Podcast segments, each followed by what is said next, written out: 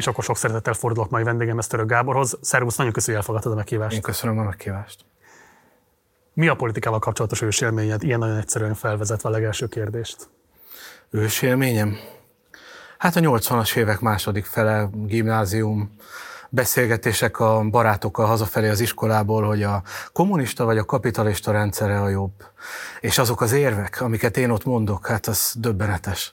Olyan, amit az ember a propagandában hall. Tehát emlékszem, hogy a Nyugat-Berlinben tapasztalt milliós szegénység, és ezek a szavak, ahogy jönnek ki. És az a felismerés, hogy úristen, ha nem lett volna rendszerváltás, akkor mi lett volna belőlem. Ez érdekes, mert ezt mondtad más interjútban is, de hogy miért volt szerinted ennyire nagy hatással rád a központi sajtóorgánumoknak ezek a meglátásai, miközben az valószínűleg ö, széles körben tudható volt, hogy hát ez legalábbis propagandatermék, forráskritikával illendő venni. Széles körben tudható volt Budapesten, és értelmiségi körökben. is én egy, lehet, de én egy abszolút apolitikus, antipolitikus családban nőttem fel. Igen? Igen, édesanyámmal, meg nővéremmel, ahol a politika nem nagyon volt téma, illetve néztük a, az eseményeket folyamatosan. Anyukám nagyon szerette követni a politikát, de hát emlékszem Kádár Jánossal, a 85-ös kongresszusról, meg ilyenekre, de azért meghatározóbbak nyilván a focis emlékeim a 80-as évekből, mint ez. Ugye itt most alapvetően pártpolitikai vagy pártörténeti kérdésekről beszéltél, mint politikai ősélméről, hogyha kifejezetten úgy értelmezzük a politikát, mint közösségi döntéshozatal, vagy érdekkonfliktusok elrendezése, akkor ilyen értelemben van esetleg egy ennél korábbi emléked is? Hát nyilván, a, hogyha a politikát ennyire tágan értelmezzük, akkor az iskolai helyi közösségi döntések, kiszvezető választások és egyebek, az ottani ellenállások, meg ilyesmi. Melyik a legélesebb ebből a helyzetből nézve most? Én nem tudok ilyet így kiemelni, csak emlékszem ilyenekre. Tehát a, az emberben először felhorgadó érzések a, a, a, a döntéshozókkal kapcsolatban, azok bennem ilyen iskolai szinten jelentek meg. És ennek a legelső emlékét meg tudod osztani nem, nem, nem, konkrétan nem emlékszem. Tehát nincs olyan emléket, hogy nem nincs. tudom én, óvodában nem ízlett a menza, és akkor azt gondoltad, hogy a csoportársakat agitálod, hogy ezt most már tegyük szóvá? Olyan emlékem van, hogy nem ízlettem ez, az nem csak óvodában, iskolában és egyetemen is, de, de nem. Nem voltam soha aktivista. Mit értesz az alatt, aktivista? Aktivista, aki nem csak szemlélődik, hanem cselekszik is. Ezt, hogyha így utólag rekonstruálom a fejlődésemet, vagy inkább változásomat, akkor ezt, ezt be kell látnom, hogy ez a kezdetek kezdetétől jellemző volt rám, hogy szívesebben figyeltem azt, hogy mit csinálnak az emberek, mint hogy magam is részt vettem benne. Hmm. Szüleidről, családi hátteredről igazából soha nem beszéltél a nyilvánosság előtt, és most megütötte a filmet, hogy azt mondtad, hogy édesanyáddal és nővéreddel így fogalmaztál? Igen, igen. Édesapádról mit szabad tudni? Hát ő két éves koromban egy autóból esetben elhunyt. Úgyhogy vele kapcsolatban nincs semmilyen emlékem, sajnos. Te jelen voltál ezen a Nina balesetnél? Igen, igen. Az egész család az autóban ült. A, annyit tudok, hogy én a anyósülésen utazván, gyerekülésben kizuhantam a, az autóból, és én voltam az egyedüli, akinek semmi baja nem lett. Wow. Um, szabad erről kérdezni? Persze, hogy ne. Ez egy uh, édesapádnak felruható mulasztás miatt állt elő, vagy valaki ö, okozott egy olyan helyzetet, amit ő csak ö, így tudott kezelni, szóval igazából kinek ö, róható föl az, hogy ez a baleset bekövetkezett, a szabad ilyet kérdezni. Ez annyira érdekes, mert ö, mert a családi legendárium az egészen különbözőképpen meséli a történetet. Én egy időben szántam rá időt, hogy, hogy utána járjak. Egy szembejövő teherautó átlépte a, a felező vonalat, és édesapám meg kicsit lerántotta az autót, és ott neki ütközött egy, egy ilyen kilométerkőnek, ami becsapódott az autóba, és ő kómába is került, és néhány nap múlva meghalt. Hm. És őről mit szabad tudni? Tehát mi volt az ő foglalkozás, mivel foglalkozott? Húsiparnál dolgozott, ott volt osztályvezető. Tehát menedzserként kvázi. Hát valószínűleg ilyesmi lehetett az ambíció, igen, de hát 33 éves volt a baleset idején, úgyhogy nem nagyon lehet tudni, hogy igazán mi lett volna belőle. 33 évesen érte ez a balesetőt. Igen. És a család hogy reagált rá? Egyetlen hány éves, vagy hányban történt ez akkor? Ez 80? 73-ban. 73? Én már ilyen öreg vagyok, igen.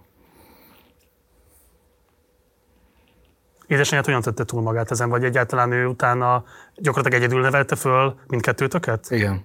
Igen, nővérem hat évvel idősebb nálam, Úgyhogy minket kettőnket. Nyilván a nővéremet ez sokkal jobban megrázta, ráadásul ők komolyan meg is sérültek a balesetben édesanyámmal, mert ők hátrafelé kiestek a, az autóból a, az úttestre, és komoly fejsérüléseket szenvedtek. De hát nagyon nehezen nyilván azt gondolom, hogy egy ilyesmit nem nagyon lehet feldolgozni. Ez fantasztikus, hogy te kiestél a leges, tehát a szélvédőn keresztül. Ez az, vagy az ajtó kinyílt, és, a, és kirepültem.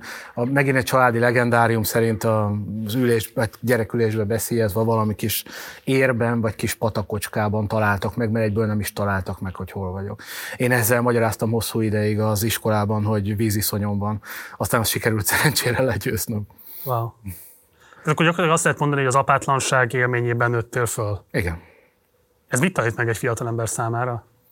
Hát, hogy ez nyilván egy nehéz, nehéz ügy, mert uh, ugye engem mindig sajnáltak, hogy apukám meghalt, de miután nem volt vele kapcsolatos tudatos élményem, ezért sohasem tudtam, hogy, hogy mi, miért mit, vesztettél hogy mit vesztettem, igen. Tehát valójában, amikor megszületett a fiam, én utána értettem ezt meg, hogy úristen, mi minden maradt ki hm. nekem az életemből, és bizonyos értelemben próbálom is magamat kompenzálni a másik oldalon. Tehát, hogy sokkal többet foglalkozom a fiammal, mint szerintem normális lenne, vagy elvárható. Édesanyád szakmai előlétéről mit szabad tudni? Hát alapvetően könyvelésekkel és ilyesmivel foglalkozott közé, szombathelyi középiskolákban és egyéb helyeken. Akkor igazából értelmiségi háttérből érkezel, Hát, ha ezt értelmiségének lehet nevezni. Legalábbis szellemi foglalkozást végeztek mind, a, végeztek mind a ketten. De ebből az irányból hogyan jött számodra a politika iránti érdeklődés, és pláne a politika tudomány? Hát ez egy hosszú folyamat volt, engem alapvetően azért a történelem érdekelt. Én történész szerettem volna lenni, amikor éppen nem sportújságíró. És történész miért? Nem tudom. Nyilván középiskolában, meg általános iskolában valami megfogja az embert.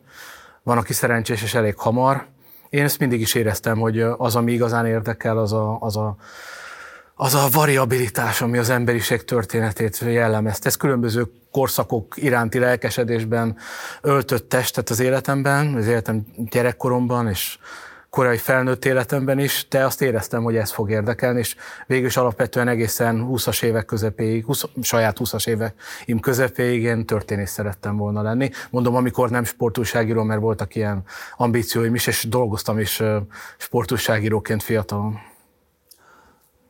A rendszerváltás élménye mikor csapott meg először? Tehát gondolom, hogy mivel egy közvetett aktívan követő ember voltál már akkoriban is, a 80-as évek folyamán, tehát lehet, hogy bizonyos előszelei már neked is megmutatkoztak sokkal korábban, mint hogy a 89-es események lezajlottak volna. Igen, ugye 18 éves voltam 89-ben, úgyhogy akkor már elég tudatosan követtem mindent. Nyilván, hogy min keresztül, az, azért az befolyásolta, hogy hogy, hogy mik hatottak rám igazán, tehát nyilván nem voltam szamizdat fogyasztó, nem igazán értesültem a, azokról a, az ellenzéki tevékenységekről, amelyekről lehetett, csak ahogy ez beszüremkedett a televízió csatornáiba, ahol, ahol amikor elkezdett Pető Iván megjelenni a televízióban, vagy Orbán Viktor, az, az azért az, az egy revelatív erejű élmény Mi, Mikor láttad először Orbán Viktor tévében? Hát szerintem valami éjszakai beszélgetős műsorban valamikor 89-ben, ugye ott azért elég gyakran ezekben az esti műsorokban feltűntek ellenzéki politikus, ott láttam Pető Ivánt is először, tehát ezekre mind emlékszem, és ezt mind végigkövettem, de valójában már 85-től, tehát az első ilyen emlékem a 85-ös pártkongresszus, azt hiszem. Miért volt annyira különleges számodra? Nem tudom, ott, ott hogy elkezd, ott, ott, talán ott lehetett először érezni, hogy, hogy, hogy, hogy, hogy változások következtek be. Hogy amikor a, azért a Központi Bizottság, Politikai Bizottság részben megújult, és aztán amikor Grósz Károly feltűnt, szóval az ember, én ezt az egészet végigkövettem, és tök jó tanulságai vannak egyébként a történetnek, mert ugye most, hogyha már tanítom ezt a korszakot utólag, annyira jól magyarázható, minden, annyira logikusnak tűnik az egész, hogy hogyan, hogyan lesz Kádár Jánosból egy old school figura, és hogy tűnik fel Grósz Károly, és, és aztán ez hogy megy tovább, tehát hogy folyamatosan előre, inkább így, előre halad a folyamat, akkor meg tényleg, tényleg a tudatlanság fájtla mögött voltunk mindannyian. Én biztosan. Ez érdekes, hogy Grósz Károly feltűnéséből te a változás szelét olvastad Abszolút. ki, miközben valószínűleg sokan inkább azt látták ebben, hogy hát ez a rendszer még további keményedésének egy bizonyos értelemben vett elég hát eléggé jól megformált jele. Világos, tehát persze, hogyha, hogyha politikailag elemezzük, akkor ez a helyzet, de az az imázs, amit Grósz Károly sugárzott, amerikai látogatása, uh-huh. Disneylandbe elment, a, a, a németországi látogatása. Nyilván kevesebbet tudtam akkor még a, az aradi látogatásáról. Ugye, a, tehát val, valójában egyébként, hogyha a személyes tanulságot kell ezt ürnöm, akkor azt kell mondanom, hogy a, komolyabb észlelésemig, tehát amíg, e, amíg igazán kritikával nem kezdtem figyelni azt, ami történik, azt, amit gondoltam a politikáról, azt kizárólag az a sajtó alakította, amit fogyasztottam, és ez még így volt a 90-es évek elején is. Mikor fordult igazából az állampárttal kapcsolatos apologéta viszonyod egy kritikus viszonyba? Hát azért ez már nem volt olyan nagyon nehéz 89-ben, vagy 88-ban is átfordítani. Nyilván, nem tudom, amikor az, az 1984 című könyvet olvastam, akkor azért az egy nagyon erős hatás volt, és akkor, akkor kezdett az ember szemme felnyílni, vagy legalábbis az enyém nyilvánvalóan akkor azért már elég erősen kitágult, meg elkezdett minden érdekelni. És akkor azért már nem csak, nem csak televízión keresztül követtem eseményeket, hanem szombathelyen próbáltam megnézni a jelölteket. Örök emlékem egy Hende Csaba, Igen. Hende Csaba lakossági fórumon. Szájba történt, bocs, mert ez egy legendás történeted. Hát szerintem ez a 90-es választási kampány, de lehet, hogy 89. Én csak arra emlékszem, hogy a, az is, a lakásunktól körülbelül pár száz méterre lévő általános iskolába egyébként jártam, ba hirdette meg Hende Csaba ezt a kis gyűlést, és egy csupa idősebb ember között ott én egyedül megjelentem 17-18 évesen, bejött Hende Csaba, rám nézett, és azt mondta, hogy a fideszesek azok menjenek ki. És kiküldött a teremből. A, a szóval... Ez a demokrata hozzáállás az első szabad választásoknál. Igen, ennek ellenére Hende Csabára szavaztam egyébként ezt követően is, mert hogy... Várja, várja, várja, várja. Hogy, hogy? Számomra az MDF jelentette akkor a nyugodt erőt. Tényleg. Tehát 18 évesen a, számomra az SZDSZ túl radikálisnak látszott 89-90-ben. Nyilván az föl sem merült, hogy szocialista pártra szavazzak, hogyha igazán őszintén beszélünk, az azóta sem történt meg soha.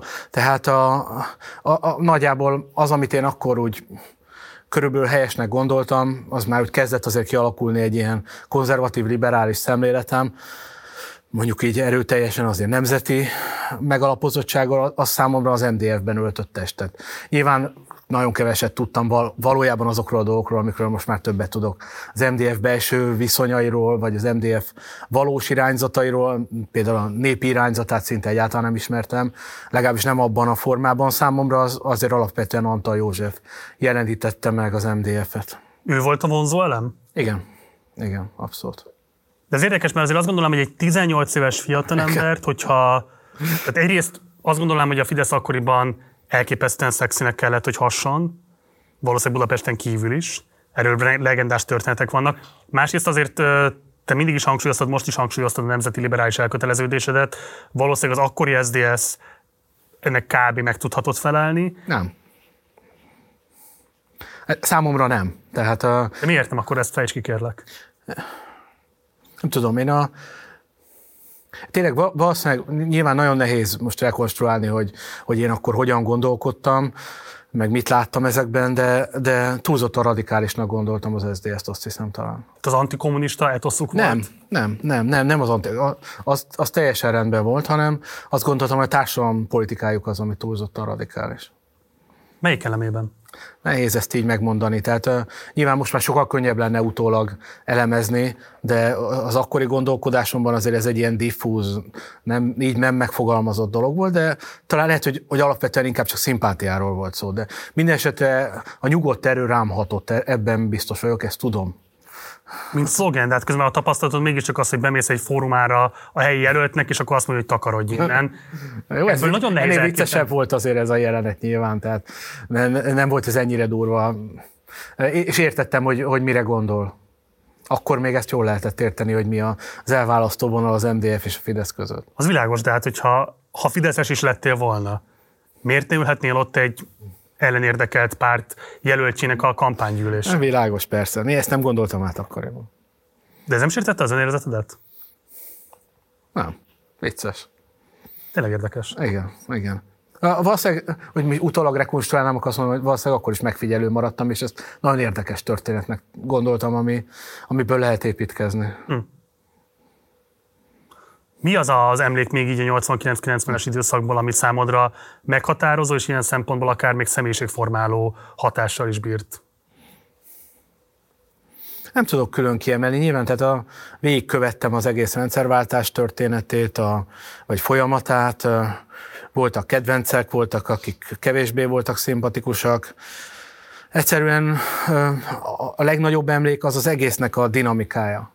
Hm. Az, hogy ami, ami ma még érvényes volt, az másnap nem érvényes. És valójában, illetve, illetve ha, ha, ha nagyon, nagyon magamba mélyre szeretnék ásni, akkor leginkább a, az emelkedettsége. Ez furcsa, mert ugye engem mindenki ilyen egyrészt másrészt cinikus érzelmeket kizáró felületes elemzőnek gondol, valójában aki, aki kevésbé foglalkozik a, a dolgoknak az emelkedettségével vagy érzelmi viszonyával. De, de ha valami elveszett szerintem a magyar politikából, és nyilvánvaló, hogy el kellett vesznie, az az, hogy azért ott volt egy a politikai racionalitáson, a politikai logikán túlmutató emelkedettsége az egésznek. Nyilván sok mindent tudok már most arról, ami történt, hogy ezekből is voltak azért, ami nem volt őszinte, vagy megjátszott volt. Én mégis sok mindent emberinek éreztem, és nem, nem, nem, nem annyira kizárólag a, a politikai érdek volt az, ami, ami dominált. És szerintem nagyon sokan vannak, legalábbis itt tapasztaltam, akik később folyamatosan ezt keresték, ezt kérték számon a politikai eliten, tudom, Debreceni József munkásságára, gondolunk a 90-es években, én folyamatosan azt éreztem, hogy ő is, úgy, őt is ugyanez a rendszerváltó hevület járta át, hogy nagyon sok más embert, és, és nagyon csalódott később a politikai elitben emiatt. Szerintem nem kellett csalódni, ez egy természetes folyamat, az egy rendkívüli helyzet volt, rendkívüli helyzetekben az emberek rendkívüli módon viselkednek, később pedig ez nyilván megváltozik.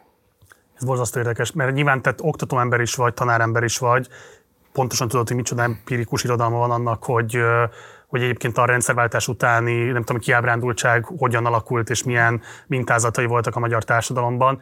És éppen ezért engem nagyon érdekel, hogy te szerinted tényleges volt ez az emelkedettség, vagy ez egy olyan típusú percepció, egy olyan típusú látszat volt, amiben nagyon érdekelté vált hirtelen mindenki, hogy ekként lássa a rendszerváltás történetét, aminek közben a mélyén nagyon-nagyon nagy drámák, személyes drámák és társadalmi drámák hosszú sora húzódott meg, és bizonyos értelemben van a mai napig felismerés nélkül, feldolgozás nélkül jelen a magyar társadalomban.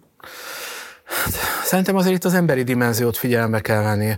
Azok a politikai szereplők, akik akkor feltűntek, nem tapasztalt, rutinos rókák voltak a politikában. Én simán el tudom képzelni azt, vagy könnyen el tudom képzelni, hogy ott valós érzelmeket, valós reakciókat látunk. Elég egyszer végignézni mondjuk például a a kerekasztal tárgyalásokat lezáró televízió által közvetített eseménysorozatot. Nézd meg az arcokat, annyira, ma már nem látunk ilyen arcokat, annyi, annyira érezni mindenki részéről, amikor, amikor az SDS bejelenti, hogy nem írja alá, a, a, ahogy erre reagál Szabad György, vagy ahogy éppen Posga Imrének az arca egyre csak nyúlik, nyúlik, tanácsadója, hogy nézik őt. Tehát sokkal több volt az emberi, a dráma, a, a valós eseménysorozat, és ez tényleg, ez, ez, ez azért megragadó volt, vagy ez olyas valami volt, ami, ami izgalmasnak tűnt, és, és, és, és meg tudom érteni azokat, akik hiányolják ezt a politikából. Túl kiszámított lett, túl kimódolt, túl érdekalapú, de nyilván ez elkerülhetetlen folyamat volt. Ezzel teljesen egyetértek, már mint azzal a részével, hogy én is sem szeretném cinikusan szemlélni a világot, pláne a történelmet, de muszáj megkérdezem, és nem cinizmusból, hanem ilyen reálpolitikai alapon, hogy miközben ez valószínűleg így volt, hogy ahhoz, hogy ezek a szereplők ennyire átélten egy ilyen fajta etoszt tudjanak működtetni, az pont ahhoz kellett, nem, hogy egyébként a rendszerváltásnak azokat a nagy drámáit, az egymillió munkahely elvesztését, komplet gazdasági szektorok magánosítását, a jó ég tudja, hogy milyen érdekek mentén le lehessen vezényelni. Tehát, hogy máskülönben a társadalom nem nyelte volna be azt, hogy itt mi zajlik le valójában, ha ez a típusú hurrá optimizmus nem fette volna az összes ilyen típusú érdekkonfliktust. Hát a kérdés az, hogy ez szándékolt vagy nem szándékolt. Értem, amit mondasz, tehát valóban ennek volt funkciója szerintem is. Ugyanakkor nem hiszem, hogy ennek lett volna egy egy mesterterve, vagy hogy bárki ezt szándékosan gerjesztette volna. Hát ez, nézd meg ezeket a szereplőket a élet különböző részéről, történ, történész katedráról, filozófus katedráról, gazdasági életből érkeznek, mindenfajta komolyabb politikai tapasztalat, legfeljebb politika, nélkül, de politikai műveltséggel.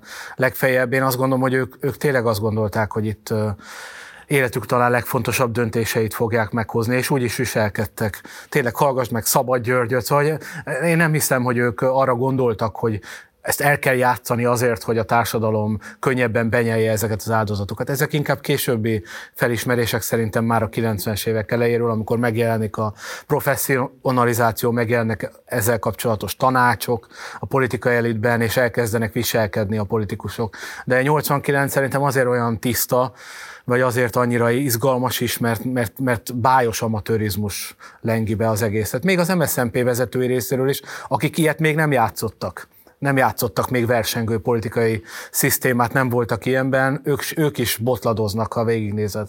Azért az MSZNP vezetői valószínűleg részben a titkosszolgálatok, részben a moszkvai kapcsolatok, meg a nemzetközi uh, háttér miatt is uh, néhány lépés elényben azért minimum kellett az, az ellenzékivel szemben. Igen, és ez látszik is, így van.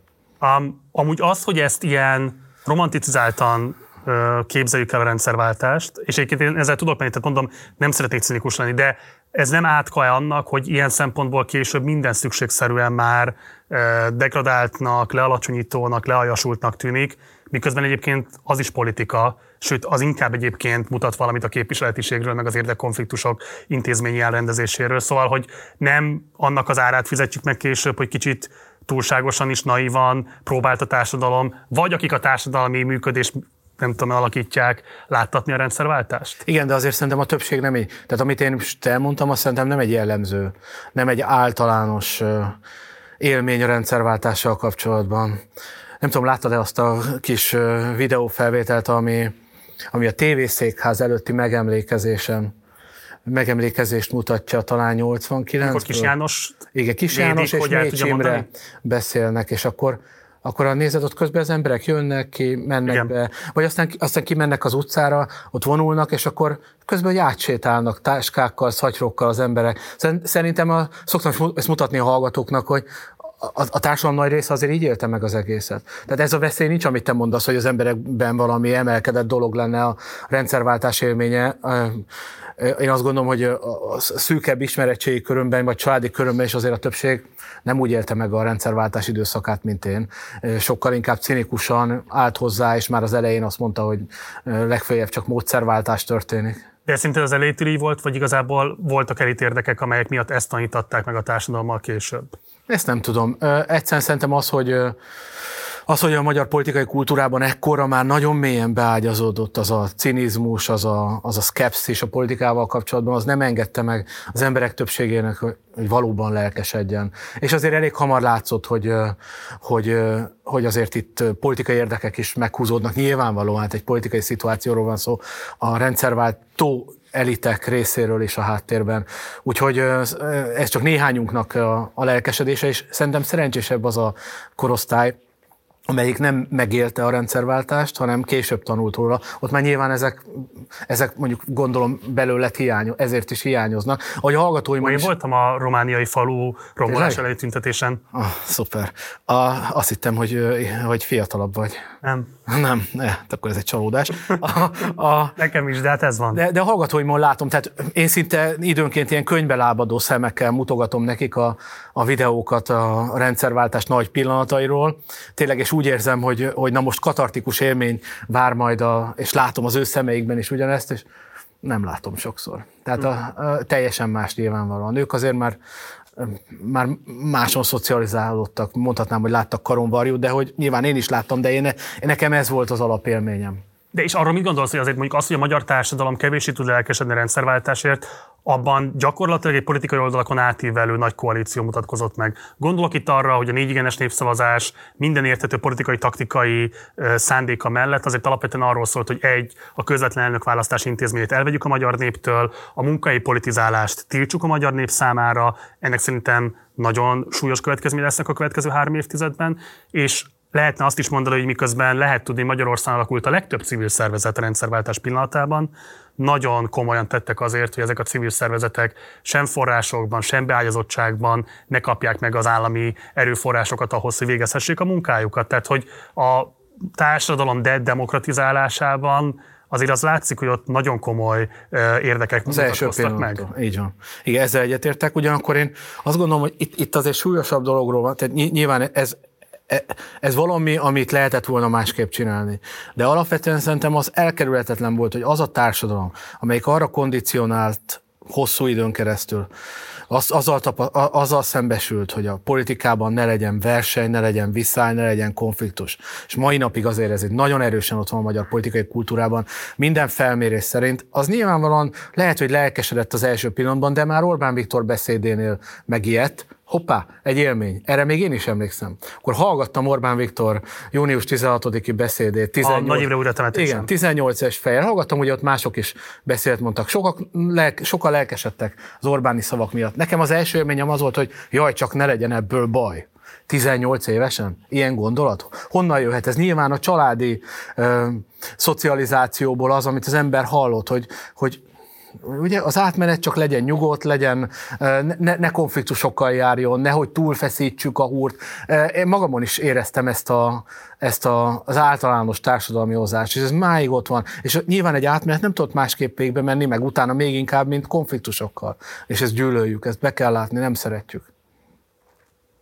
Azt gyors sejtem most abból, amiket eddig mondtál, hogy nálad egy nagyon fontos ilyen családi szocializációs örökség a kockázat minimális, minimalizálás képessége? Hát nem biztos, hogy családi örökség, mert uh, a családom nem minden tagja ilyen, finoman nem? fogalmazva, nem, a nővérem egyáltalán nem. Úgyhogy uh, nem, én azt gondolom, ez inkább egy, uh, hát ez egy rám jellemző tulajdonság, igen. És szerinted az mi alakította? Nem tudom. Hát nem, nem, nem tudok konkrétan megnevezni ilyesmit, de az biztos, hogy ugye egy hosszú munka az embernek az, hogy megismerje saját magát, nekem is egy elég hosszú idő volt, de, de, de e, ez szerintem benne van a három legfontosabb tulajdonságomban, igen. Hm. Ugye a szombathelyi felsőoktatási élményeid után elindulsz Budapest irányába, és hát igazából akkor ismerkedsz meg a politológiával, a politikatudományjal. Hm. Így van mi az intellektuális kötődésed a szakmához? Tehát mik azok a, az olvasmányi élmények, amelyek ilyen szempontból meghatározóak voltak, és amiatt azt érezted, hogy neked ezt a disziplinát kell művelned? Hát a politológiával már azért kicsit korábban megismerkedtem, mint hogy Budapest Egyetemre jöttem volna, mert már szombathelyen elkezdtem olvasgatni akkor Magyarországra bejövő politológiával kapcsolatos alapmunkákat, tehát lefordított tankönyveket, vagy éppen olyan írásokat, amik a, mondjuk a 80-as években éppen a nemzetközi politikatudományban fontosak voltak. Tehát volt már fogalma. Szóval szerzőt, aki ilyen szempontból meghatározó volt? Hát nem, szerzőt nem tudok így most kiemelni. Sok mindent olvastam. Tehát amik, amik ott akkor, emlékszem, hogy a 90-es évek elején az Osiris kiadó és egyebek Na, nagyon sokat olvastam. Tehát arra emlékszem, hogy, hogy, hogy ott, ott azért az, hogy van politikatudomány, ezzel lehet foglalkozni, elkezdett érdekelni.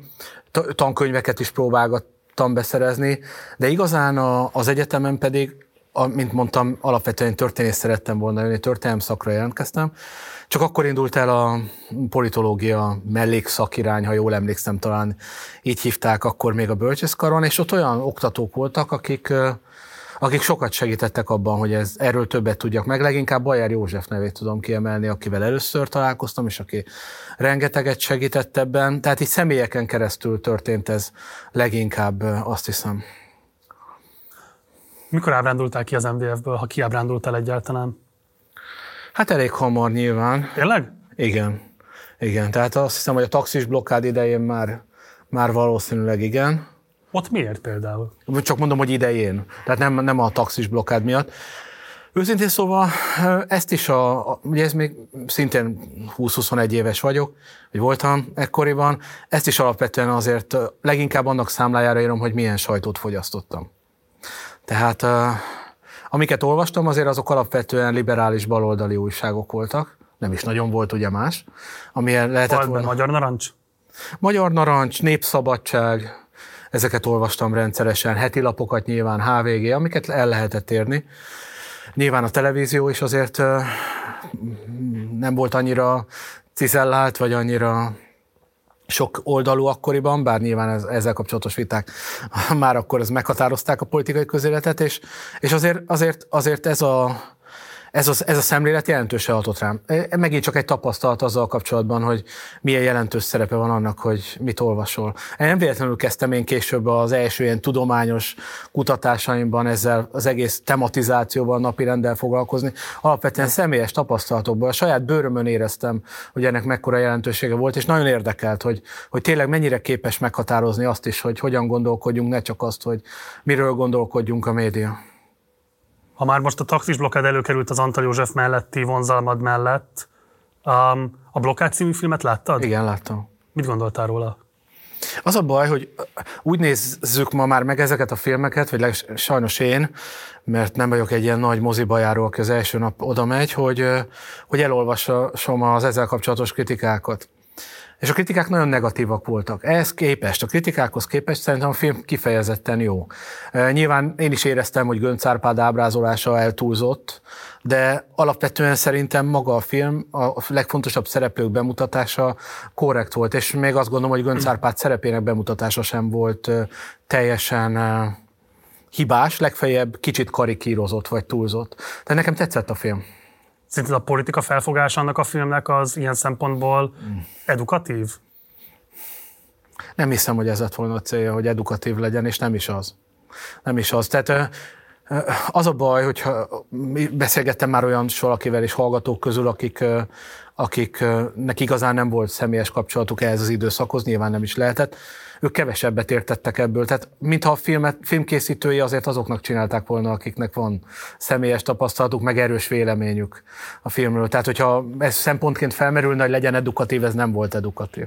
Van egyébként szerint ez olyan filmalkotás vagy sorozat, ami a politikáról Aha. kifejezetten méltányos, vagy izgalmas, adott esetben elgondolkodtató képet tud közölni, amely mondjuk a te politika felfogásodhoz közel áll?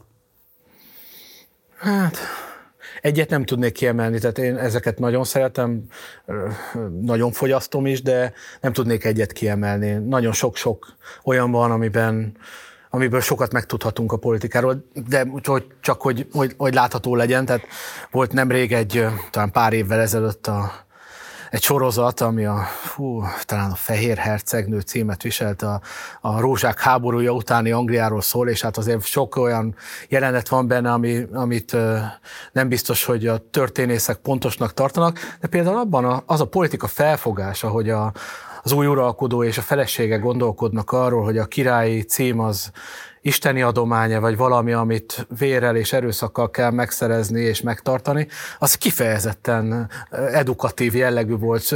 Hallgatóknak meg is szoktam mutatni ezeket a, ezt, azt a rövid részletet, ahogy más filmekből is rövid részletek. Egyszer szerintem sok jó van, ezt akartam mondani. Hm. Amiből meg lehet azt tanulni, hogy a, hogy a, hogy a politikában semmi sincs eleve, semmi sem automatikus, senki sem születik bíborban, még a bíborban született sem születik bíborban, és mindenkinek csak cselekvés útján lehetséges a céljait érvényesíteni.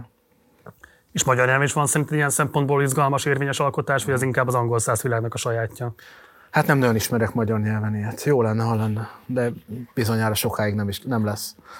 Teljesen más megközelítésre lenne szükség és a klasszikus sorozat kérdéskörben te hova húzol? Tehát elnökemberei, vagy kártyavár, vagy inkább azt mondod, hogy egyik sem? Én mind a kettőt szerettem, amikor néztem. Az elnök embereiből is szerintem lehet tanulni, nyilván rettenetesen idealisztikus néhány része, de én azokat is nagyon szerettem.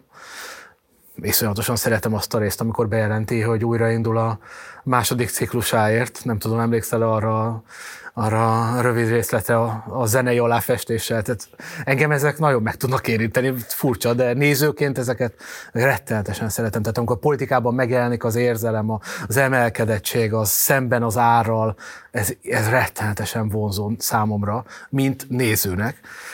De nyilván, hogyha a politikáról gondolkodunk, akkor persze a, a House of Cards sokkal közelebb áll valószínűleg a valósághoz, igen.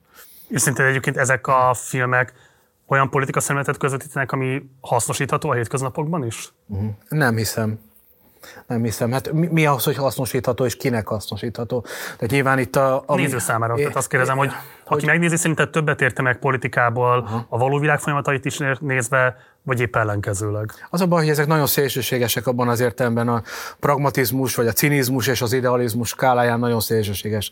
Ez a két példa. Nyilván a politika nem annyira cinikus, amennyire ezt a House of Cards bemutatja, és messze nem annyira idealista, mint ahogy erről az elnök emberei szólnak, de összességében, ha sok minden ilyet megnézel, akkor azért kialakulhat egy, egy képed arról, hogy az, az a kérdés, hogy hogy, hogy, hogy szerinted például mi, mi lenne fontosabb, hogy mi, mi az, amit igazán meg kellene tanulni a nézőnek? Az, hogy kételkedjen, vagy az, hogy higgyen? Ez a kérdés alapvetően. Mert ha az a cél, hogy kételkedjen, tehát hogy, hogy óvatosabb legyen a politikával szemben, akkor sok film van, ami segít szerintem. Hm. Az, hogy higgyen, abban van talán kevesebb, azt gondolom.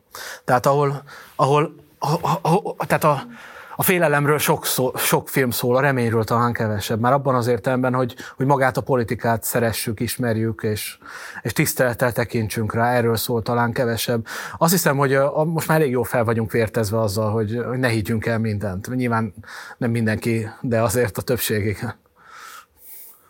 Egy pillanat még a blokkáthoz visszacsatlakozva, hogy ugye nagyon kevés film, vagy akár irodalmi alkotás, vagy színpadi mű szól, nem tudom én, közelkortárs politikai szereplőkről. Ugye Gönc az első köztársasági elnökét, a harmadik köztársaságnak mindenképpen ilyen figurának tekinthetjük, aki a közelmúltnak egy meghatározó alakja. Szerinted ebből a szempontból nézve, hogy mondjuk, nem tudom én, valamilyen módon a politikai közösség egészének kéne tudni szólni egy ilyen alkotásnak, nem túlságosan parodisztikus az ő megjelenítése? Szerintem van az a nézőpont, amiből megáll alapvetően az a pozíción Begunc Árpádot helyezi a film. Én sem vagyok ma már nagyon távol ettől a pozíciótól, az az igazság. Tényleg? Igen. Tehát a, a 90-es évek elején én Gönc egy kifejezetten jó köztársasági elnöknek tartottam. Emlékszem, szombathelyen a főiskolán egyszer részt is vettem egy fórumán. A, ugyanakkor sok mindent olvasva, meg megtudva azóta arról az időszakról, meg az ő döntéseiről, azt gondolom, hogy hogy, hogy talán, még, talán még ő maga is belátná azt, hogy voltak azért fontos pontok, ahol, ahol hibákat követett el.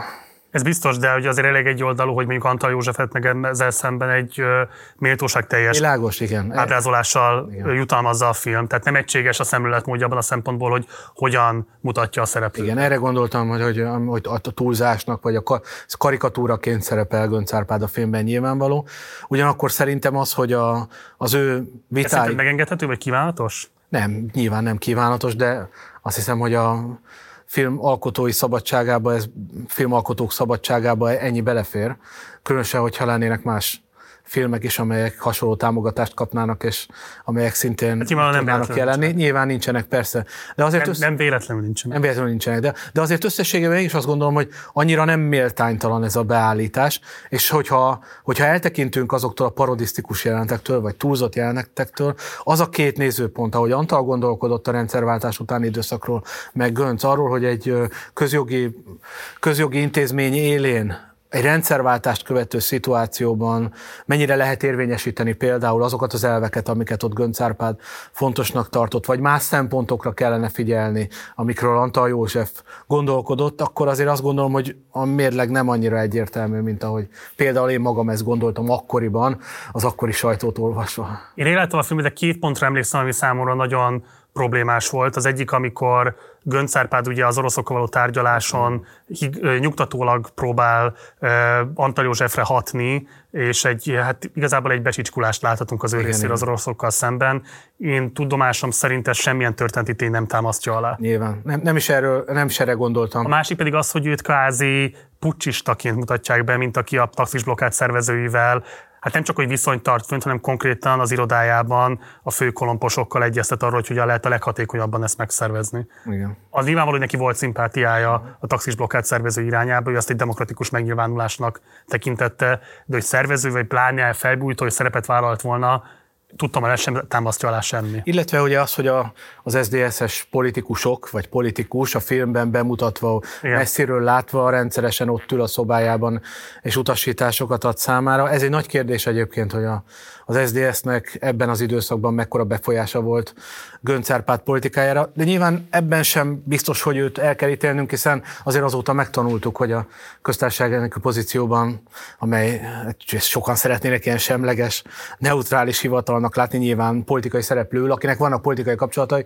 nyilván Novák, Novák Katalinnál sem a mai ellenzék politikusai ülnek ott, hanem nyilvánvalóan fideszes politikusok, vagy volt fideszes politikusok, szóval, hogy ez természetes, de azért a, a, én inkább arra vitára gondolnék, ami arról szólt, hogy, hogy egy olyan helyzetben, mint a taxis blokkád, akkor vajon mire kell a hangsúlyt helyezni? Arra kell a hangsúlyt helyezni, hogy gazdasági szükségszerűség, gazdasági helyzet, a kormány nehéz helyzete, vagy pedig arra, hogy mi az, ami joga lenne a munkavállalóknak, mi az, ami megilletné őket, hogy mi a, a reális ára az üzemanyagoknak. Szóval, hogy, hogy, hogy ta, talán, talán több belátás talán több belátás elfért volna a köztársaság elnöki kommunikációban.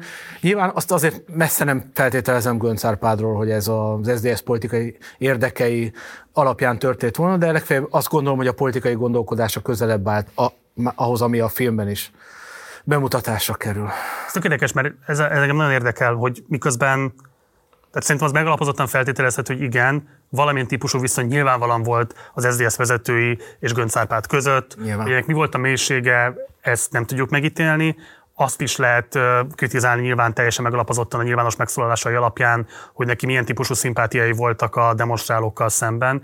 De amikor mondjuk a filmnek tényleg kifejezetten ilyen konspiratív állításai Igen. vannak, Igen. azt egy tanárként például kell kezelned, hiszen nyilvánvalóan azzal, hogyha mondjuk ezt például szóvá teszed egyetemi közegben, az a mai magyar nyilvánosságban, az egyetemi nyilvánosságban is akár simán politikai állásfoglalásnak minősülhet. Én ettől nem tartanék, hogy, hogy ilyen jellegű, tehát ha, ha tényekkel ütközik bármi, akkor azt nem hiszem, hogy politikai állásfoglalás lenne, hogy erről az ember beszéljen, bár én azért nagyon szoktam arra figyelni, hogy világos legyen, hogy mi az, ami vélemény, és mi az, ami tény de mondjuk nyilván nem képezi az egyetemi tananyagot a Blokkát című film, úgyhogy ez, ezzel problémával nem kellett megküzdenem. Világos, de hogy azt is mondtad, hogy a diákjaidnak a széles köre, vagy hát egy jelentősebb része nézte a filmet, ott értesült mondjuk adott esetben Igen. a rendszerváltás ezen fejezetéről. Feladatod-e oktatóként, hogy mondjuk balanszírozd azt, hogy ebben mi az, ami fikció, alkotói döntések eredménye, és mi az, ami meg egyébként tényszerűségében nem állja meg a helyét? Hát ha valaki erről velem beszélget, akkor nyilván elmondom a véleményemet, de ez nem témája az órának, tehát nem órán beszélgetünk nyilván ilyen kérdésekről. Amikor megjöttél Budapestre, az több interjúban elmondtad, hogy neked az egy fontos kulturális váltás volt, léptékváltás.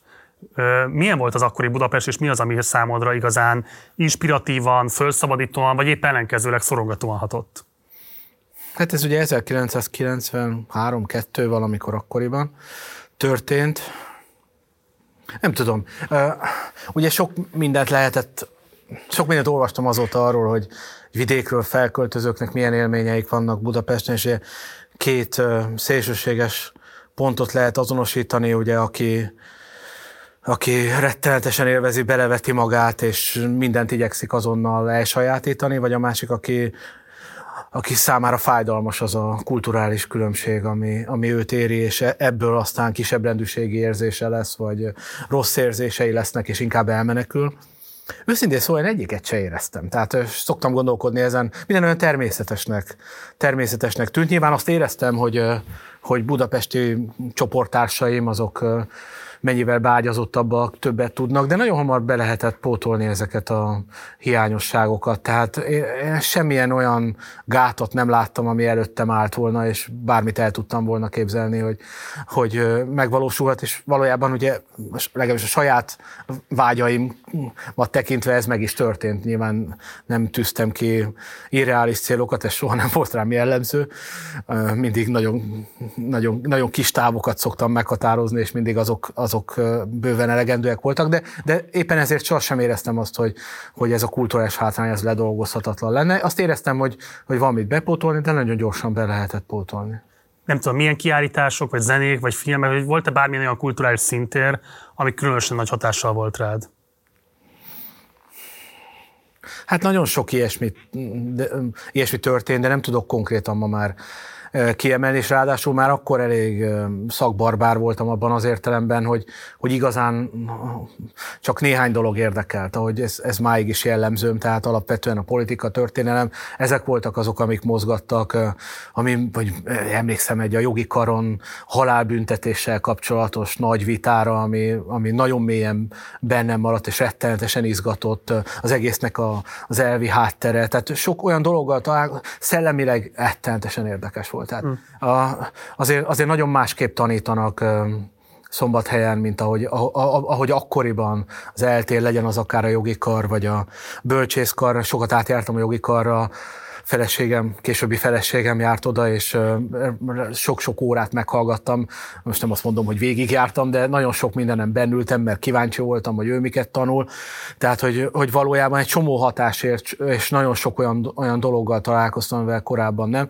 Szellemileg talán az volt életem legizgalmasabb időszaka. Ráadásul ugye ott azért konkrét politikai szereplőkkel lehetett találkozni, hozzánk a a bölcsészkarra, akkor szerveztünk egy politológus hallgatók egyesülete nevű e, formációt, és rendszeresen hívtunk meg politikusokat, Orbán Viktor, Tordján József, Pető Iván személyesen jöttek el, lehetett velük beszélgetni, kapcsolatba lehetett kerülni, nagyon érdekes volt, nagyon. A szakkollégium világa milyen érintkezésed volt? Akkor Szerintem akkoriban pont ez a 90-es évek közepe a szakkollégiumi világ bizonyos értelemben kicsit a válságát élte a 80-as évek végéhez képest, meg ahhoz képest, ami, ami, amivel én később oktatóként találkoztam. Tehát inkább oktatóként volt alkalmam komolyabban ebben a közegben, hát ha nem is elmerülni, de legalább találkozni és látni azt, azt hogy, hogy ott nagyon komoly dolgok történnek, nagyon komoly munka folyik. Ezt akkor én egyetemistaként igazán nem. Tudom, ki is maradtál belőle? Hát teljes mértékben, igen. És nem is bánod ezt? Hát nyilván az ember mindent bán, amiből kimarad, de, de nem. Nyilván. Amikor mondjuk egy Orbán Viktorral, egy Pető Iván vagy egy Tornyán József lehetett egy ilyen körben érintkezni, azok jelentettek akkoriban olyan minőségű többletinformációt, ami alapján a politika felfogásod jelentősen módosult? Nem a politika felfogásom, de a politikai módszert, vagy politikai elemző, vagy a politikával kapcsolatos módszertanom. Tehát Ugye egyrészt ott volt a, az akadémiai politológia, ami nekem azért, bár olvastam korábban is, de, de nagyon új volt, és szinte faltam mindent, de közben meg ott volt a gyakorlati tapasztalat, és a kettőnek a különbsége az nagyon érdekes volt. Tehát már, már egészen korán ott azt éreztem, hogy nem lehet politikával foglalkozni anélkül, hogy ahogy ezt Pokol Béla később mondta nekünk egy doktori órán, hogy ki ne menne az ember a rétre a bogarak közé. Ki kellett, tehát szerintem ezt meg kellett tapasztalni. Politikusok közé el kell menni velük beszélni, a gondolkodásukat megfigyelni, ez nagyon fontos szerintem. Tehát, lehet, hogy politika tudományt, különösen az elméleti irányultságot lehet enélkül is művelni, meg elefántcsontoronyból is lehet még politikai spekulációkat is folytatni, de igazán érteni akarjuk, hogy egy politikus hogyan gondolkodik, viselkedik, ahhoz személyes kapcsolatok kellenek, tapasztalat kell. Ezt minden interjúban elmondott, minden de akkor is, igen. ezt kérlek, hogy próbálj meg konkretizálni. Tehát még Pető Ivánnal való ilyen személyes kapcsolatépítés szempontjából mi volt az az egy mondatban esetleg megosztható felismerés, amit egyébként a nyilvános szerepléseiből nem tudtál volna kikövetkeztetni? Hát a politikai racionalitás korlátai, hogyha korrektül akarok fogalmazni. Tehát, hogy az, ami kívülről mindig olyan, olyan jól magyarázhatónak tűnik, az az embert hallgatva, meg ismerve, nagyon, nagyon hát árnyalódik, kiegészül más dolgok, hogy mennyire fontos az ember, a személyisége, kapcsolatrendszere, azok az emberek, akikkel beszél. Ugye én aztán később a parlamentben is az SDS frakciója mellett volt alkalmam gyakornokoskodni, meg dolgozni, ott hát ez olyan tapasztalatok ezek, Marci, hogy, hogy látja az ember, hogy, hogy, hogy az a fontos döntés, ami kívülről úgy néz ki, mint hogy a jól felfogott érdek alapján születik meg, hogy az, az mennyi egyéni, kiszámíthatatlan eseti dolog fűszerezi, éppen az, hogy az a politikust kihívta föl az azt megelőző fél órában, kikkel beszélgetett. Tehát, hogy amikor arról gondolkodunk, hogy miért dönt úgy egy politikus vagy egy politikai szereplő, ahogy, ahogy abban mennyi az eseti eseti, ki nem számíthat, mennyi az emberi, a kiszámíthatatlan tényező. Ez nagyon tanulságos szerintem. Tordján József esetében? Hát vele nem volt komolyabb személyes kapcsolatom. Beszéltünk néhányszor akkor, és megajándékozott a könyvével, aminek, aminek az elejére valami olyas valamit írt, hogy nem tudom, a 20. század, vagy legjelentősebb magyar politikusától, vagy szóval lehet, hogy nem pont ez, de, de, de, de, de az, a, az, az, az a tényleg az a, az a kérlelhetetlen magabiztosság, vagy az a kikezdhetetlen magabiztosság, ami őt jelent, jellemezte, az, az, az, az tényleg az embert levette a lábáról, és, és lehetett érezni azt, hogy valóban neki a politika egy játék. És sokkal jobban lehetett például érteni később, hogy a 2000, 98 és 2002 közötti ciklusban ő azért nagyon sokszor játékként, játékot játszott a fidesz például amikor a, nem tudom, emlékszel rá, amikor a, a Földművelésügyi és Vidékfejlesztési Minisztériumnak követelte azt a megemelt talán 413 milliós költségvetési támogatást, mondván, hogy ha ez nem teljesül, akkor a parlamenti székéből felállva fogja támadni a kormányt, és majd kilépnek a kisgazdák, és nyilvánvaló volt, hogy bőföl. Ahogy valószínűleg ugyanígy ismerték őt a Fidesz vezetői, és, és tudták, hogy számára ez egy vállalhatatlan opció lenne. Ezért fontosak ezek a személyes ismerettségek kapcsolatban. Hát ott pont a 98-2002-es kormányzati ciklusban az derült ki, hogy azért ő egy kakaópolitikus, abban az értelemben, hogy egy ciklus alatt konkrétan... Elfogy. Igen. Igen. Hát pont ezért... Nullára kicsinálódott. Pont ezért, mert ő, ő, ő, ő számára a politika egy színház volt, egy szerep, amiben nagyon jól érezte magát, de nem semmi több. Ezt lehetett érezni akkor is, amikor eljött közénk. Miközben egyébként volt intellektus. Azt mondod, hogy konkrétan tehát tényleg semmifajta agrár meggyőződés nem vezette az ő gondolkodását? Hát azt nem mondom, hogy meggyőződésem, de, de komoly esélyét látom. Most Orbán Viktorral nyilván többször is találkoztál életed során, meg hát azért az ő története az számos korszakra fölosztható, úgyhogy engem most csak legelőször az érdekel, hogy amikor bejött arra az előadásra, amit ti szerveztetek, az volt gondolom az első alkalom, amikor találkoztak Igen. személyesen. Igen. Ahhoz képest, amit ott láttál róla, az bármilyen többletet adott-e ahhoz, amit egyébként láttál belőle a nyilvánosságban? Ez érdekes, mert ugye ez, uh, ez 98 előtt volt még, ami azt jelenti, hogy a szocialista liberális koalíció volt, ugye MSZP-SZDSZ koalíció, és a legtöbb meghívott vendég teljesen kötetlenül érkezett, egyedül, magában. Emlékszem Pető Iván, aki hát akkor a kormánypárti frakció vezetője volt talán éppen, de mindenképp pártelnök, a, ahogy megtartotta az előadását a, a, a az, az egyetemen, egyedül lesétált a kettes villamoshoz, pont ott álltunk ketten, és oda jött beszélgetni még utána, és szépen felszállt a villamos, és elment. E, ehhez képest elég furcsa volt, hogy Orbán Viktor, aki akkor még egy ellenzéki politikus volt, ő volt az egyetlen, aki nagy stábbal érkezett, és mindenfajta kapcsolat lehetetlen volt a vele való beszélgetés, mert hogy előadást tartott ott a hallgatóknak, nagyon talán kérdezni sem lehetett, tehát itt nem tudott vele kapcsolatban kialakulnom semmilyen kép, viszont ha, ha már ez felmerül, az első, amikor személyes kapcsolatom volt vele, ezt talán elmondhatom, mert már elég régen volt, bár nem, ezek nem biztos, hogy ezekről érdem, vagy bölcs dolog beszélni, de ez már nagyon régen volt, és talán egyszer már beszéltem is róla. Ez a 2002-es választási vereséget követően volt.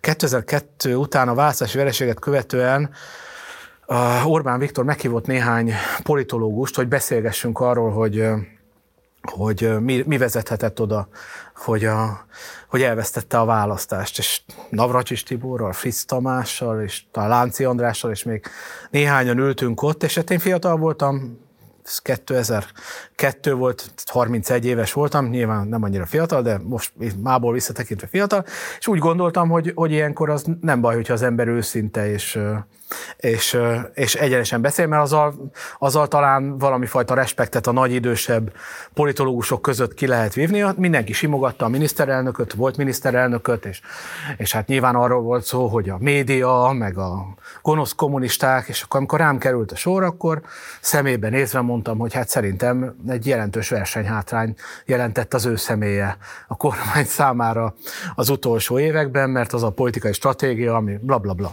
És gondoltam, hogy majd nagyon megengedő lesz, és, és erről akkor elkezdünk beszélgetni, és nagyon hűvös fogadtatásra lehet a kritika. Úgyhogy a, az, az e, első ilyen élményem vele kapcsolatban ez volt, aztán később szerencsére ez a kép tudott árnyalódni, amikor nem ilyen nagyobb társaságban beszélgettünk, akkor sokkal önreflexívebbnek láttam, de az első ez volt.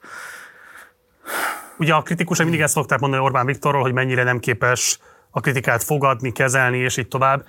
Miközben mondjuk nem tudom, ez 2002-ben közvetlen választás után. Ez a választás után meg. volt, igen. Én el tudom képzelni, lehetek ennyire talán megengedő, hogy lehet, hogy pont egy választási vereség után kevéssé van még abban a, az érzelmi diszpozícióban, hogy ezeket be tudja fogadni, de ettől függetlenül is érdekes, amit mondasz, mert azt mondod igazából, hogy az a típusú elemzői hozzáállás, amiben megpróbáltál szempontokat fölvetni, hogy milyen típusú versenyhátrányokat jelentett a személye, az nem nagyon volt nem talált fogadókészségre. Igen, és az is lehet, hogy nem is volt igazam egyébként a mából visszatekintve, de akkor meg voltam győződve arról, hogy egy másfajta stratégiával, kevésbé megosztó stratégiával a választási kampányban, meg hát nyilván azt megelőzően is nem idegenített volna el annyi szavazót. Nyilván az ő politikai stratégiája már akkor más volt, teljesen más volt, később meg nyilvánvalóan még inkább erre a táborteremtésre, a, a táborok közötti elválasztó vonalaknak a jó, jó éles ceruzával való meghúzására törekedett, és teljesen teljesen légből kapottnak gondolta azt, amit én mondtam. Ezt teljesen meg tudom érteni egyébként, mert van az az értelmezés, hogy ezt, ez egy jó stratégia volt, csak hosszabb távon vált kifizetődővé, de én akkor arra számítottam, hogy, hogy er, ez, e, e, ezzel azért ezzel a, vitá, ezzel a felvetéssel érdemben kezel, kezd majd valamit, de nem kezdett vele semmit, és aztán hosszú ideig nem is találkoztunk. Ja, az is érdekes, mert tehát ugye a politikában az eredmények mindent és annak az ellenkezőjét is tudják, tudják igazolni. Így van. De hogy a mából visszanézve nyilván igazolható az, hogy a 98-2002 közötti időszak az arról szólt, hogy hogyan lehet a jobb oldalt egységbe formálni, tehát hogy neki fontosabb volt Igen. ez a célkitűzés, mint mondjuk az, hogy az MSZP-vel szembeni helyzeti előnyét tartósítani tudja. De akkor 2002-ben ez a szempont, hogy egységes jobboldalt építeni a szétaprózódott jobboldal helyében négy év alatt, ezt te hogyan értékelted? Akkor. Nagyon más fogalmakkal gondolkoztam akkor a magyar politikáról. Tehát azt gondolom, hogy tele volt tévedéssel az akkori gondolkodásom. Miért? Hát sok, sok, sok, sok minden miatt. Tehát szerintem sok olyan kérdése vak voltam, amit, amit ma már, amire ma már megtanított az azóta eltelt időszak, például történeti szempontokra nagyon jelentős mértékben. Tehát, hogy, hogy, hogy túlzottan azt gondoltam, hogy azáltal, hogy megtörtént a rendszerváltás, egy tiszta lappal egy új rendszer kezdődött, amely, amely hasonló lesz majd, mint a nyugati demokráciák politikai rendszerei a, a váltógazdálkodással, koalíciókkal, a pártok versenyével, ezeknek azért a határokon belül maradásával, és hogy ebben az értelemben mondjuk az a pártrendszer irodalom, ami ezzel foglalkozik, az olyan kulcsokat ad nekünk, amivel ki tudunk mindent nyitni. Tehát, hogy amivel meg tudjuk érteni, hogy mi történik. Ebben az értelemben például Orbán Viktor szerintem sokkal jobban értette azt, hogy milyen helyzetben van és mi történik. Nyilván neki is voltak azért komoly tévedései, de, de az én tévedésem, az akkori gondolkodásom az sokkal messzebb állt a valóságtól, az, abban biztos vagyok.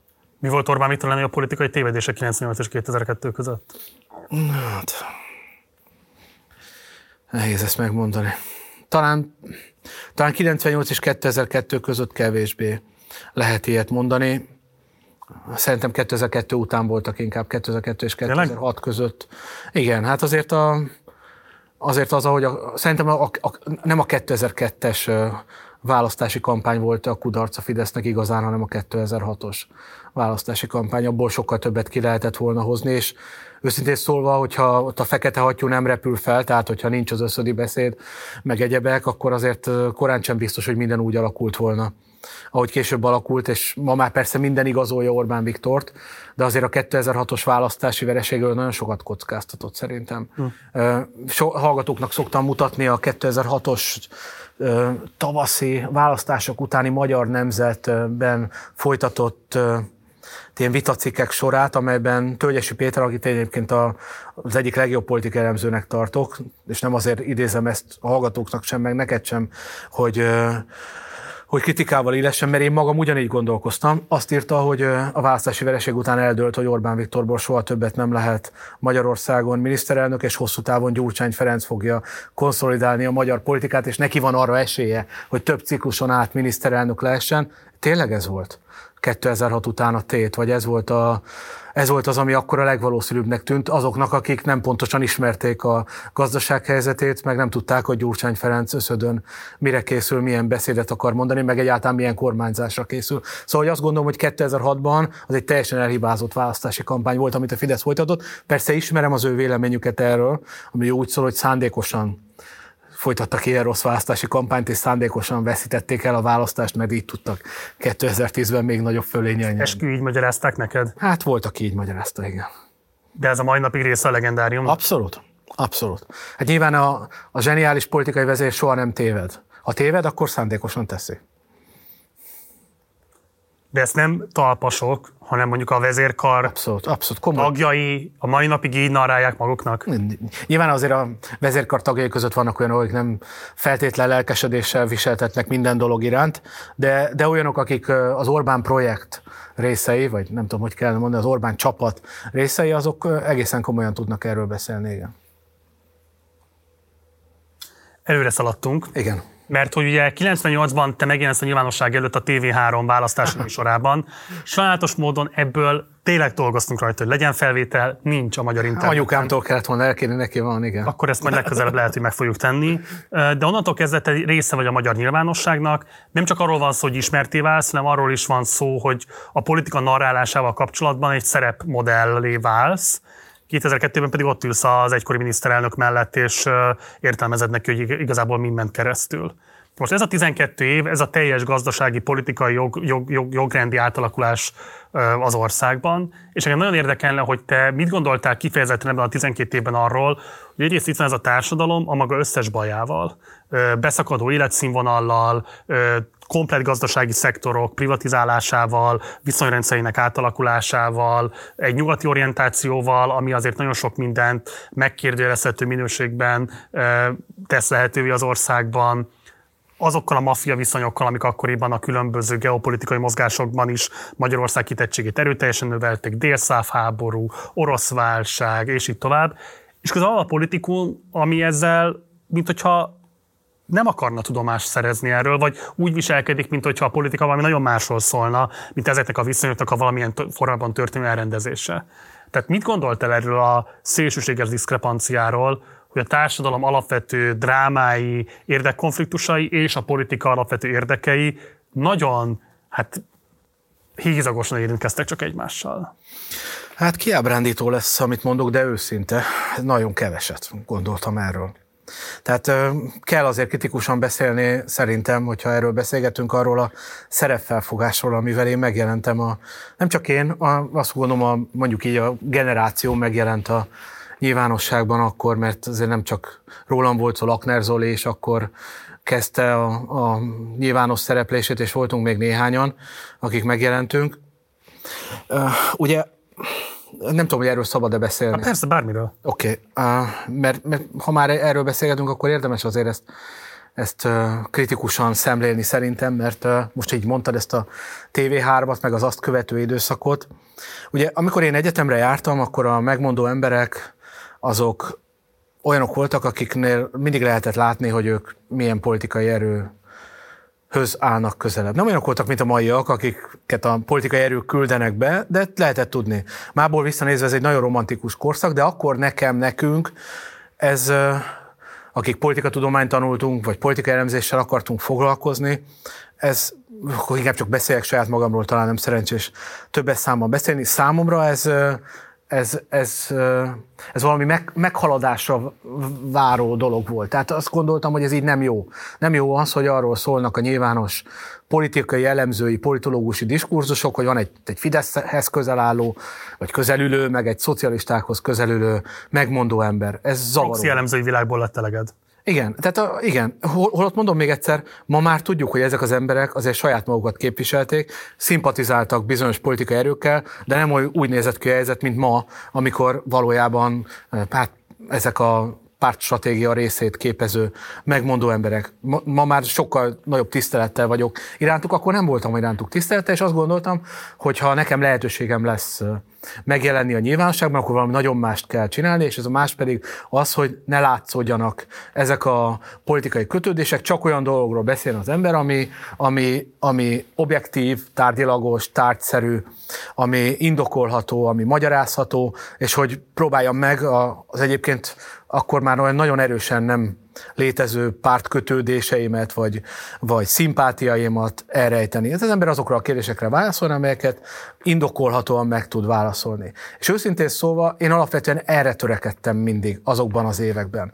És ezáltal teljes mértékben vakká váltam sok fontos kérdéssel kapcsolatban, olyan kérdésekkel, amiket nem tartottam a politikai elemzés részének. Ma is felmerülne bennem, hogy ezek vajon az én szűk értelemben vett szakmámhoz tartoznak-e, amiket te mondtál, de ma, ma már azt gondolom, hogy ezek nagyon fontos kérdések. Tehát amit most feltettél, az a rendszer egészét, stabilitását, hosszú távú akármiét illetően nagyon fontos kérdések. Szerintem, de én akkor ezek iránt teljes mértékben vak voltam, és megpróbáltam egy olyan szerepet megmutatni, ami, amiről már a nyilvánvaló, hogy egy teljesen tarthatatlan és valójában nem is érdekes, nem a nyilvánosság elé szánt szerep. Ezt a szerepet én ma is fontosnak tartom nyilvánvalóan, és a nyilvánosságtól távol azt gondolom, hogy ezt lehet is gyakorolni, meg, meg lehet is folytatni, de ez nem egy nyilvános műfaj, amit én akkor megpróbáltam előadni. De akkor várj, ezt segítsen megértem, mert te a politikatudomány felé érkezel, nyilvánvalóan volt érintkezésed a társadalomtudományok más műfajaival is.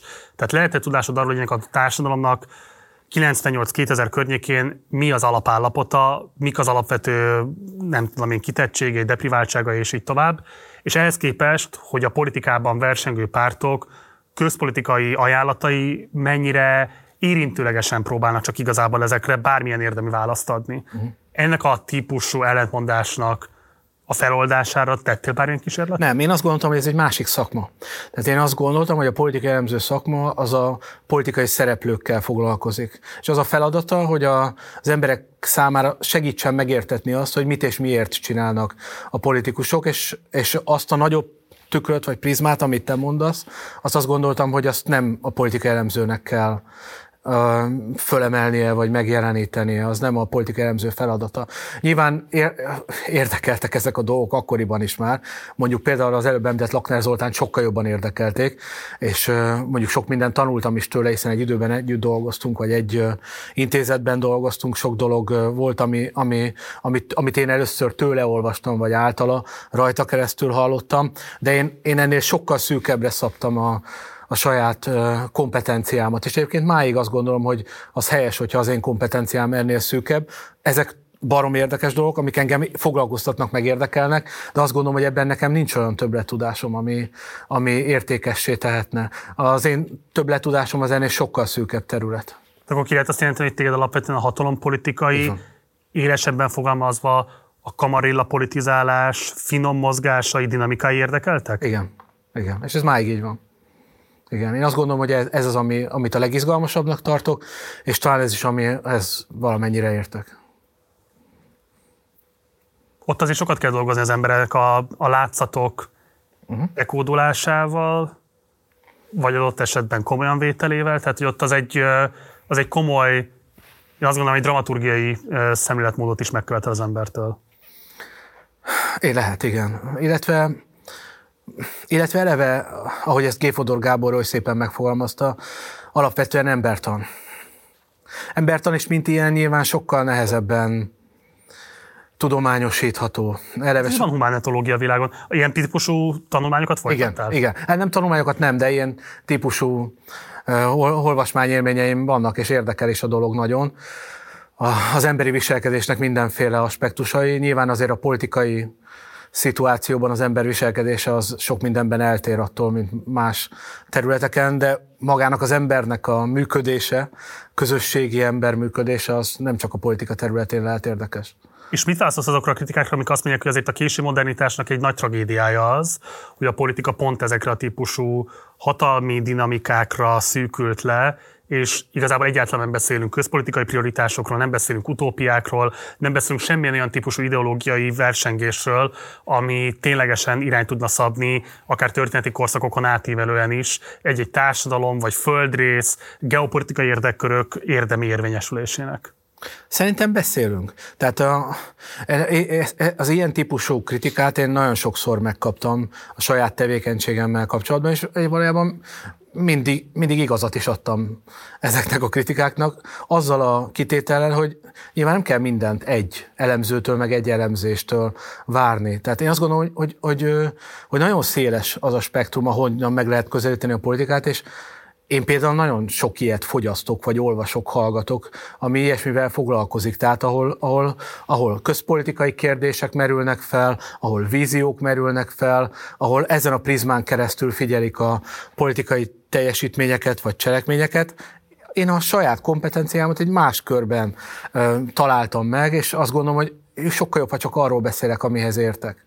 Vagy amiben van, úgy érzem, hogy van valami fajta szakmai többlettudásom. Ezek érdekelnek, de ezeknek nem vagyok szakértője, de szerintem meg lehet találni ezt is. Tehát ö, sokszor van ez a kritika, vagy ez a, ez a megjegyzés, ami tényleg olyan, mint hogyha minden nagy kérdésre nekem kellene megadnom a választ. Nem fogom tudni, és nem is szeretném megadni ezekre a kérdésekre a választ. Jó, de azért ez az elvárás részben azért is szegeződik szembe veled, mert hogy te vagy bizonyos értelemben egy, nem is egy, szerintem több generációnak az ősmodellje arra, hogy a politikát hogyan lehet mesélhetővé tenni. Tehát, hogy ahogyan ugye történetmeséléseken keresztül kapcsolódunk egymáshoz, a történetmesélés egy nagyon fontos tudásátadási, kapcsolódási, stb. formája az emberi viszonyoknak. Az, hogy a politikát hogyan kell elbeszélni, abban azért a te karakterednek meghatározó jelentőség van ebben az országban. Hát örülök, ha így van, vagy nem is tudom, hogy örülök-e, de... de... Ez kérdés szerintem. Nem biztos azért, szerintem Szóval én, én tudom, hogy nézőként mit szeretek fogyasztani, és mondjuk én biztos, hogy nem magamat szeretném. Vagy nem, Általában mindenkivel így van, na, uh, ebben a teremben biztosan. Akkor jó, nem azon keresztül szeretném, de, de az igazság mert hogy senki nem akadályoz meg másokat, hogy ilyen típusú elemzéseket adjanak. Én lennék legboldogabb, hogyha, hogyha ilyeneket lehetne tömegesen fogyasztani. Ja, én nem arra utaltam, hogy okay. te bárkit is kiszorítottál, van, én csak arról igen. beszélek, hogy, hogy a nézők, vagy a magyar társadalomban nyilvánvalóan az, hogy a, a politológusnak a szerepideája az valószínűleg egy-két embert jelenthet csak maximum szélesebb körben, és te biztos, hogy köztük vagy. Tehát az, hogy hogyan narrálódik a politika, milyen folyamatokra helyezzük a hangsúlyt, mit tekintünk igazából politikai folyamatnak, abban neked nyilván van meghatározó jelentőséged. Lehet, de nagyon sok kolléga van, aki beszél arról, hogy mi a helyes, mi lett volna a helyes, mi a rossz. Tehát én Csak van olyan elérésük, mint neked? Hát biztos. Biztos. Mindest a lehetőség biztos, hogy megvolt, hogy legyen, és van, akinek van is szerintem. Tehát én azt gondolom, hogy aki arra vágyik, hogy, a, hogy, hogy olyan jellegű állításokat halljon, amelyek arról szólnak, normatív alapon közelítsenek a politikához, és, és valóban irányt mutassanak, vagy megmondják, hogy ki csinálja jól, ki rosszul, vagy például behozzák azt a nézőpontot, ami szintén hiányzik az én nyilvános elemzéseimből, hogy mi lenne jó az országnak. Ugye ezt is mindig számon kérik, hogy én miért csak arról beszélek, hogy a politikai szereplőknek mi lenne jó. Mert ezzel foglalkozom. De nyilván lehetne azzal is foglalkozni, és sokan foglalkoznak is vele. Hát minden este a beszélő fejek erről szólnak most a különböző csatornákon. Itt nálatok is folyamatosan ez a téma, tehát én rengeteg ilyet tudok hallgatni, úgyhogy azt gondolom, hogy ez a probléma nem áll fenn. Az kétségtelen, hogy tőlem ezt nem nem nagyon lehet megkapni, de tudatos, hogy miért nem. Hát most már visszavonultabb vagy ebben a kérdésben, az nyilván így van. Nem csak azért, mindig is évvel ezelőtt azért nagyon más státuszod volt még. Lehet, de akkor is nagyon törekedtem arra, hogy, hogy ne én mondjam meg, hogy ki a jó, meg ki a rossz, hanem arról beszéljek, hogy, hogy miért csinálja, mert azt gondoltam, hogy az a, és ma is azt gondolom egyébként, hogy az a néző feladata, hogy eldönts, hogy a olvasó, befogadó feladata, hogy hogy eldöntse, hogy, hogy ki a jó, meg ki a rossz, és én esetleg abban segítek, hogy, hogy, hogy jobban megértse, hogy az, amit mond, azt miért mondja. Én nem is a normatív állításokat kérem számon, vagy nem is kérek számon semmit, hanem nem, csak arra akartam rá kérdezni, hogy, hogy amikor mondjuk egy karaktert jellemzel, vagy, vagy vizsgálsz, hogy mondjuk az érdekeit hogyan tudja érvényesíteni a politikában, akkor nyilván felvetődik az a kérdés, hogy rendben van, de hát ott is van egy normarendszer, már abban az értelemben, hogy mondjuk egy konzervatív párt elnöke egyébként közép-hosszú távon a közpolitikai döntéseivel milyen típusú konzervatív eszményt próbál erősíteni egy adott társadalomban. Vagy egy szocialista vezető milyen típusú, nem tudom én, antikapitalista mozgásokra képes egy adott társadalomban, és egyébként ebből a szempontból nézve, hogy mondjuk hogy egy antikapitalista meggyőződésű ember helyesnek vagy helytelennek tűnnek a döntései. Igen, ez kétségtelen, ez érdekes, ez engem érdekelne is, ha valaki erről Igen, beszélne. ez nem érdekel valamiért. De, ne, nem, az, a, a, nem. De miért nem érdekel? Elmondom, ez, ez szerint én nem érzem magamban, nem érzem magamat feljogosítva arra, hogy ezekben a kérdésekben, abban a pozícióban, amiben azért az emberek látják a szakértőt, Szerintem teljesen tévesen nyilván, de mégis ez alakult ki, mert szakértőt hívnak az újságírók, és hogy a, az véleményüket elmondja helyettük. Szóval, hogy abban a pozícióban, tényleg, abban a pozícióban arról beszéljen, hogy mi lenne, hogy, hogy ez, te, azért ez, ez normatív tartom, amit mondasz mégiscsak, hogy ez milyen irányba viszi. Hát nyilván ez teljesen vitatható. Az ellenkezőjét is lehet állítani. Az az állítás, hogy más típusú normatív tartalom, mert nem arról szól, hogy, hogy valamely politikai oldal szempontjából a másik oldal helyes vagy helytelen döntéseket hoz, hanem hogy az oldalnak a saját ideológiai mezébe belehelyezkedve azt meg lehet állapítani, hogy mondjuk mit tudom én, a fidesz KDNP 13 éve tartó kormányzása az egyébként milyen konzervatív etoszt erősített, gyengített, milyen típusú konzervativizmus favorizált, és milyen típusú konzervativizmusnak okay. volt egyébként Igen. kifejezetten az ellensége. Igen, idáig el lehet menni kétségtelen. Igen. De te ezt se vállalod. Ha, ha, ha tudnék ilyen mondatokat mondani, akkor mondanék. Biztos, hogy tudnál. Azért nem tudnék, mert szerintem ez nem ilyen, nem ilyen egyértelmű. Nincs ilyen. Szerintem a mai politikában nincs ilyen. Pontosan mi nincsen a mai? Sokkal, sokkal, sokkal eklektikusabb a tartalmi értelemben a politika. Nem, nem, nem, nem, nagyon nehéz lenne ezt megmondani, hogy az milyen típusú konzervativizmus. Szerintem egyáltalán nem konzervativizmus. Semmilyen. Nincs, nincs, nincs tartalma a politikának ebben az értelemben, nincs, ért, nincs lényege ennek.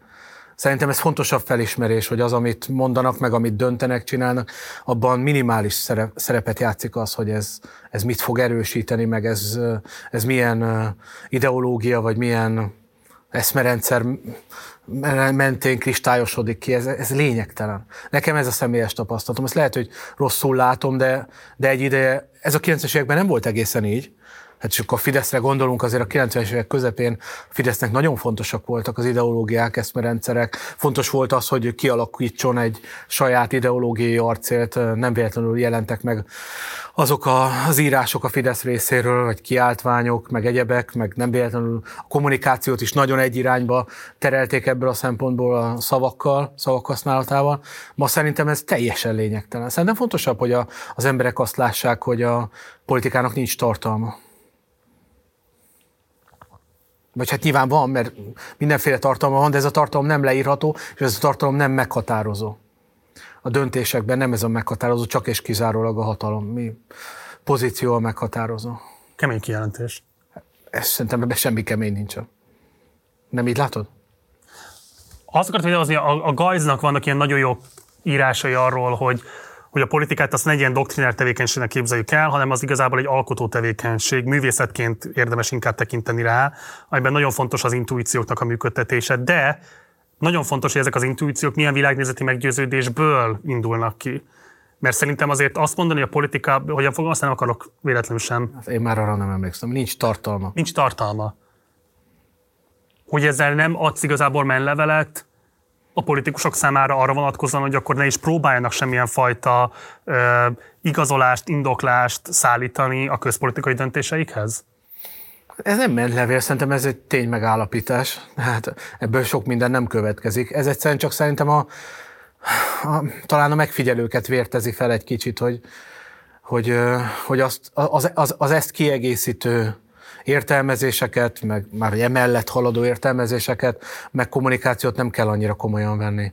Mert ez a dolog nem arról szól, hogy most egy konzervatív akármicsodát akarunk erősíteni, hanem ez arról szól, hogy a közvéleménykutatásban a többség emellett volt. Az világos, de bocs, azért az alapvetően a politikának az érdeke, a politikusoknak az érdeke, hogy minél értéksemlegesebbnek mutassák saját magukat, mert annál kevésbé válnak számon kérhetővé. Tehát mondjuk például, amikor kitört az ukrajnai háború, én emlékszem, hogy a magyar sajtóban hetekig, hanem hónapokig az volt a legfőbb indoklása, hogy hát a Putyin megőrült. Egyébként ez nemzetközi szinten is így volt. Emlékszem, videófelvételek voltak arról, hogy remeg a keze, stb.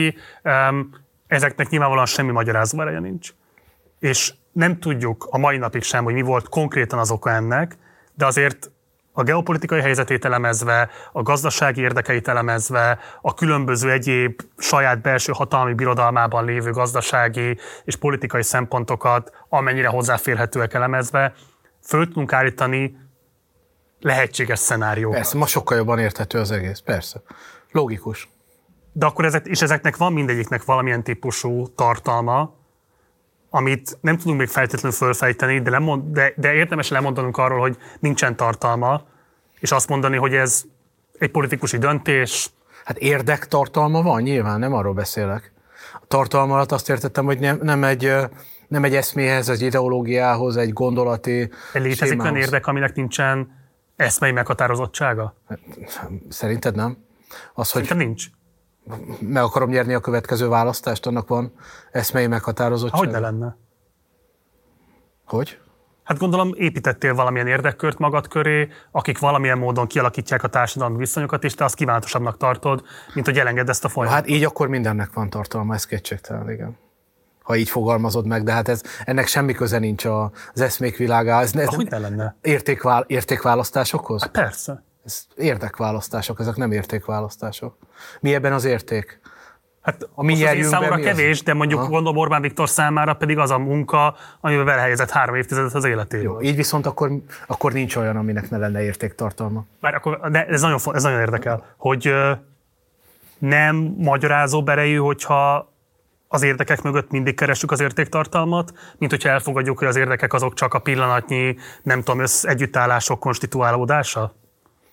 De szerintem ez változik még egy adott politikusnál is. Hát én azt nem állítanám, hogy Orbán Viktor politikájában soha nem lettek volna jelen a, az értékek, sőt azt gondolom, hogy az ő politikai változásában, fejlődésében egy csomó időszakban kifejezetten jelentős szerepe volt egy-egy eszmerendszernek, értékválasztásnak, csak egyszerűen oh, eljutott egy olyan pontra, ahol már ennek egyrészt körbeért, tehát sok mindent, sok mindent képviselt már, meg sok mindent gondolt már, meg annak az ellenkezőjét, és hogy a, meg is tanulta sokkal jobban azt, hogy a politikában mivel lehet sikeresnek lenni, és ez ma már azt gondolom, hogy egy hatalmi politika, ami érték, érdekeken alapul, és az értékek azok eszközök ebben. Nyilván ott vannak, de eszközök. Ez nem az ellenzéki nyilvánosság egyik legnagyobb félreértése, hogy értékrelativistának látják Orbán Viktort, miközben azért szerintem igenis ki lehet rajzolni még ennek a 13 évnek is egy ilyen kőkemény érdekvezérel, értékvezéreltségét és érdekvezéreltségét egy, egyszerre.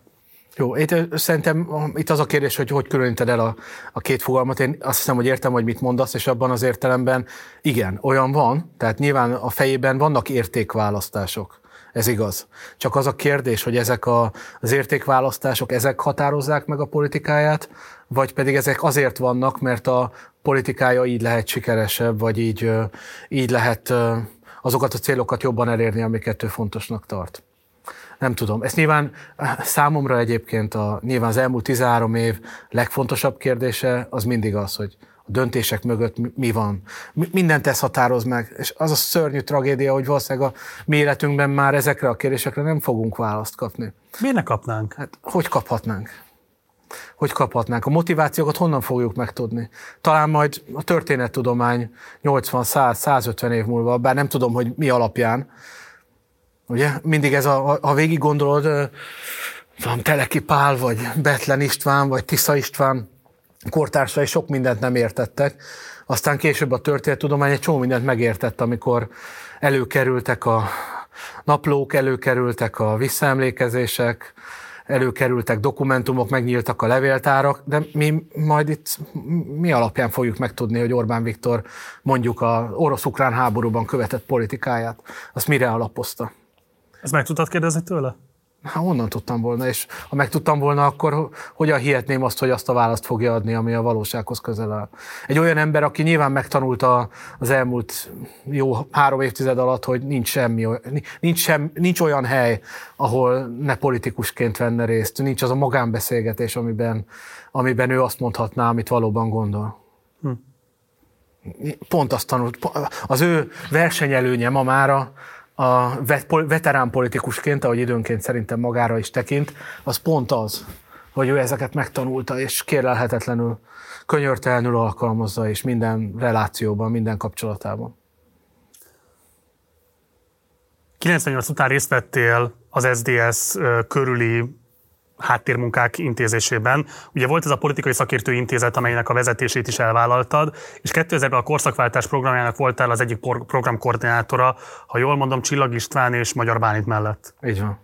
Um, nagyon érdekes az, hogy miközben annak alapvetően egy ilyen um, piacpárti, liberalizáló, szabadságjogcentrikus, de közben a szolidaritás elvét is hangsúlyozó ilyen, nem tudom én, etosza volt.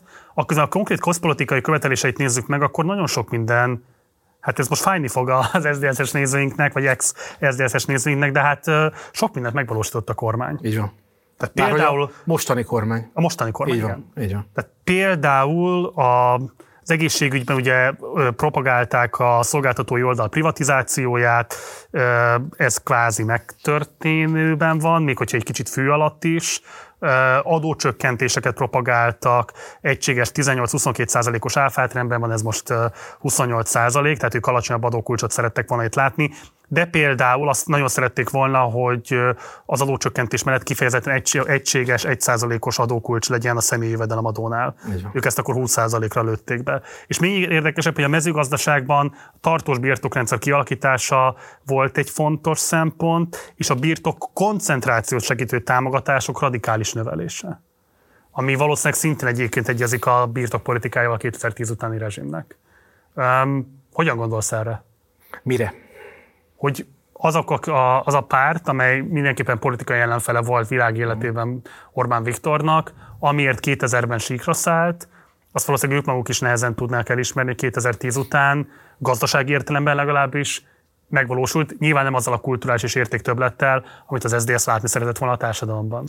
Hát mondtad az előbb, hogy ez bizonyára fájni fog a, az SZDSZ-nek, amit mondani fogok, az meg neked fog fájni, Marci, mert, mert azt gondolom, hogy ez teljesen lényegtelen. Tehát az a baj, és nem az a baj, az a helyzet, talán ez az értéksemlegesebb megközelítés, hogy... Lehet értéktelített nyugodtan, sőt. Hogy, hogy, de nem, mert nem baj, egyszerűen ez a helyzet, hogy ezek a dolgok, amikről itt beszélünk, ezek pontosan azért valósulhattak meg a mostani kormány időszakában, és pontosan azért támadhatják azok, akik ezt írták ma is ugyanolyan lelkesedéssel a kormányt minden más területen, mert ezek nem számítanak. Lehet, hogy 2000-ben még számítottak. Szerintem 2000-ben, amikor ez készült, a programnak még volt jelentősége, akkor egyébként az SDS meg a Fidesz éppen szerintem nem is állt olyan nagyon távol egymástól.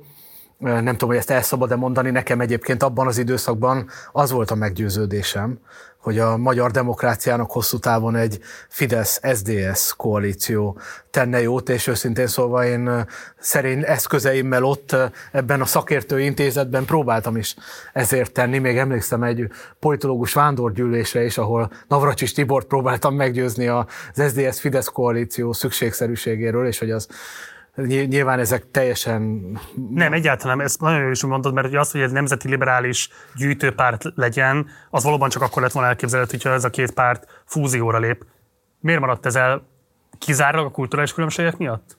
Hát nem, akkor már nyilván az egyik fő ok az 94 szerintem. Azért a 94-es koalíciókötés és az azt megelőző időszak olyan mély sebeket ejtett kölcsönösen, hogy a két párt között, amikor én már személyesen bekapcsolódtam, mondjuk a parlamentben látván a szereplőket, Számomra egyébként akkor az SZDSZ meg a Fidesz nagyjából hasonló távolságra volt, tehát én, nem, én a kettőjük között voltam, ha szabad így fogalmazni, és így is gondolkodtam mindig. Szóval, hogy a, legalább annyira dolgoztattam volna a Fidesznek is, mint az SZDSZ-nek akkoriban. Tehát ez... Jó, de mégis az SZDSZ-t választottad, ráadásul Fidesz kormány alatt. Tudod, hogy történt ez? Ez egy nagyon csúnya történet, úgyhogy szívesen elmondom, mert okay. biztos szereted ezeket, és nagyon rossz képet fog rólam kialakítani, teljesen más, mint ami ma bennem magammal kapcsolatban él, kicsit szégyellem is. Ez úgy történt, hogy az egyetemen írtam egy dolgozatot arról, hogy a, az első két parlamenti választáson miért a liberális pártok, az SDS meg a Fidesz szerepeltek a legjobban Nyugat-Magyarországon. És hát nem tudom, valamiért akkor azt gondoltam, hogy, hogy ez egy annyira jó dolgozat, hogy ezt látniuk kell az SZDSZ és a Fidesz vezetőinek is, és itt jön az igazán szégyelni való, elküldtem Orbán Viktornak és Pető Ivánnak. Csak Pető reagált rá. És Orbán Viktortól nem kaptam választ, Pető Iván meg behívott beszélgetni. Ezen múlt, hogy én gyakornokként az SZDSZ-nél és nem a Fidesznél kezdtem el a munkámat, tehát számomra ez a két párt mind egyaránt vállalható volt akkoriban, amit tudom szintén elképzelhetetlen. Na de hogy visszatérjek erre, tehát szerintem 2000-ben volt még annak jelentősége, hogy milyen, az adócsok, az, milyen adókulcsok vannak, meg mi a mezőgazdaságban milyen módon alakulnak át a dolgok. Én ennek a programnak egyébként nem, szakmai értelemben nem voltam semmilyen módon a része, tehát nincs olyan mondat, amit én írtam volna bele, vagy ami hozzám kötődne. Feladatom csupán annyi volt, hogy a szakértőkkel tartottam a kapcsolatot, abszolút technikai jellegű volt, de nagyon érdekes volt, és sokat tanultam belőle az egész munka folyamatból de akkor, akkor ezt nagyon komolyan vették azok, akik ezzel foglalkoztak, és, és érdekes volt megnézni, hogy más pártok hogyan reagálnak. Mára szerintem ennek semmi jelentősége nincs. A Fidesz akár ezt, akár az ellenkezőjét is képviselhetné. Mert nem véletlenül képvisel az ellenkezőjét. Nyilván, Bocs, abban van igazság. csak egy pillanat, mert szerintem ez, ez, segíts megértenem. Szeret, őszintén szeretném megérteni. Tehát amikor azt írja az SDS ebben a programban 2000-ben, hogy a birtokkoncentrációt erősítő támogatásokat kell eszközölni, akkor ugye annak a történeti perspektívája mégiscsak az, hogy Kelet-Magyarország szömösödéséhez nagymértékben hozzájárul az, hogy a kis és közepes agrárvállalkozásoknak nincsen tere megélni, Ráadásul az EU-s támogatások is alapvetően kifejezetten ezt a típusú birtokkoncentrációt támogatják, aminek eredményeképpen 2023-ra, de igazából a 2010-es évek közepére is olyan oligarchisztikus viszonyok jellemzik az agráriumot, amelyek a két világháború között utoljára ebben az országban és ennek nagyon súlyos társadalmi költségei vannak, nagyon súlyos társadalmi vonatkozásai vannak. Mondom még egyszer, tehát az, hogy Kelet-Magyarországon az agrárium, mint megtartó erő nem tud funkcionálni, annak a település szerkezetben nagyon sok vonatkozásban elképesztő fontos hatása van. Miért mondod azt akkor mégis, hogy ennek hatása, vagy értelme, vagy jelentősége, bocsánat, így fogalmaztál, igazából nincs? Oké, okay, jelentősége van, de, a, okay, de ezt hadd a kérdésre. Mert annyira jó, amit felvetettél, mert segít engem a mi kis vitánkban, az érdek, meg az érdek alapú vitákban. Nem köszönöm. Nyilván, nyilván miért? miért? Miért? Miért került a Fidesz közelebb ez az állásponthoz, és miért volt akkor távol tőle, és miért inkább a kis tulajdonok mellett volt akkoriban még. Nyilván már a Fidesznek megvan az a kapcsolódása ehhez a világhoz, a beágyazottsága, ami alapján nyilván az az érdeke, hogy ezt a programpontot képviselje, vagy elmozduljon abba az irányba, hogy jobban elfogadja ezeket a nagyobb gazdá, gazdaságokat és a mezőgazdaságnak a birtok koncentrációját. Ma, maguk a, ma már ugye maguk az udvar tagjai is nyilvánvalóan ebben érdekeltek. Igen és az idők során pedig megkötötték azokat a szövetségi viszonyokat, amelyek, amelyek szintén őket arra ösztönözték, hogy ne a kisbirtokok politikája mellett legyenek, hanem a birtok koncentráció mellett. Mert ez az érdekük. Nyilván ez ezt utána később gyönyörűen, tehát egy mezőgazdasági Fideszes szakértővel beszélni, én nekem volt már szerencsém, ő ehhez hozzá tudja tenni azt a értékválasztásban megnyilvánuló dolgokat, hogy ez miért éri meg, de szerintem maga a döntés, hogy a Fidesz ebbe az irányba mozdult, az kizárólag érték alapon, hatalmi logika alapján történt meg, ahogy szerintem sok más területen is ez történt. És ebben az értelemben ez csereszabatos, vagy nem is tudom mi a jó szó, mindegy, lényegtelen. Nem a politika lényegét képezi az, hogy mi a közpolitikai program. A közpolitikai program az alárendelődik a hatalmi politikának, a hatalmi politikának rendelődik alá minden más a, a személyek kiválasztása, stb. stb. Tehát csak hatalmi politika van. Tehát lehet azt mondani, hogy miért a hatalmi politikával foglalkozom, azért, mert az, az, az, az határoz meg mindent. De ez egy kicsit így implicite azt mondod, hogy akkor igazából Carl Schmittet kell olvasni kizárólag, abból nagyjából mindent meg lehet érteni, és a többi az maximum intellektuális érdek. De nem mindig és mindenkor. Nem mindig és mindenkor, nem mindig ilyen a politika, és nem is volt mindig ilyen Magyarországon sem. De most kétségtelenül ilyen. Olyan hatalmi gépezet van, amely alapvetően a Kásmitti logika alapján működik, igen, így van. Kásmittet vagy Géfodor Gábort? Vagy Lánci Andrást. Vagy Lánci Andrást, még inkább, így van. Ő ismertette meg veled Schmidtet? Igen. Igen, én amikor a Corvinus Egyetemre, akkor még Budapesti Közgazdaságtudományi Egyetemre kerültem, akkor eh, Lánci András szobatársa lettem, aki akkor még... A Karácsony Gergőjé? Az később, később. Az első években Lánci András szobatársa voltam. Akkor ő éppen Amerikában volt egy kilenc hónapos ösztöndél, úgyhogy az első időszak az kifejezetten jó volt egyedül, aztán még jobb lett, amikor visszatért és megismerkedtünk. mert őszintén szóval rengeteget tanultam tőle, ezt tudom, hogy az ellenkezőjét furcsa lenne mondani, meg mindenki ilyeneket mond, de ha, ha, ha volt olyan politológiában, vagy inkább tágértelemben vett társadalomtudományokban olyan ember, akinek a gondolatai leginkább hatottak rám, az még akkor is, amikor nem volt igaza, az Lánci András volt egyértelműen. Hm. Szinte baráti viszonyba kerültünk, ha ezzel nem sértem meg. Miért sértenéd meg ezzel? Hát nyilván nem vagyunk egy évjárat, vagy egy generáció, tehát uh, igen. Muszáj még egy pillanatra akkor is visszakanyarodnom ez a korszakváltás programjához, mert van benne egy kifejezett kitétel, amiről nagyon érdekelne a véleményed. Így fogalmazhatok benne, mondom 2000-ben fogalmazódott meg a program. Magyarország a rendszerváltás követően kivált a versenykerülő országok sorából, a versenykerülő szocialista rendszer következetes széttörése révén gyors termelékenység növekedést ért el, és ezzel jobban vizsgázott, mint a környezetünkben lévő versenykerülő országok. Ezért történhetett meg az a gazdasági és társadalmi csoda, hogy egy kicsin piacú, ásványkincsekben szegény, eladósodott, stagnáló országból dinamikusan fejlődő, végre bővülő lehetőségeket kecsegtető, tehát reményteljes országá váltunk. Ezt akkoriban komolyan gondoltad? Hát, miután nem én írtam, és nem is volt ahhoz közöm, hogy mi kerüljön bele a szövegbe, nyilván nem tudom, hogy én ezt volt-e bármilyen viszonyom ehhez a mondathoz. Most, hogy így hallgatom a mondatot, ugye ez 2000-ben az Orbán kormány, első Orbán kormány időszakában ez a mondat azért egy érdekes áthallásokra is okot adhat. Nyilván ma erre azt mondanám, hogy ez egy ilyen neoliberális duma, ami, ami tarthatatlannak tűnik az azt követő időszak fényében.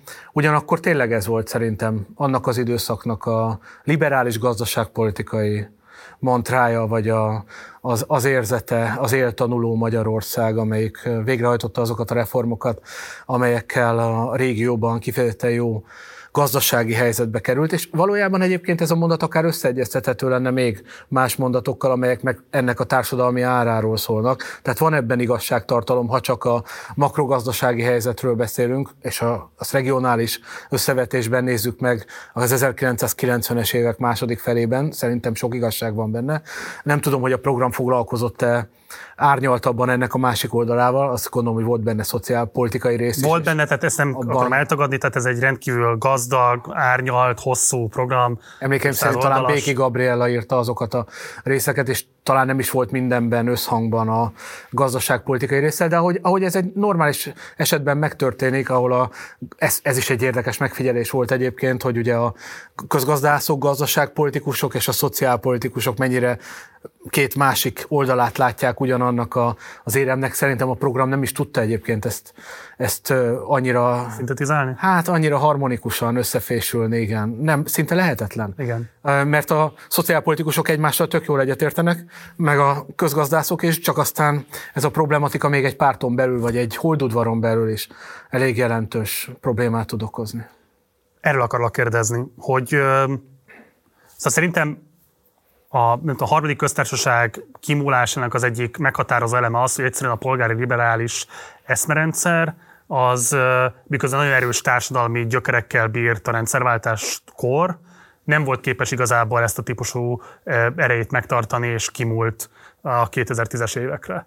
És hogy nagyon érdekelne az, hogy szerinted mennyiben játszott ebben szerepet az, hogy például mondjuk, amikor a rendszerváltás ellentmondásaival, adott esetben kudarcaival is szembe kellett nézni, akkor nem volt ennél több belátás mondjuk egy ilyen programalkotó szövegnek a preambulumában.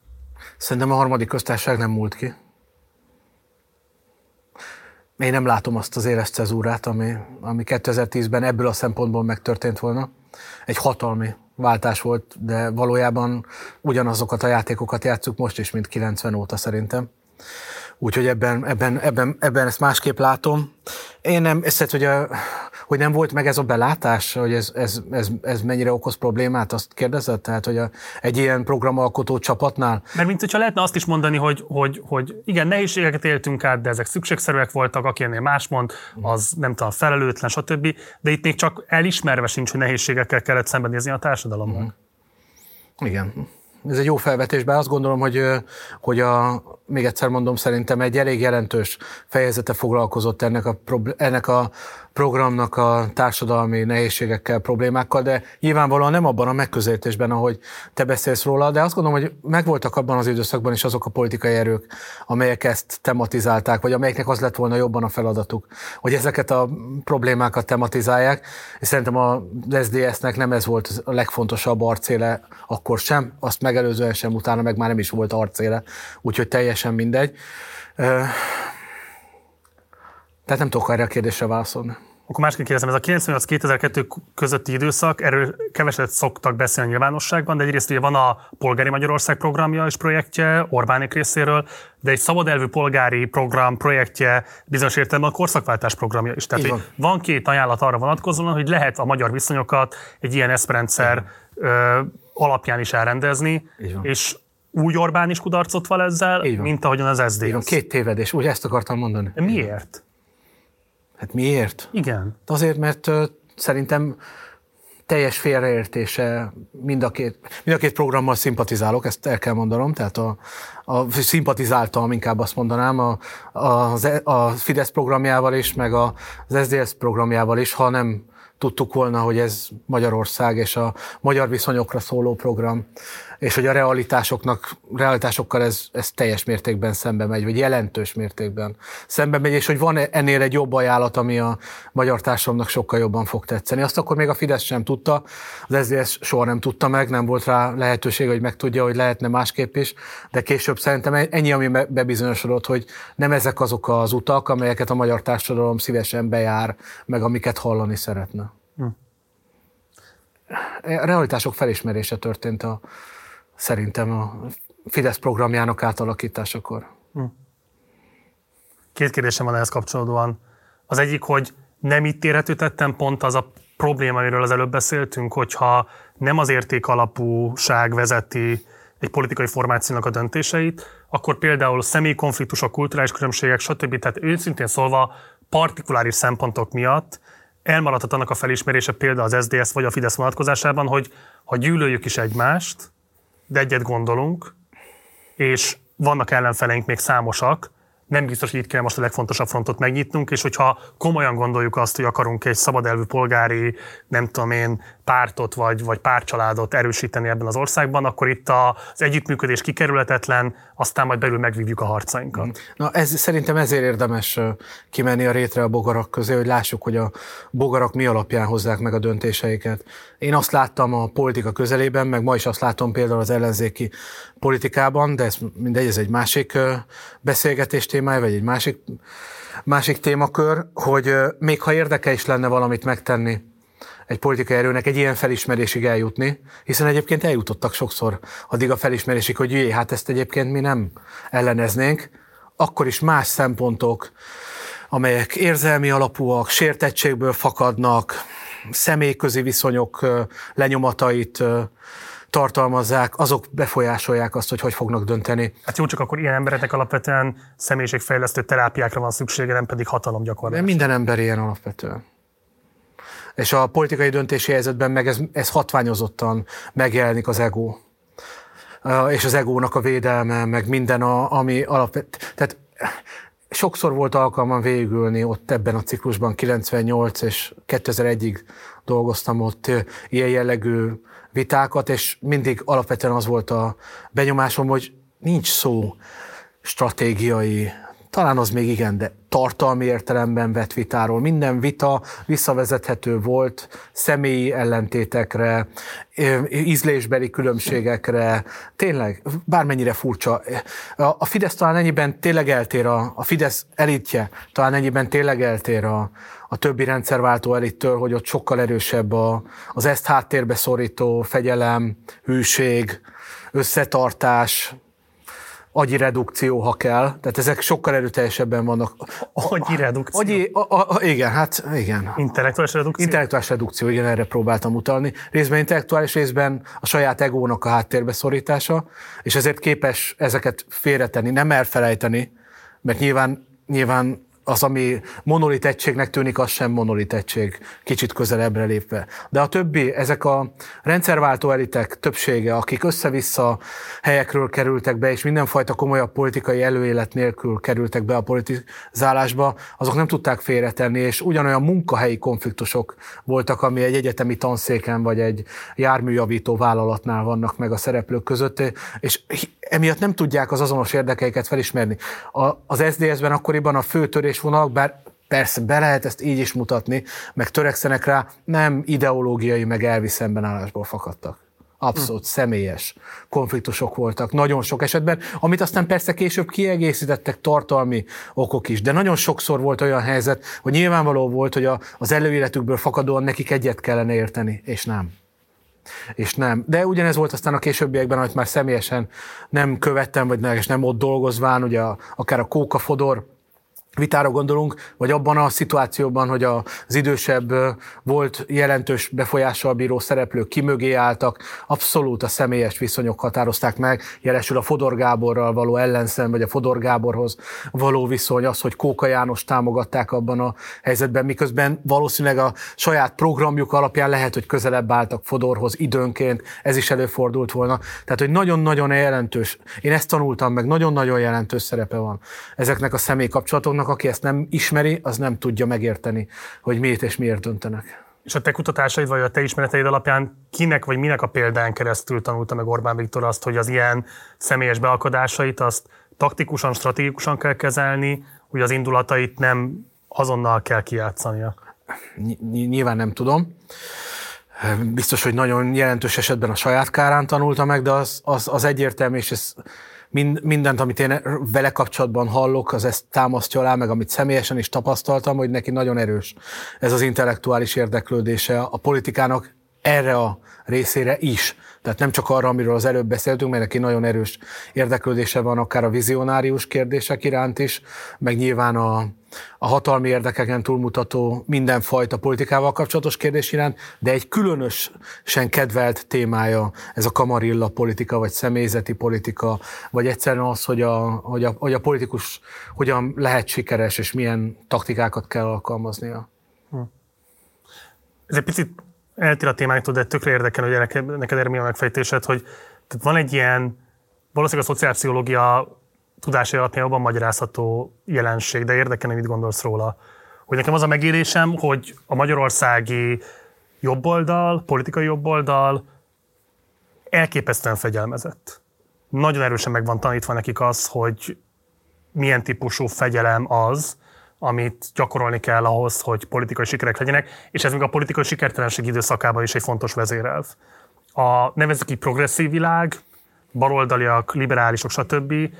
pedig hát elképesztően fegyelmezetlenek politikai értelemben. És nem csak most, amikor nem tudom én a különböző politikai torzsalkodásokat látjuk, hanem ez gyakorlatilag a rendszerváltás óta egyfajta közösségi jellemző. Nagyon nem tudnék mondani olyan pillanatot, amikor a politikai fegyelmezettség ismérvei fölfedezhetőek lettek volna az MSZP és az SDS, vagy az utódpártjaik, vagy a mellékpártjaik, vagy a szatellitpártjaik, tök mindegy vonatkozásában. Nem volt olyan projekt, amiben olyan egységességet tudtak volna mutatni, mint a Fidesz a legrosszabb pillanatában.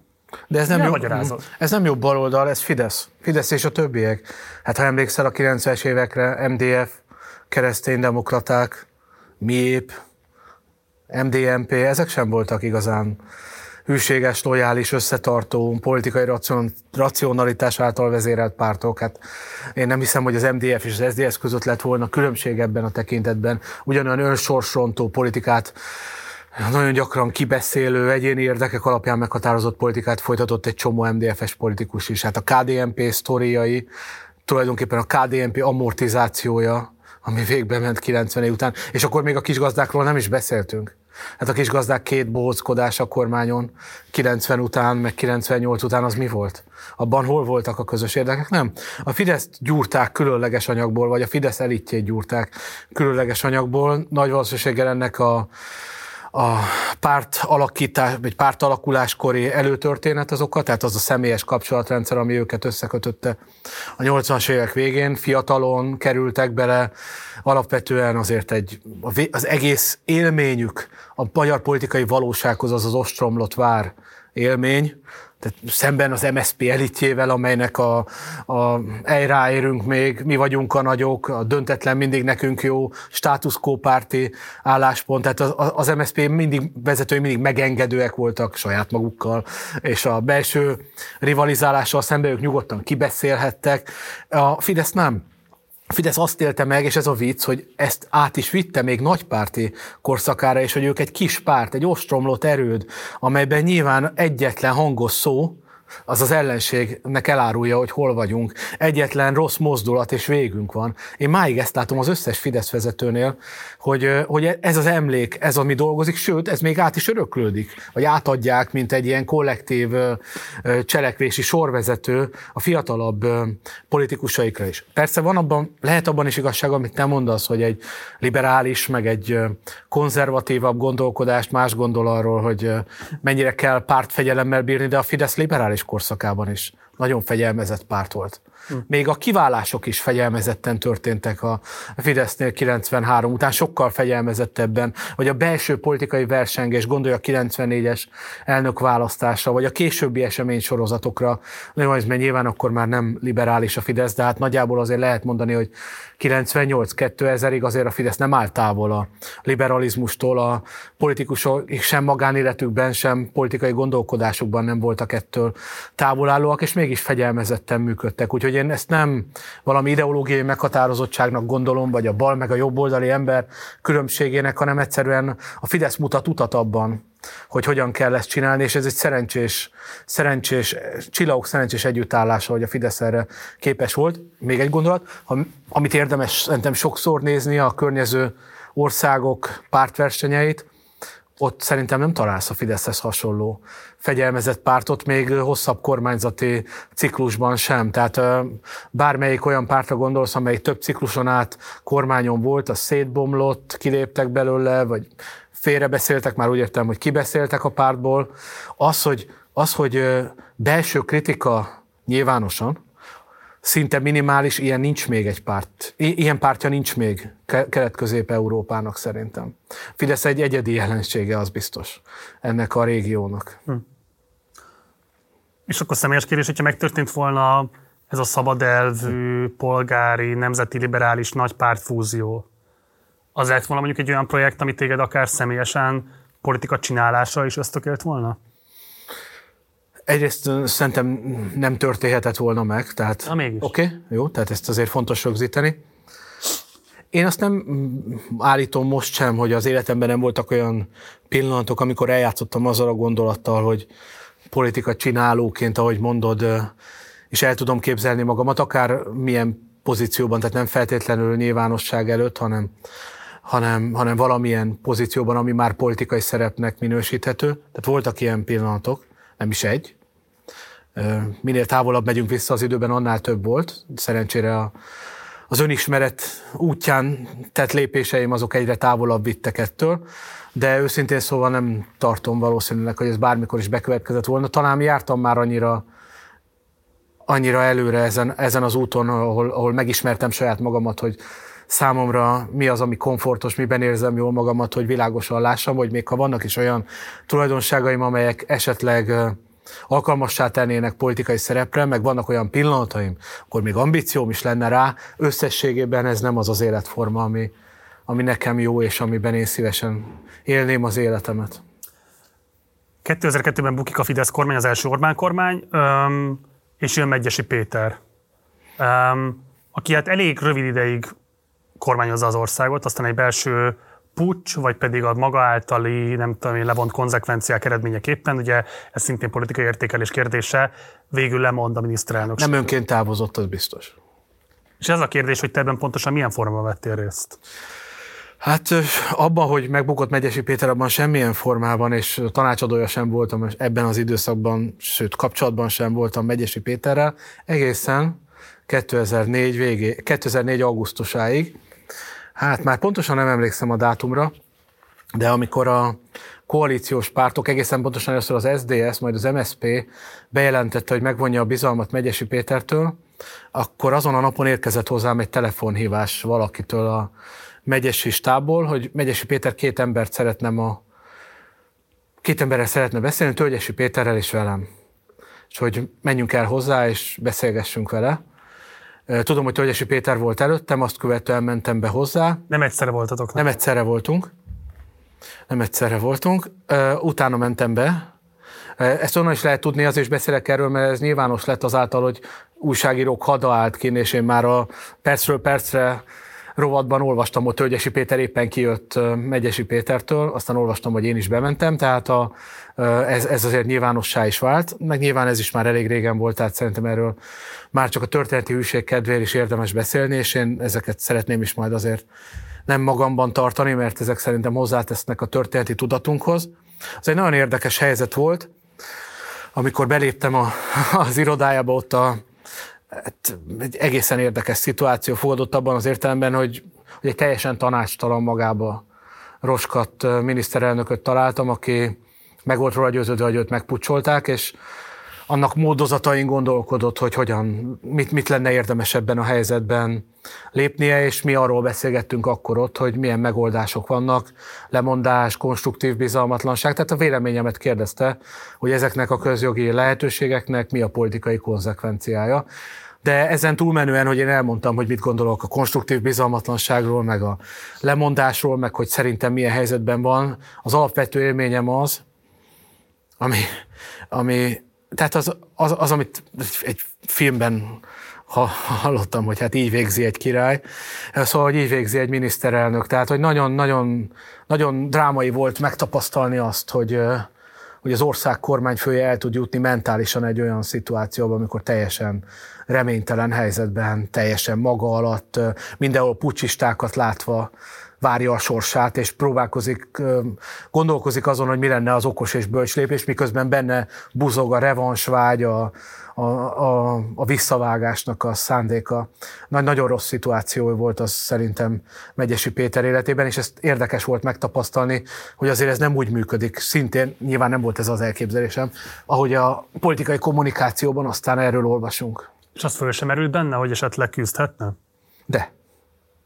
De de, de fölmerült benne, de nyilvánvalóvá vált számára, hogy annak nem sok értelme van. Szerintem erről akart verünk beszélni Tölgyesi Péterrel is és velem is.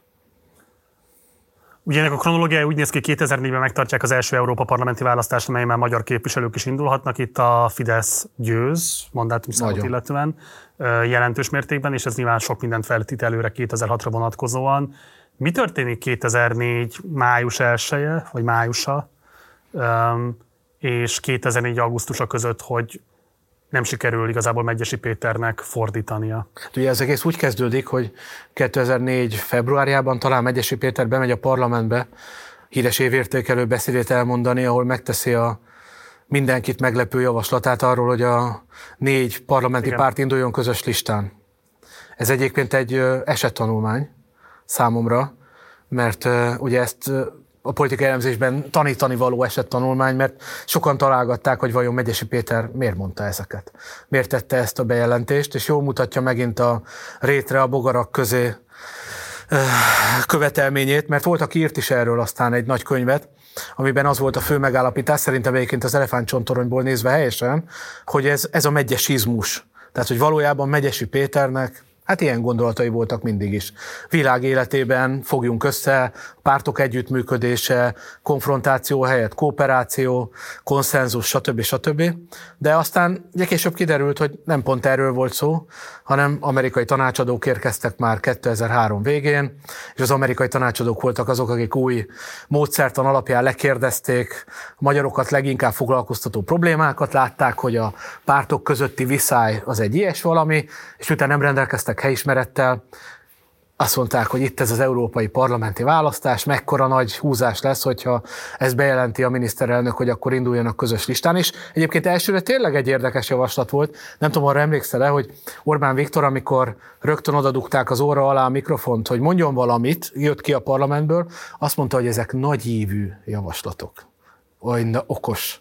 Ugye? Nagyívű javaslatok, amiből ez is, meg az is következhetett. Aztán később kifejtették, mikor már a Fidesz megmérte, átgondolta, és mondta, hogy ez nem más, ugye, mint a néppárti politikának, néppárti, népfronti politikának az újraéledése. Mi az, hogy a pártok közös, ki akarja zárni a versenyt, hogy hát ő arra gondolt a nagyívűvel, hogy nagy hülyeség az egész, de hogy még őt is zavarba hozta. Kevés dolog van, ami Orbán Viktor zavarba hozta, de ez zavarba hozta.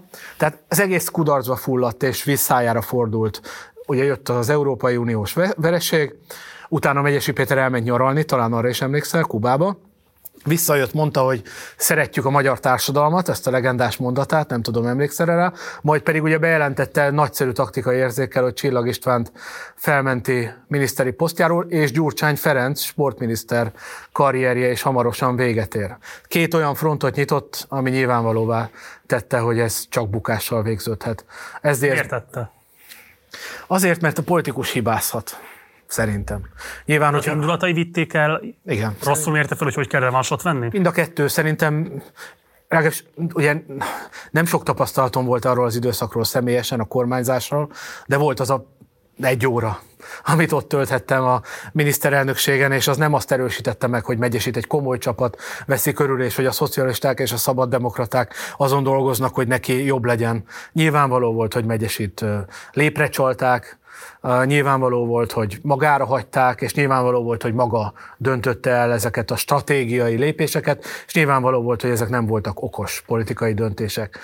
Szóval, hogy, hogy, hogyha okokat kell nézni, nyilván ez volt az érdeke akkor már az MSZP-nek is, nagyon ez volt az érdeke az SDS-nek is, különösen, hogy Csillag támadás alatt állt, akit az SDS-nek meg kellett védenie. Egy valakinek nem volt érdeke, Megyesi Péternek, de ő meglépte ezeket a lépéseket.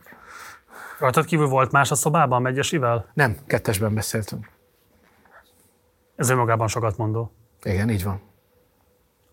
És az, hogy ezt a sajtó jelenléte mellett kvázi csináltátok, hiszen tudott róla a teljes média nyilvánosság, ez Megyesi akaratával egybevágott, vagy ez a pártnak volt a taktikája, hogy ezzel is növelje nyomást Megyesin?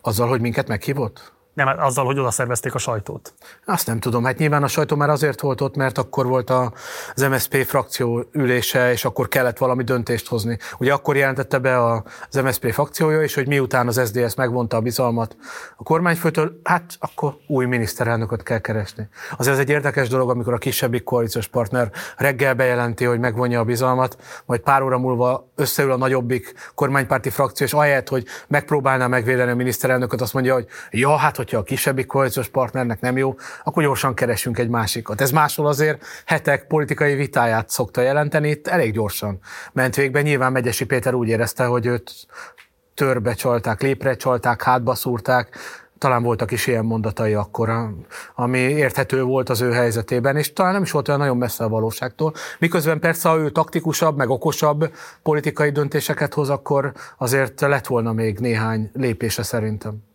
a hangulatról írtál le jelzőket, hogy mi az, ami ott megragadott téged Megyesi Péterben. Van olyan mondata, ami ott a bukás pillanatában számodra a mai napig rezonál benned? Hát nyilván, hogyha lenne is ilyen, akkor se lenne, azt hiszem, hogy ez etikus ezeket itt elmondanom, mert ez egy magánbeszélgetés volt, és azért is beszélek csak róla, mert szerintem mint jelenség érdekes, de őszintén nem volt, tehát nem tudok ilyet idézni. Szerinted te ott tudtál volna más mondani Megyesi Péternek, ami miatt esetleg nem úgy alakul az ő miniszterelnöki sorsa, ahogyan alakult? Akkor már nem. Akkor már nem. De szerintem korábban lehetett volna sok esetben más döntése. Ha bölcsebb politikai tanácsadókra hallgat, meg ha bölcsebb politikai lépéseket tesz. Nem, tehát ilyen, ilyen könnyen magyar miniszterök még nem bukott meg, ahogy ő. Egyre nem volt rossz a helyzet. Hát eh, Gyurcsány Ferenc sokkal rosszabb helyzetben volt 2006 őszén, sokkal rosszabb helyzetben. És mégis képes volt túlélni, ami persze nem biztos, hogy neki annyira jót tett, meg a pártjának. 2002-től kezdődően a Hír TV-ben is vendég vagy, Gíró Szász Andrással közösen. Először Navracsis Tiborra, de a műsor úgy indult, hogy a Tiborral kettesben, csak aztán őt ugye Orbán Viktor felkérte kabinetfőnökének, és akkor utódot kellett keresni, és úgy került oda Girószász András, igen. Kócián Péter volt ennek a műsornak a vezetője. Most ebből sem lehet elérni egyetlen egy epizódot sem a magyar nyilvánosságban sajnos. De azt lehet tudni, hogy amikor ugye Kócián Péter csinál egy interjút Orbán Viktorral, annak utólagosan Gajdi Csotto, aki akkor a főszerkesztő, Gajdi Csotto elmondása alapján ő a műsor időt optimalizálandó kivett részeket, Kócián Péter megfogalmazása szerint politikai érdekeket követve korzította meg a műsor egészét. Lényeg az, hogy Kócián Péter útjai elválnak a hírtévével, és ezután te is elmész a hírtévétől. Ez kifejezetten a Kócián való szolidaritásvállalás miatt volt, vagy amiatt, mert nem értettél egyet azzal a szerkesztői gyakorlattal, amit Gajdi Csottó gyakorolt? Hát először is azt hadd mondjam azt, hogy a hírtévé rettenetesen jó hely volt akkoriban. És egy példát... Nyíltan pár tévé volt. Nyíltan pár tévé volt, de hadd mondjak egy példát. 2004 az első európai parlamenti választás Magyarországon. Sokat gondolkodtam, hogy az jó-e, hogyha tényleg a hírtévé meghívását elfogadom, és akkor az estét ott töltöm, mégiscsak egy Fideszhez közel álló tévé. És képzeld el, a, akkor vége lett a, a műsornak. Akkor Borókai Gábor, az akkor igazgató összehívta, vagy vezető összehívta a műsorban a résztvevőket, és tartott egy kis beszédet, és a beszédében azt mondta, hogy nem azért vagyunk most boldogok, mert jó lett az eredmény, Természetesen mindenkinek van politikai értékválasztása, közelebb, távolabb állunk, és rólam is mondta ő magára, lehet tudni, hogy kihez állunk közelebb. De mi most azért örülünk, azért kocintunk, mert hogy sikerült megcsinálnunk az első választási műsorunkat, és ez jól sikerült, sikerült egy jó műsort csinálni. És tényleg ott, ott álltak körülöttem azok az arcok, akiket később is a jobboldali nyilvánosságból lehet ismerni, és azért ez nagyon elgondolkoztató volt. Különösen összehasonlítva azzal, amit tapasztaltam például 2002-ben, a 2002-es választási éjszakán a TV2-ben, ahol a kocintás meg a pesgőnyitás az nem annak szólt elsősorban a vezetők részéről, hogy a választási, hogy, hogy jó sikerült a választási műsor, hanem annak, hogy jó lett a végeredmény, és nyertek a szocialisták. Szóval, hogy én tudtam azonosulni akkor a, nyilván nem a Hír TV politikai arculatával, de a Hír TV-vel, mint, mint műsorkészítővel, és ennek persze Borókai Gábor mellett a, az egyik fontos fontos szereplője számomra Kócián Péter volt. Az a műsor nagyon jó volt abban az értelemben, hogy jó volt benne lenni politikai elemzőként, és akár a Navracsis Tibor, akár a Girószász András volt a partner, ők is, ők is nem akarom ezt mondani, ezt a kifejezést mondani, de ők is felnőttek ehhez a feladathoz abban az értelemben, hogy nem politikai alapon, elsősorban nem politikai alapon közelítették meg a kérdéseket, hanem próbáltak elemzői szempontokat behozni. Szóval egy nagyon jó műsor volt, én ezt nagyon szerettem. Bármennyire fárasztó is volt minden héten egyszer oda elmenni, és amikor Kócián Péterrel megtörtént ez a dolog, és ahogy megtörtént, meg amennyire karakán volt Péter ebben az egészben, én biztosra vettem, hogy, hogy ez a műsor úgy, ahogy volt, nem fog folytatódni, sőt, még azt is gondoltam, hogy, hogy nem lesz senki, aki majd a helyünkre ült, aztán persze az volt, aki a helyünkre ült, az mindig van, de annak ellenére nekem nagyon jó érzéseim vannak ezzel kapcsolatban. Kevés jó érzésem van ilyen média szereplésekkel kapcsolatban, biztos ez majd az egyik lesz, de az a másik. Azt segíts megértem, mert szerintem egyáltalán nem illegitim dolog a Hír TV-be elmenni, szakértőként dolgozni, vagy bármilyen más szempontból szerepet vállalni, mint hogy azt se gondolom, hogy amikor a heti válaszba írtál ott a legelején, az is ilyen szempontból morálisan kikezdhető lenne. De abból a szempontból, hogy te mennyire ö, akkurátusan ügyelsz arra, hogy politikai oldalaktól távolságot tarts, azt, hogy mindkét médiumnak van pártkötődése, sőt nyílt pártkötődése van, és hozzájuk mész el ilyen szempontból dolgozni, az Szerinted ilyen szempontból egybeilleszthető az a stratégiával, ami alapján egyébként a közéleti működésedet alakítod? Hát akkor még azt gondoltam, hogy igen. Egészen pontosan akkor még azt gondoltam, hogy lehet azt a szerepet ilyen körülmények között is vinni, és én szerintem a Hír TV-ben is, meg a heti válaszban is ez sikerült. Ez leginkább egyébként azon túlmenően, hogy ki a műsorvezető, azon is múlik, hogy milyen partnerekkel beszélget. Aztán a későbbiekben ezzel kapcsolatban inkább csupa rossz élményért, és ma, ma már azért azt gondolom, hogy a politikai elemzésnek abban a formában, hogy ezt akkoriban műveltük, ma már nincs a nyilvánosságban lehetősége meg tere, és valójában inkább csak hátrányos helyzetbe hoz az ember szereplőket, hogyha egy ilyet elvállal. Milyen szereplőket? Hát mondjuk, ha például engem egy Fideszes, elkötelezett Fideszes, vagy egy elkötelezett a Momentumos, vagy tudom, van egy ilyen jobbikos elemzővel ültetnek le, és akkor nekem lenne a feladatom, hogy a másik oldalt képviseljem, akkor ez valójában azokkal szemben méltánytalan, akiket én ott állítólag képviselek, mert én ezt nem fogom megtenni nyilvánvalóan. Ezért számukra az egy az egy rossz, kifejezetten rossz pozíció. Úgyhogy e, többek között ezért sem, meg nyilván azért sem, mert ezeket kifejezetten rosszul érzem magamat az ilyen helyzetekben. Azt kellett belátnom, bennem nagyon bennem volt ez a, ez a közvetítő szerep, meg hogy mindenkivel beszélni, mindenhova elmenni, az ember, az a lényeg, ilyeneket szoktam mondogatni otthon, hogy az a lényeg, hogy, hogy mindenhol ugyanazt mond, nem az a lényeg, hogy hol mondod. Voltak igen. ilyen mondataim otthon a feleségemnek, amikor kérdezte. Ezt is mondtad már. Igen, kérdezte, hogy miért megyek ide vagy oda, de rá kell tűnni, ez azért ez nem ilyen egyszerű, mert az ember azért mégiscsak egy kontextusnak lesz a része, és, és, és, és és ha a, a, a, nem tudom, a mínusz kettő mellé berakjuk a nullát, az, az mínusz kettő marad, érted? Szóval a mínusz kettő mellé a plusz kettő kell ahhoz, hogy a dolog kiegyensúlyozott legyen. Hm. Én most nem, nem azt akartam mondani, nem is jó ez a, az analógia, mert én nem nulla vagyok, nyilván én is valamilyen értékekkel rendelkezem, csak ha más a szerepfelfogásom. Tehát ha valakit, aki, aki, akinek az a feladata, hogy politikai üzeneteket közvetítsen, olyas valakivel, aki ezeket tartózkodni szeretne, akkor az nem ugyanaz a műsor lesz, nem ugyanaz a regiszter lesz, és ezáltal valójában egyébként a néző számára sem élvezhető. Elárulom neked, hogy én kifejezetten imádom azokat a műsorokat, imádom, szóval szívesen nézem, ahol nagyon erőteljes politikai üzeneteket vállalnak fel, a, akár politikai elemzőnek hívott szereplők is. Szerintem ez egy nagyon jó műsor, amikor, amikor ütköznek, vállalják egyértelműen azt, hogy politikusok helyett, mert nyilván ilyen nincs Magyarországon. Hát de ez a baj, nem? Hát ez, ez persze, ez alapvető baj, persze, ezen na jó, de miután nincs, legalább felvállalják magukat véleményvezér, politikai kommentátornak nevező szereplők. Ez tök jó. De ez nem inflálja igazából a politikai közbeszédet? Azt nem, szerintem nem. A politikai elemzést inflálja, hogyha oda van írva, hogy ők politikai elemzők. De a közbeszédnek segít, mert találkozik álláspontokkal, gondolatmankók jönnek a fejekbe, ez, ez kifejezetten jó. Hát igen, csak ezeket legtöbbször ugye nem feltétlenül a meggyőződés írja, hanem vagy az egzisztenciális kitettség, de ha nem is az, legyünk megengedőbbek, önmagában az, hogy állandóan véleménnyel kell rendelkezni, tehát véleményeket kell gyártanod szakmányban közeleti eseményekről, és nem megengedhető a kételkedés, uh-huh. adott esetben az, hogy nem biztos, hogy minden pillanatban ideológikusan, százszázalékosban fedésben vagy minden döntéseddel, ami teljesen természetes. Szóval, hogy kialakít egy ilyen mesterkélt vélemény vezéri szerepkört, ami szinte magának a véleményvezéri szerepkör elkövetőjének is rendkívül terhes tud lenni. De ezt szeretik a nézők, szerintem a ti nézőitek is ezt szeretik. Nem szeretik az egyrészt másrészt, tehát a, a, a bizonyos kérdéseknek a megkerülését, vagy elkerülését, tudatos elkerülését. Azt nem szeretik. Az emberek sokkal jobban szeretik, ha valakinek nagyon erőteljes, egy irányba tartó véleménye van. Én mindig zavart szoktam okozni csak, amikor most akkor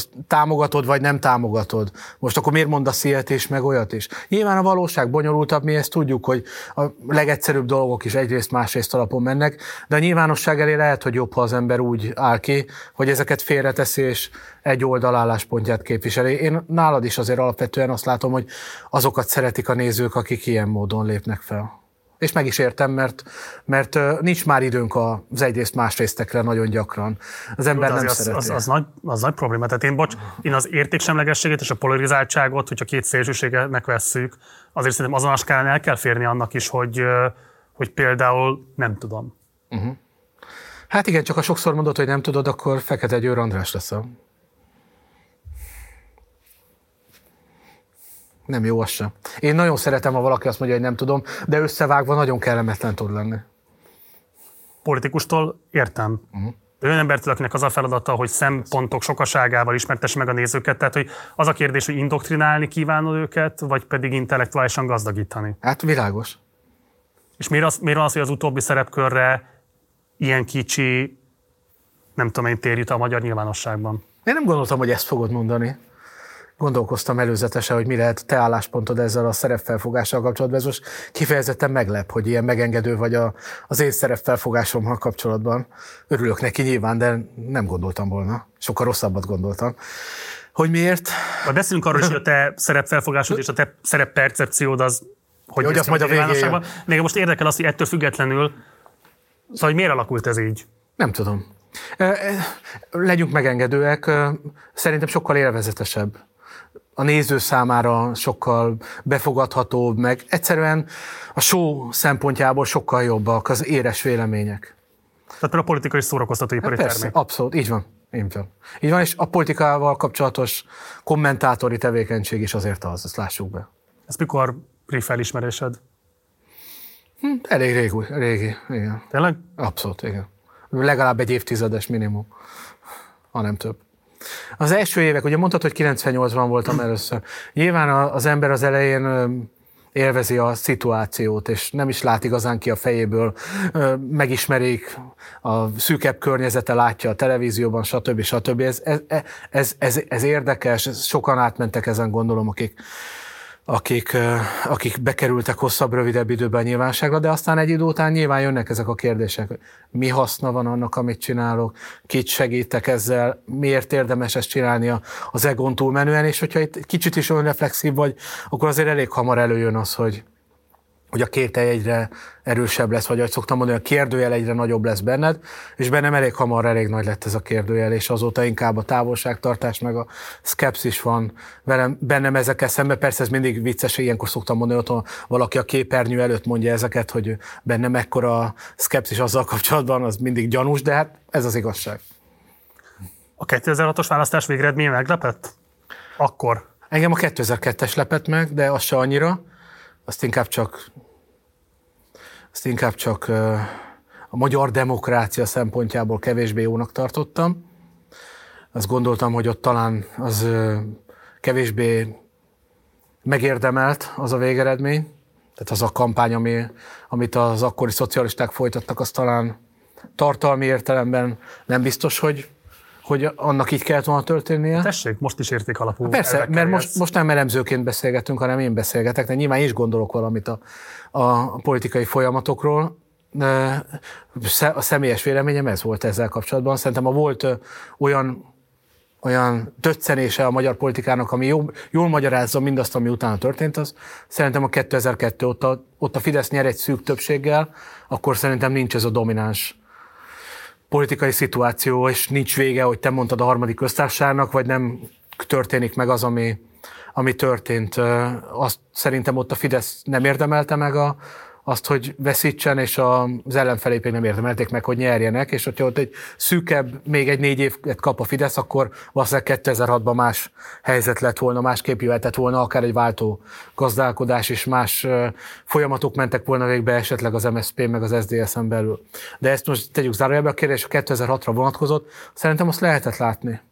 Azt lehetett látni mondjuk pár hónappal már a választás előtt, hogy, hogy a gyurcsányi projekt az nagyon sikeres legalábbis rövid távon nagyon, azt nagyon lehetett érezni. Ezért is fontos szerintem az, amit mondtam, idéztem Tölgyesi Pétertől 2006 tavaszáról. Tényleg mindenki azt gondolta, hogy Gyurcsány Ferenc lesz az, aki hosszú távon meghatározza a magyar politikát. Így is lett persze, csak nem abban a szerepben, amire akkor gondoltunk. Összedi beszéd. Mm, mennyivel a kikerülés előtt hallottad, vagy hallottál egyáltalán a híréről? Egy héttel előtte hallottam, hogy van egy ilyen beszéd nagyjából. Egy-két héttel előtte nyilván a beszédet nem hallottam. De bocs, azt állítod, hogy a teljes nyár, amikor azért ez bizonyos körökben már tudható volt, hogy kikerült, sőt, lehet látni, hogy Orbán Viktor nagyon tudatosan publicisztikákban érvelt amellett, hogy a politikai hazugság hogyan érvényesül Magyarországon. Tehát készülhettek arra, hogy ez valamikor elő fog jönni, feltétlenül pont az önkormányzati előtt, hogy a legnagyobbat szóljon, hogy ezt igen teljesen elkerült. Nem emlékszem pontosan arra a szituációra, de én nagyjából ott Gyurcsány Ferenc feltűnését követően szakítottam meg a kapcsolataimat a addigi SZDSZ-es világgal, mert, Miért? mert kifejezetten rossznak gondoltam azt az irányt, ami akkor, akkoriban, ami akkoriban haladt az SZDSZ, és okáig hittem abban, hogy, vagy bíztam abban, inkább azt mondanám, így tanácsadóként, hogy, a, hogy lehet egy önálló karakterű, nem a szocialistákkal együttműködő SZDSZ, de akkor már ez egyértelművé vált, és a Gyurcsány melletti elköteleződése az SZDSZ-nek ezt még inkább mutatta, és azok a fontos szereplők is egyértelműen látszott, hogy ők valójában nem, nem az SZDSZ képviselői, hanem, hanem sokkal inkább egy általános az MSZP SZDSZ világot, de inkább az MSZP-s világot támogató politikusok. Szerintem ezt jól mutatja az is, hogy kik azok, akik ma a régiek közül a DK köreiben vannak.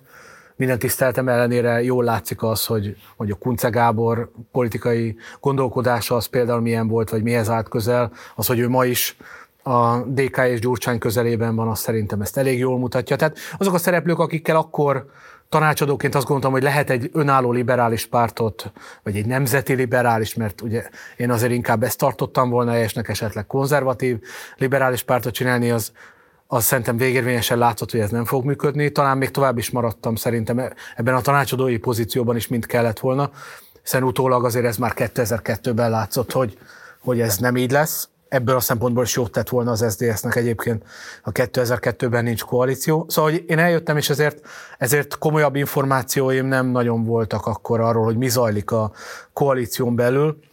Gyurcsány Ferenccel talán akkor nem inkább később volt néhányszor így én elemzői beszélgetéseken alkalmam találkozni, azt megelőzően talán csak ilyen sporadikus módon tévéstúdiókban vagy itt-ott, tehát igazán őt sem ismertem közelről, nem volt vele kapcsolatom, úgyhogy valójában akkor inkább egy távolabbi megfigyelő pozícióban voltam szerintem az összödi beszédnél. Nyilván azt lehetett tudni, hogy valamire készül a Fidesz, és van nála valami, ez nem volt nehéz kiolvasni azokból a mondatokból, amit, amit Orbán Viktor elmondott. Tehát tényleg, egyébként az Orbáni politikára ez mindig is jellemző, nem? Hogy annyira nyíltan beszél egyébként a dolgokról, csak nem mindig olvassuk jól, amit mond, de valójában előre elmondja az összes mondatát. Szlánci András szokta nekem mindig mondani, hogy csak jobban kellene olvasni az Orbánt, és értenénk, hogy mi van, és valóban igaza volt. Szóval, hogy, hogy lehetett tudni, de az összödi beszéd de csak akkor hallgattam meg én is, amikor ezt a Kossuth Rádió leadta. Az egyébként egy érdekes helyzet volt számomra személyesen is, mert ugye akkor rögtön valamit kellett erről mondani, hogy mit gondolok, és tényleg dilemma volt, hogy kell-e arról beszélni, hogy le kell mondani a Gyurcsány Ferencnek, vagy nem kell mondania ebben a helyzetben. Az értéksemleges elemző ugye azt mondja, hogy akár meg is tartatja a pozícióját, csak tehát elkezdi ezt elemezni. És maga is nyilván a, a választói, vagy a, igen, a választói polgári álláspontom az az volt, hogy, hogy le kell mondani a Gyurcsány Ferencnek. A dilemma az volt, hogy erről az ember beszélne vagy sem, és akkor emlékszem úgy oldottam meg, talán az Index volt az, aki azonnal kérdezett, hogy más országokban egy ilyen után nem nagyon tudnak megmaradni a miniszterelnökök. E, talán ez volt egy ilyen kis határátlépés, amit én ebből a szerepből akkoriban elkövettem most mondtam, vagy nem mondtam, ez egy jó kérdés. Lehet, hogy, hogy élesebben kellett volna talán. Bánod? Nem, de hogy hát a saját magam számára élesebben fogalmaztam meg. Nem hiszem, hogy a politikai elemzőnek így alakítania kellene a politikai folyamatokat, és akkor annak kell a hírnek lennie, hogy ez manapság, hogy elemző kettős pont le kell mondania, vagy ki kell szállnia, ez nevetséges szintén számos interjúban előkerül a 2006-os tévészékházos trauma időpontjában történt tévészereplésed, amikor te bent ültél a székházban, Balogh György vezette a műsort. Nézzük meg, hogy pontosan hogy nézett ki ez a műsor, és aztán akarok erről kérdezni téged. Hazug Gyurcsány Ferenc saját bevallása alapján. Elnézést, bocsásson meg, csak a kollégáim azt mondják, hogy a Kossuth térről a Magyar Televízió székháza elé vonult a tömeg, percekkel ezelőtt betörték a főbejárat ajtaját, időközben megérkeztek a rohamrendőrök, ha jól értem, amit a kollégáim írnak és mondanak. Az épületből jelenleg nem lehet kimenni az utcára, nem baj, elbeszélgetünk itt reggelig. Valóságos ostromállapot veszi körül a Magyar Televízió épületét. E pillanatban ez a helyzet. Parancsoljon. Erről beszélek, frakcióvezető. Kiengedték a szellemet a palaszból. Az előbb a kollégáim információ alapján elmondtam, hogy a televízió előtt tüntetnek, hogyha ezzel kapcsolatban van valami újdonság, azt természetesen meg fogjuk önöknek mondani, de az, hogy ez a műsor még folyik, azért az azt jelenti, hogy egyelőre még az épületbe nem jöttek be olyanok, akiket nem hívtunk be ma estére a műsorba. Itt van viszont vendégünk Török Gábor, politológus, jó estét kívánok. Önök szoktak ilyen dolgozatokat publikálni arról, hogy a politika vagy a, vagy a, vagy a közélet tematizálása, meg a nyilvánosság tematizálása. Ez most sikerült? Azt hiszem, hogy azért vannak olyan pillanatok, amikor a politika elemzés megáll, és amikor a politika elemzőnek már nem azt kell mérlegelnie, hogy kinek kedvező, meg kinek kedvezőtlen egy politikai esemény. Egy kicsit úgy érzem, hogy mintha most már a határán lennénk ennek, ez csak mint egy felvezetőként gondoltam elmondani. Kinek jó az, ami most történik? Na most pont ez volt az előző mondatomban, hogy talán egy ilyen típusú elemzésnek ebben a pillanatban nem sok értelme van, de azért, ha mégis nagyon átgondoljuk, akkor azt hiszem, hogy talán senkinek sem jó.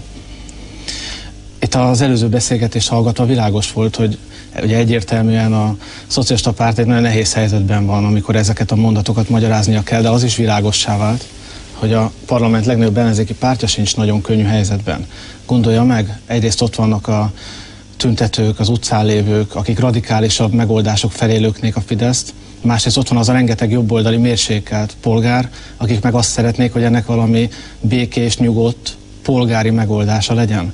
És az, hogy a Fidesz mit lép egy ilyen ügyben, az eldöntheti például azt, hogy mi lesz az ő választóival, hogyan fognak ehhez viszonyulni. Egyáltalán nem azt láttam Navracsis Tiboron például, ugye nagyon könnyű helyzetben lenne a Fidesz ebben a pillanatban, nem véletlen egyébként, hogy vasárnap rögtön nem is reagált erre az ügyre a legnagyobb ellenzéki párt. Óriási a felelősségük. Egy kisebb ellenzéki párt rögtön mondhatja, hogy mondjon le a kormányfő, és ez meg ez történjen, ilyen, ilyen, és ilyen és ilyen kezdeményezéseket nyújt be, vagy egy parlamenten kívüli párt az utcára hívhatja a tömegeket. De egy legnagyobb ellenzéki párt ezt nem teheti meg. Egész jó volt. Milyen érzés volt most visszanézni ezt? Hát én meglepődtem, én már hogy egész jókat mondtam. Tényleg, azt hittem, hogy sokkal rosszabb volt ez. Mert hogy egy felfokozott pillanat volt meg helyzet, és valahogy nekem az maradt, ezt nem láttam azóta, és az maradt meg az emlékeimben, hogy ott, hogy ott kicsit kiestem a szerepemből, de annyira azért nem. Ha azt mondom, hogy itt riadalmat látok az arcon, akkor az túlzó beleolvasása az akkori helyzetedbe? Hát látta, láttad volna másnap reggel, az még inkább az lett volna. E, itt még nyugodt voltam. E, itt, itt még senki nem gondolta akkor komolyan, hogy, hogy az meg fog történni, ami megtörtént. Itt még csak annyi lehetett érezni, hogy, hogy, hogy az egész összödi beszéd nyilvánosságra kerülése az egy rendkívüli helyzetet okoz a magyar politikában. De azt, hogy az megtörténik, ami ott megtörtént, azt, azt ekkor még 10 óra körül senki nem gondolta. Amikor én bejöttem a tévészékházba aznap este, ezt megelőzően egy órával, még kedélyesen el tudtam beszélgetni a, az ott a tévészékház előtt állókkal. Tehát én, én, engem az teljesen sokként ért, ami utána történt. Meg ahogy a, az egészre reagált a politikai elit, meg a, ahogy a rendőrség, amilyen szerepet játszott abban.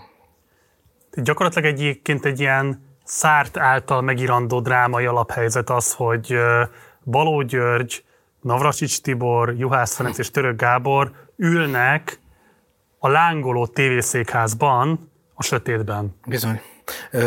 Mivel beszélget? Azért ez egy rendkívüli helyzet, amikor valószínűleg az említett politikai szereplők is sokkal több személyes megnyilvánulásra vetemednek, mint amit egyébként valószínűleg megengednének maguknak. És az a vándorlás. Tehát az egész nem az, hogy egy helyen ülünk, hanem szinte stációi vannak. Elnézést a blaszfémiáért, de tényleg. Tehát először még ott a stúdió előtt, kedélyesen, aztán riadt arcokat látva, átvonulva egy másik szobába, majd onnan egy másik szobába, ami már egy nagyon pici szoba, és rácsokkal védve maradjunk csöndben, felszólítással ülünk egy kis szobában, közben nézzük a hírtévének a tudósítását, ahol, ahol látjuk kívülről a lángoló autókat, az tévészékháznak a meggyulladását, közben látunk rendőröket, akiknek vérzik a feje elrohanni, tehát az egész nagyon furcsa volt, és őszintén szóval én sokáig nem is nem is gondoltam, hogy ez lesz belőle. Ami igazán megijesztett, az a két politikusnak a reakciója volt, akik sokkal többet láttak, mert nyilván végig telefonálták a, az éjszakát. Azért az egyik politikus előtte fontos minisztere volt a kormánynak, tehát azt lehetett gondolni, hogy azért a nemzetbiztonsági szempontból is kiemelt jelentőségű, hogy egy honvédelmi miniszterrel mi történik. Juhász Ferenc. Navracsi Tibor pedig nyilván a fidesz próbálta tartani a kapcsolatot, emlékeim szerint nem annyira sikeresen. Egyébként aznap éjszaka, ha jól emlékszem. ez mit jelent? Hát, ha jól emlékszem, talán egyedül Kövér Lászlóval tudott beszélni, másokkal nem. A helyzet kapcsán valami ez rémlik, de azért elég régen volt ez már, de bennem ez maradt meg az ő frusztráltsága abban, hogy, hogy egy kicsit, ezek az én szavaim, nem az övé, mintha magára hagyták volna ebben a helyzetben, és nem kapott volna kellő segítséget kívülről. Nyilván ez hatványozottan igaz Juhász Ferencre. Ugye én azt gondoltam, hogy hát azért egy honvédelmi minisztert nyilván egy ilyen szituációban nagyon gyorsan kivisznek, kimentenek, hát nem hagyják ott a lángoló tévészékházban, és, ez, és, té, és tényleg, hogy te, tehet múlt az idő, egyre egyre durvább helyzet állt elő, tehát a végén szinte pánik hangulatban voltunk. Ezt én elmondhatom, másnap a politikusok nyilván úgy nyilatkoztak mind a ketten, hogy ő bennük semmi félelemérzet nem volt, és végig kontroll alatt tartották az eseményeket. Emlékszem erre az emlékemre másnap reggel, amikor fölébredtem, hogy bekapcsoltam a tévét, és talán a nap, napkeltében, ha még az létezett, akkor, akkor még bőven. mind a ketten ott mondták el az emlékeiket, ami teljesen másnak tűnt, mint az enyém, de hát nyilván ők esetleg harcezzettebbek voltak, én pedig egy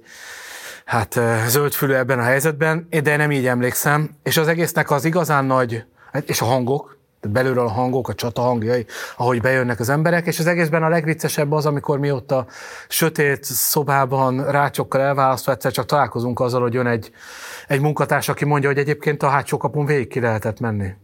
És hogy miért nem megyünk ki? Ők már régen, már voltak, akik kiment. És akkor hirtelen elindulunk, és kimegyünk a hátsó kapun, majd ahogy kilépünk a két öltönyös embernek, talán Juhász Ferencnek rögtön neki is ment ott valakiként, és aztán így, így a fejére húzta a zakóját, hogy ne ismerjék fel, és rohant az autójához. Én akkor szembesültem azzal, hogy hoppá, az autóm az ott van, olyan helyen parkolok, hogy oda nem fogok tudni menni, és aztán Navracsis Tibor vitt haza aznap éjszaka. Szóval, hogy ez egy, igen, érdekes most így amikor jöttem a mai műsorba, gondolkodtam, hogy mikről beszélhetünk, ez eszembe se jutott? Tehát kicsit úgy érzem magamat ebből, mint a, a fronton harcoló katona, hogy, hogy ezt megpróbáltam elfelejteni, elrejteni. Most, hogy mondtad, kifejezetten meglepett, hogy, hogy ez az esemény is megtörtént velem az elmúlt időszakban. Való György kamerán kívül hogyan viszonyult ez az egész történethez? Érdekes rá, annyira nem is emlékszem, hogy, hogy neki mi volt utána a véleménye. Ott a, leginkább azon dolgoztak, hogy erről legyen az MTV-nek képe. Tehát ott nagyon komoly erőket próbáltak azért mozgósítani, hogy menjenek ki operatőrök, vagy hogy az is felmerült, hogy a, a kamerákat, ezeket a mozgatható nagy kamerákat kitolni az ablakba és föntről venni a tömeget. Én arra emlékszem, hogy Balagyörgynek az volt az álláspontja, hogy egy közszolgálati televízió nem engedheti meg azt, hogy a saját ostromáról ne tudósítson. Ez határozottan ezt képviselte. Egyébként is ez maradt még nagyon bennem meg, hogy a ott az adás után vagy közben beszélgettünk erről, hogy, hogy állami tévé vagy közszolgálati tévé, és hogy milyen rossz az, hogy a nyugati megfogalmazásokban gyakran őket állami tévéként írják le, és persze lehet, hogy ez közelebb áll a valósághoz. Ugye tényleg azért ment át, mert fel akarták olvasni a követeléseiket a köztévéből. Lehet beszélni arról, hogy ez mennyire megalapozott, nem megalapozott. Ott valóban nem merült fel az a kérdés bennetek, hogy Végül is miért ne engedjük be őket? De szerintem igen, nem tudom, hogy bennem ez felmerült de hogy benne biztosan a, arra kifejezetten emlékszem, és a többekben fölmerült. Hogy ez lenne a helyzetnek a megoldása. Erre olyan válaszok születtek, ha jól emlékszem, ott a, a, a hát, hogy kik, kik is voltak azok a szereplők, talán a televízió biztonságáért felelős személyek részéről, hogy hát ez nem garantálható, hogy akkor ez változást hozna a helyzeten, hiszen itt nem az a valódi cél, hogy beolvassák a parancsot, hanem ez már egy kontrollálatlan tömeg. De azért végig az volt a meggyőződésünk, hogy ez nem fordulhat elő, hogy Budapesten, az ország köze, közepén egy viszonylag szűk kör, hát néhány ezer emberről beszélünk, meg tud ostromolni sikeresen egy televíziót. Tehát előbb-utóbb nyilván oda fognak jönni rengetegen a rendőri állományból, és, és biztosítani fogják a rendet. Végig ez volt a fejünkben. Föl sem merült az, hogy, hogy, hogy a rendőrség ilyen képet fog kiállítani magáról. Én őszintén szólva azóta sem tudom, hogy itt mi történt. Én nem hiszem, hogy ez, ez Szóval hogy nehéz arra gondolni, hogy ez, ez spontán módon alakult így egyszer nem tudom elképzelni, hogy a rendőrség ennyire ügyetlen, rosszul szervezett, hát mind, minden szakmai kontrollnak ellentmondó módon fogott viselkedni, és nem tud több óra harc után sem, vagy több óra blokkád után sem annyi egységet oda vezényelni, hogy egy ilyet föl tudjon oszlatni, vagy legalább, hogy garantálni tudja a televízió székházának a sértetlenségét. Ez egyszerűen elképzelhetetlen volt, hogy be tudnak törni oda és elégtelen számmal biztosítják a tévét. Én azt gondolom, hogy nyilván máig nem tudjuk, hogy itt ebben pontosan kik és milyen felelősséget viselnek, de hát azért ez egy nagyon súlyos határátlépés volt, ott vérző fejű rendőröket lehetett látni, akik akár meg is halhattak volna. Elképesztő. Az, ha, ha, ha valakinek erre befolyása vagy szerepe volt abban, azt gondolom az óriási kockázatot vállalt és óriási felelőtlenséget követett el.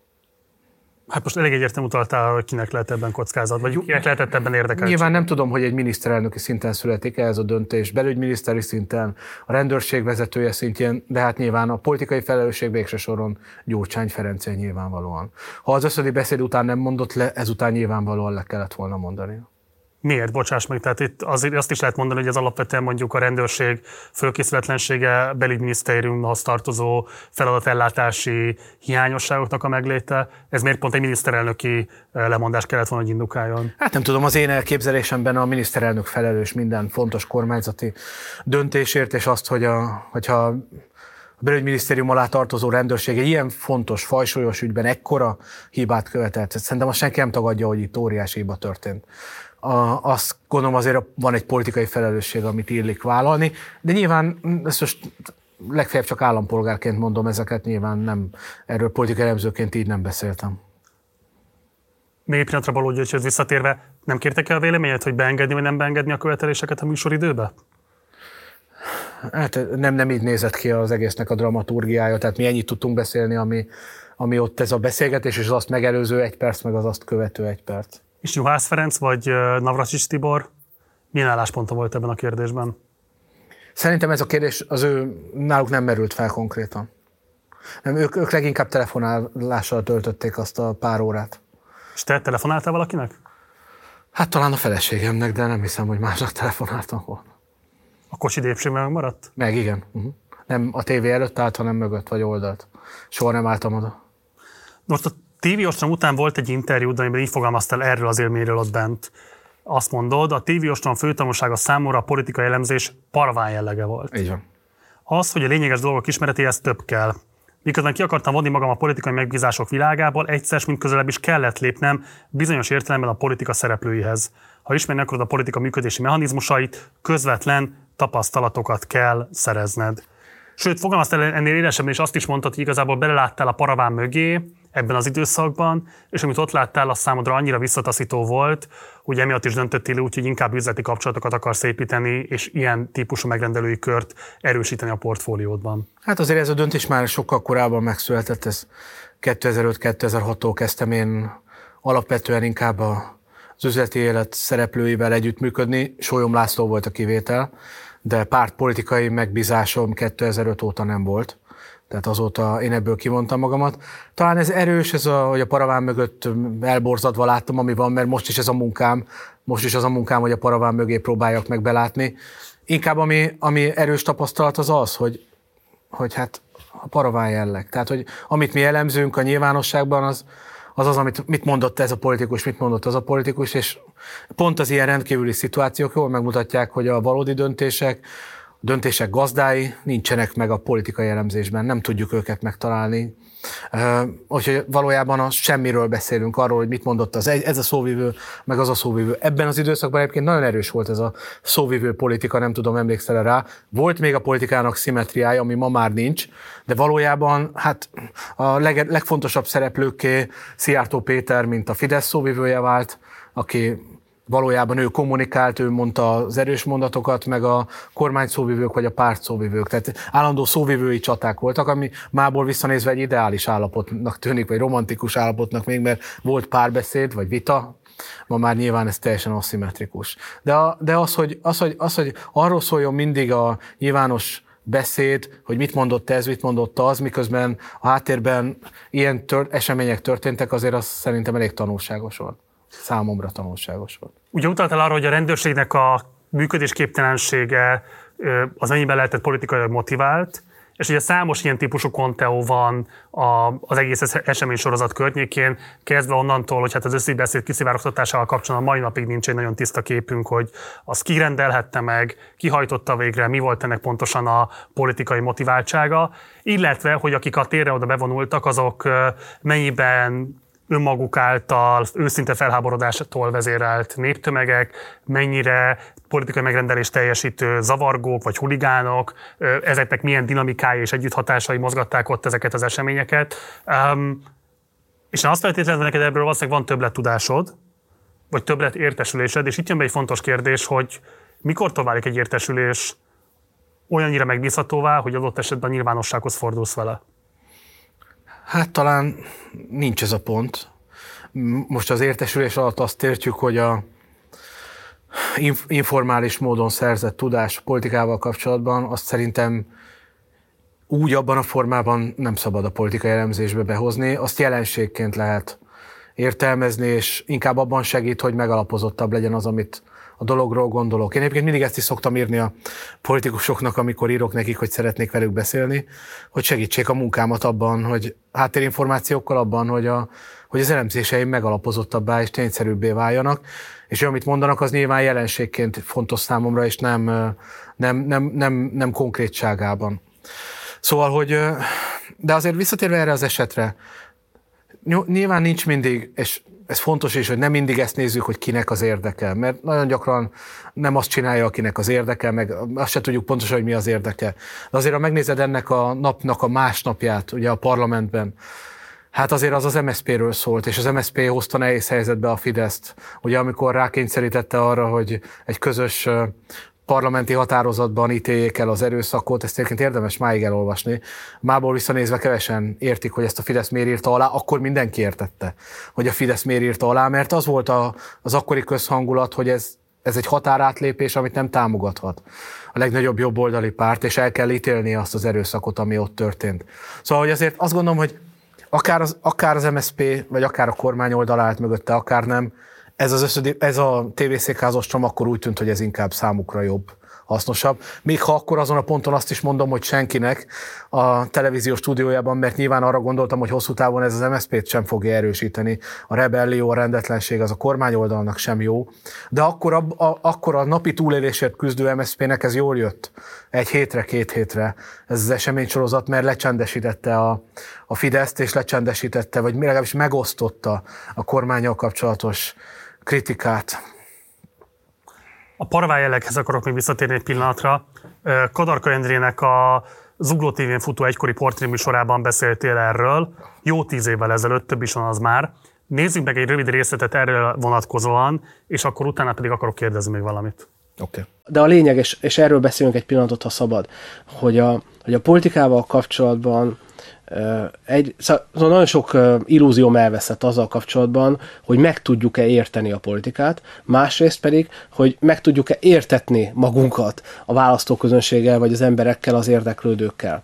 Tehát ugye itt a politika emző szerepe ez a kettős megértés. Hogy ő tudja, hogy mi történik, és azt el tudja úgy mondani, hogy az a, a befogadó számára is érthető legyen. Én valóban ezzel próbálkozom, de most a blogomnak is változtattam a, a mottóban, hogy most már reménytelen küzdelemként beszélek erről, mert mind a kettőnek megvan a reménytelensége. A politika kapcsán egy csomó eseményről igazán nem tudunk. Engem sokkal inkább ami, ami zavar, az a megértés nehézsége.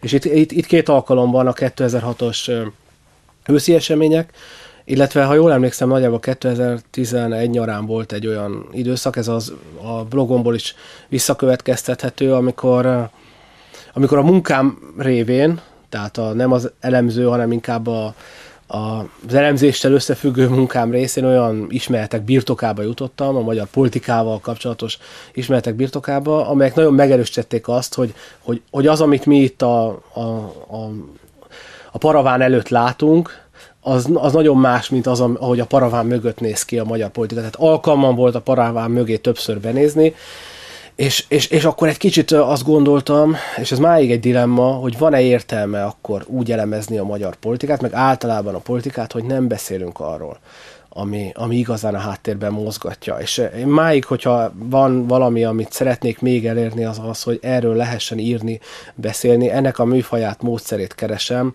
Valamit, ami, ami, ami lehetőséget adna arra, hogy a gazdaság és a politika kapcsolatrendszeréről többet Akkor tudjak innen elmondani. a szél elsősorban, ha jól Abszolút, sejtem. innen fúj a szél, igen. Egy név. Simics Kalajos. 2011. 2011 körül tudtam meg többet azokról a dolgokról, hogy hogyan működik a politikai és hatalmi irányítás kormányzati ciklusban. Csak aztán szerencsére nem kellett ezzel 2014 után foglalkozni, mert kijött a napfényre a szereplő, és tulajdonképpen elég sokat meg lehetett róla tudni. De 2011-ben nagyon lehetett azt látni, hogy egy kétfejű irányítás van a háttérben az, hogy nem csak egy pók van, hanem két pók van, és mind a kettő szövi a hálót, és hogy sok döntés az valójában nem Orbán Viktor döntése, hanem Simics Kalajosé, hogy a kettőjük közötti hierarchia az nem biztos, hogy olyan, ami ennek sokan gondolják. Szóval látszott az, hogy, hogy van egy olyan hatalmi központ, amiről egyébként senki nem ír, meg nem beszél, meg nem gondolkodik róla mert nem tud róla. Nyilván azért voltak, akik tudtak róla, most nem azt állítom, hogy én láttam meg ezt először, nagyon sokan tudtak, de a, nem volt olyan televíziós beszélgetés, vagy nyilvánosságban olyan politikai elemzés, amelyik figyelembe vette volna azt, hogy az akkor már sokat diktátorozott Orbán Viktornak is van azért belső ellenzéke. Nyilván akkor ez inkább erőforrás volt, mint ellenzék, de azért egy kétfejű irányítás mégis rosszabb, mint egy egyfejű irányítás. Egyszerűen erről van itt szó. És a sok történet magyarázata az inkább Simics Kalajos felől volt megérthető, mint Orbán Viktor felől. Gazdasági döntések. Amikor te bármikor a politikai munkád, elemző munkád során beláttál emögé a paraván mögé, mögé, a bizonyos paraván mögé, amit ott láttál, az mindig a nyers hatalmi, gazdasági érdekek bemutatkozása volt? Nem, hát nyilván nem, de hát egyszer, szóval nincs, nincs itt szó nagyon különleges dolgokról, egyszerűen arról van szó, hogy sok, több gazdasági szereplő volt az üzletfelem, akik, akiknek politikai tanácsadója, vagy elemzőjeként dolgoztam. És nem nyilván, mindegy azért. Hát tanácsokat nyilván nem adtam nekik abban az értelemben, hiszen nem politikusok voltak, érdekelte őket a politikai helyzet. Voltak politikai érdekeik? Nyilván politikai érdekeik voltak. Vannak is. Vannak is, persze. De nem politikai szereplők abban az értelemben, hogy én nem tudok olyan tanácsot adni, hogy ő hogyan egy politikai kampányt hogy folytasson. Meg Azt nem, nem, de meg, hogy mondjuk hogyan lobbizon szabályozásokért. Ezt, jobb, so, ezt, ezt, ezt sokkal jobban tudják, mint én.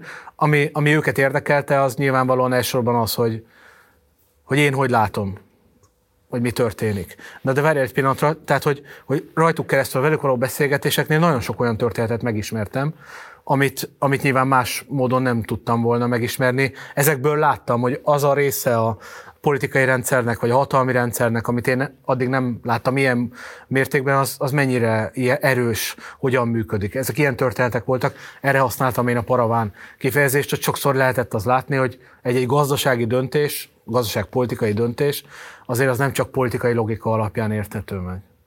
És a szereplők száma az számosabb, mint ahogy azt nyilvánosan. De amikor ennyi, tehát ilyen, tehát ilyen radikális ellentmondásokra rálátni, 2006-ban rá, láttál rá először?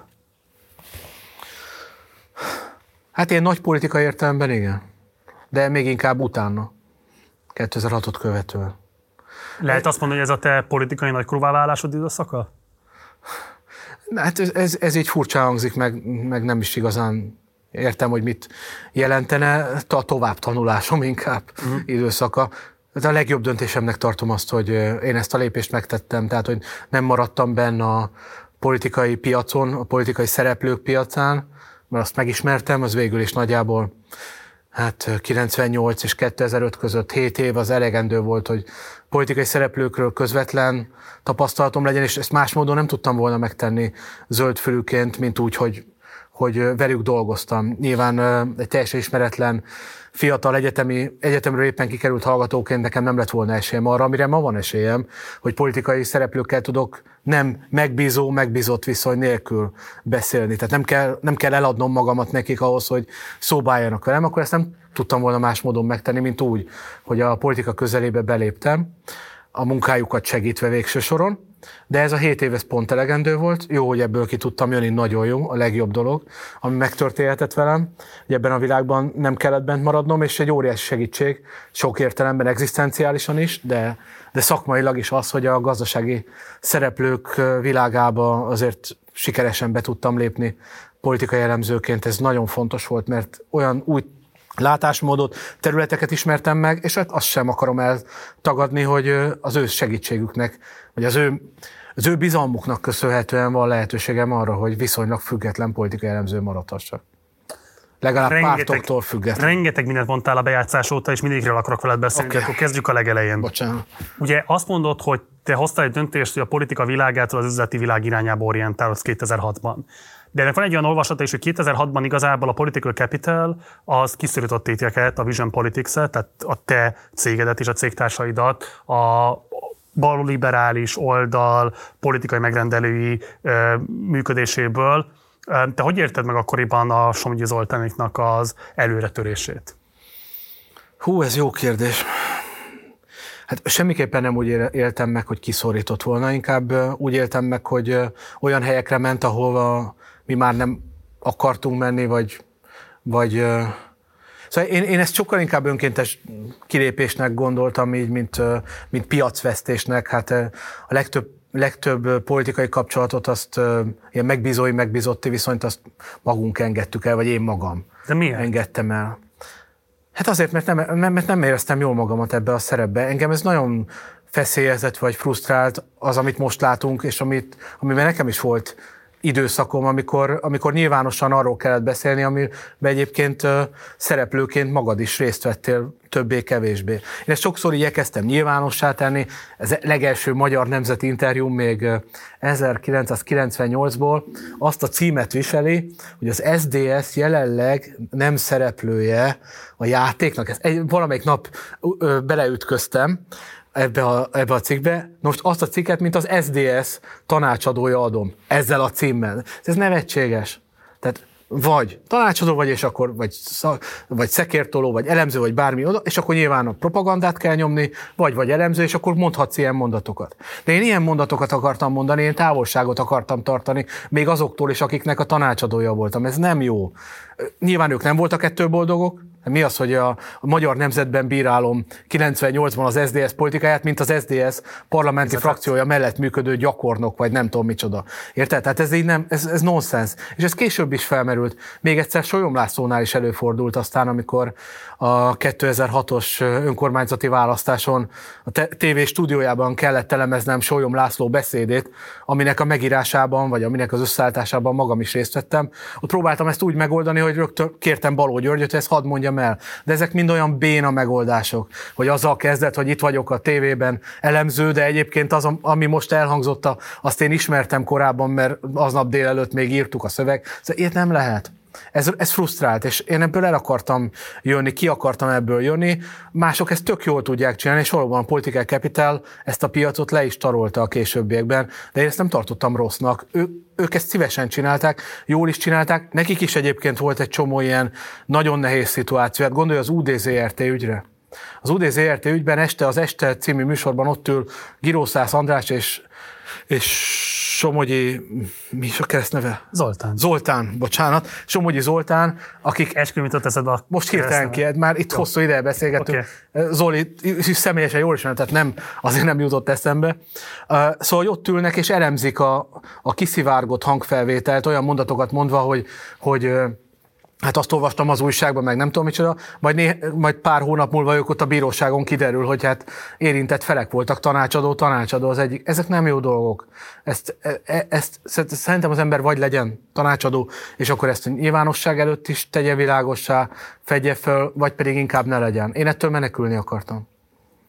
Tehát akkor azt mondod, hogy az események kronológia úgy néz ki, hogy te már régóta kerested az üzleti világba az érvényesülés lehetőségét, és ezért távolodtatok el, vagy távolodtál el a politikától, Abszolút. és nem pedig az, hogy egyszerűen a politikai capital mellett nektek már nem termet fű. Én szerintem termet volna, hiszen azokból a helyekből, ahonnan én akkor eljöttem, például Horn Gábor féle államtitkárságot nem a Political Capital jelent meg ott utánam személyes tanácsadóként, hanem ez egy önkéntes döntés volt, úgyhogy én ezt nem így éltem meg. Szerintem ők ezt jól csinálták, és, és, és ők ezt szívesen is csinálták. Ráadásul én úgy értelmeztem, hogyha én az üzleti életben akarok mozogni, és ott próbálok bizalmat ébreszteni, meg hogy higgyenek abban, hogy én valóban jól látok dolgokat, abban nem fér bele az, hogy közben tanácsadója vagyok ennek, annak, amannak. Van ez a modell is, tehát ma az üzleti világban vannak olyan táskás emberek, vagy olyan, olyan kiáró emberek, akiknek az az értéke az üzletben, hogy ők be vannak kötve ide-oda, amoda. De én nem ilyen akartam lenni nyilván. Én olyan akartam lenni, mint egy tőzsdei jellemző, akit azért alkalmaznak, mert ért hozzá, de milyen az a tőzsdei jellemző, akit egyébként az egyik részvénytársaság fizet, és arról próbál téged meggyőzni, hogy az ő részvényükre kell tenni, mert ez jól működik, nyilván hiteltelen. Tehát ebből a logikából fakadóan én meg akartam ezeket a kapcsolatokat szakítani, és őszintén szóval lett volna lehetőségem azért a későbbiekben is ilyet vállalni, de Solyom László te számítva, akit én személyesen is nagyon tiszteltem, meg akit valamelyest azért nem a politikai szereplők körébe soroltam, nyilván logikailag igen, de nem ebben a Fidesz-MSZP világban elhelyezett szereplőnek, azt szívesen vállaltam, de sem azt megelőzően sem azóta nem. Beszéljünk a Vision Politicsről. Ugye ez egy nagyon erős cég, ami Dezsőfi Tiborral, Tóth Csabával és Lakner Zoltánnal közösen működtettetek. Ez egy nagyon erős négyesnek tűnik nekem. Hát egészen a 2005-ig. Igen. Amikor ez a döntés megszületik bennem, és akkor a Tibor is, ha jól emlékszem, elindítja a démoszt. Igen. És akkor nyilvánvalóvá válik, hogy a, az ő útja a politika, az enyém meg politikán kívüli világ, és akkor ez, ez megszűnik. A kezdetben ez valóban szerintem ez egy, ez egy jó konstrukció volt erős szereplőkkel. És miért nem láttál ebben üzleti lehetőséget a továbbiakban? Pusztán csak a politikai affiliációk elkerülése vezetett? Igen, de nem üzleti lehetőséget nem láttam, hanem azt gondoltam, hogy én nem úgy szeretnék élni, hanem másképp. Az, az abszolút nem, nem negatívan éltem, élem meg azt, ha valaki ebbe az irányba mozog. Jó lett volna, ha nekem ez egy, ez egy komfortos világ lett volna, könnyebb út lett volna nyilván, de, de, de azt nem szívesen csináltam, ez az igazság. Hm. Az én nem tudom, önképemhez sokkal közelebb áll az, amit azóta csinálok. Sokkal közelebb. Sokkal. És Tóth Csabával, illetve Lakner Zoltánnal hogyan alakult a viszonyod innentől kezdődően? Ugye Tóth Csabával számos kötetet is közösen szerzettetek. Igen. Hát én a Csabát a, a, a politika tudomány, vagy a magyar magyar politikai elemzés, ugye ez a kettő nem ugyanaz, de azt gondolom inkább a politika tudomány talán legtehetségesebb szereplőjének gondoltam akkoriban, abban az időben. Őt egyébként pont úgy ismertem meg, hogy a parlamentben dolgozván még egyetemi hallgatóként küldött olyan írásokat ismeretlenül, talán Navracsis Tiboron, a tanárán keresztül így van, amelyek hát te olyan ismer- olvasottságról, ö, olyan politikai tudásról tettek tanúbizonyságot, ami nemhogy egy 20 éves egyetemistától ritka, de egy idősebb politikatudósnál sem adottság szerintem. Tehát ő engem lenyűgözött. Többször mondtam neki, hogy, hogy hogy a kettőnk kapcsolatában abszolút ezt érzem, hogy én vagyok a csodálója, a, a, a bizonyos értelemben én láttam meg először azt, ami, ami belőle lehetett volna, hogyha a politika tudomány érdekelte volna jobban, és nem a későbbiekben a politika gyakorlati világa, de ameddig ő a politika tudományban is mozgott, és, és, és kedve volt ebben, addig nagyon jól együtt tudtunk működni. Valóban többször is írtunk közösen tanulmányokat, sőt talán igen, könyvet is írtunk. Könyvet is, persze. Igen. Zolival pedig a politikai elemzés volt az, ami összekötött minket, ugye ő dolgozott, vagy vele együtt dolgoztunk egy darabig. A, a, aztán a későbbiekben sajnos ez a kapcsolat megszakadt, de ahogy ezt a beszélgetés elején is mondtam, én őt egy kifejezetten, kifejezetten jó elemzőnek tartottam akkor is, meg nyilván ma is. És 2005 óta ti politikában közösen nem dolgozatok semmiben? A Zolival vagy a Csabával? Mindkettejükkel? Nem. Egyikükkel sem? Nem. Nem. Hát azon gondolkodom, hogy hol lehetett volna, csak az elnök hivatalnál ott egyedül Kumin Ferenc volt az, akit mondjuk politológusként tudnám említeni, akivel együtt dolgoztam. Az, hogy hozzá egy döntést, hogy az üzleti világ felé akarsz orientálódni, abból még nem következik azt, hogy ez be is következik. Nagyon. Um, hogyan ismerkedtél meg Csányi Sándorral, illetve Hernádi Zsoltal, aki mi most már a legújabb interjúid alapján nem ügyfeled, de jó ideig az volt? Hát lehetőséget kértem tőlük a, arra, hogy, hogy elmondhassam, hogy én mit gondolok, mit szeretnék, mit ajánlok számukra. Nem ők ketten voltak, akikhez eljutottam, de ők, kettőkről tudok beszélni, mert ők voltak azok, akik aztán a későbbiekben... Annyit mond csak meg, hogy a politika közvetített neked, vagy pedig... Nem, nem a politika, nem. Informális baráti. Informális, abszolút informális. Sőt, volt olyan, hogy sőt, az esetek többségében teljesen az utcáról, de azért ugye e, ennyiben szerencsém volt, a, hogy akkoriban már időnként szerepeltem, meg ismerhették a nevemet, hogy nem a semmiből érkeztem, tehát akár tudhatták is, hogy kivel fognak találkozni. Ez már ugye 2005 talán, amikor Csányi Sándorral, Sernádi Zsoltal először találkozhattam. Ezt sokan úgy képzelik, hogy ez olyan nagyon egyszerű, hát egyáltalán nem volt, nem egyszerű a gazdasági szereplőkkel való együttműködés, mert nyilván ők azért rengeteg többletinformációval rendelkeznek a politika világáról, sikeresek a gazdaságban, és azt is feltételezik, hogy a politika sem lehet azért olyan nagyon nehéz, hogyha el tud vezetni egy multinac, szinte multinacionális céget, akkor a, a politika vagy egy ország kormányzása sem lenne olyan nehéz. Tehát ez egy hosszú építkező kapcsolat volt mind a kettőjük esetében. Melyik volt meg előbb, Csányi vagy Hernádi? Nagyjából egyszerre történt a kettő. Tehát az, el, az első kísérleteim voltak ők, nyilván másokkal együtt, a, és mind a kettő egy viszonylag, hát az egyik az még máig is tart, egy hosszú távú kapcsolat, talán a legtöbbet Csányi Sándornak köszönhetek, az ő bizalmának, az nyilvánvaló, abban, hogy, hogy meg tudtam maradni így a, a piacon, már hogy a politikai elemzés piacán, és nem kellett elköteleződnöm más irányba, az abszolút minden kétséget kizáróan annak köszönhető, hogy Miért ő bízik pont bennem. őket, kettőket választottad ki? Tehát azért az, hogy a... Nem csak őket választottam, a, akkor a akkor a gazdasági élet szinte összes vezető szereplőjét meg, próbáltam megkeresni. Voltak, akik fogadtak, kinevettek, voltak, akik fogadtak, megbíztak, aztán egy hónap után elköszöntek, voltak, akik Várj, bocs, már szóval, akkor, te, azt hiszem a Raiffeisen bankot akkoriban talán Felcsüti Péter vezeti, talán a Cibet még akkor Surányi György vezeti, segíts nekem. Nem tudom. Más pénzintézetekkel is próbálkoztál akkoriban? Igen, persze. Pénzintézeteknél is. És nem kértek belőled? De volt, ahol igen. De ezekről nem tudok beszélni azért, mert nincs olyan megállapodásunk, hogy ezeket nyilvánosságra oszhassam. De így általában... nem bele abba, hogy megoszthass a nyilvánossággal ezt? Nem tudom. Volt egy pár évvel azt követően, hogy vele elkezdtünk együtt működni, vagy együtt dolgozni, egy újság írt egy cikket arról, hogy a politikai elemzőknek milyen megrendeléseik vannak. És akkor felhívtak engem, hogy hát, hogy nekem miből van a cégemnek miből van a bevétele, és akkor mondták, hogy de kellenének nevek. És akkor én az akkori megrendelőimet írtam egy e-mailt, hogy van egy ilyen, egy ilyen kérés, és hogy nyilvánosságra hozható el.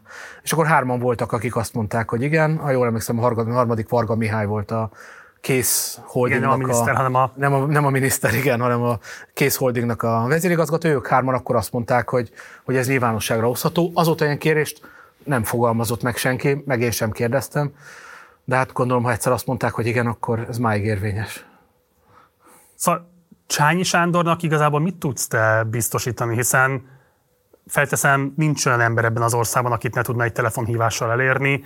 Tehát, hogyha tájékozódni akar, akár politikai döntés előkészítésben, akár konkrét meghozott döntések ö, folyamányát illetően, bárkit el tud érni azonnal. Uh-huh. Mi az, amiben te neki többletet tudsz nyújtani? Hát nyilván ezt, ezt ugye szokás mondani, borzalmasan, ezt tőle kellene megkérdezni, hogy számára ez miért hasznos, hogy én mit gondolok erről, azt el tudom mondani. Szerintem Csányi Sándor az, az, a, az a gazdasági vezető, aki, aki szeret sokféleképp, sok helyről tájékozódni. Úgyhogy ami a magyar politikát illeti, amit nyilván ő is legalább annyira jól lát, mint én. Nem hiszem, hogy különösen a paraván mögötti részét ne látná sokkal jobban, mint én. Ott, ott, ott érdekesnek tartja azt, vagy fontosnak tartja, hogy egy külső elemző szem írásait is elolvassa, vagy véleményét meghallgassa.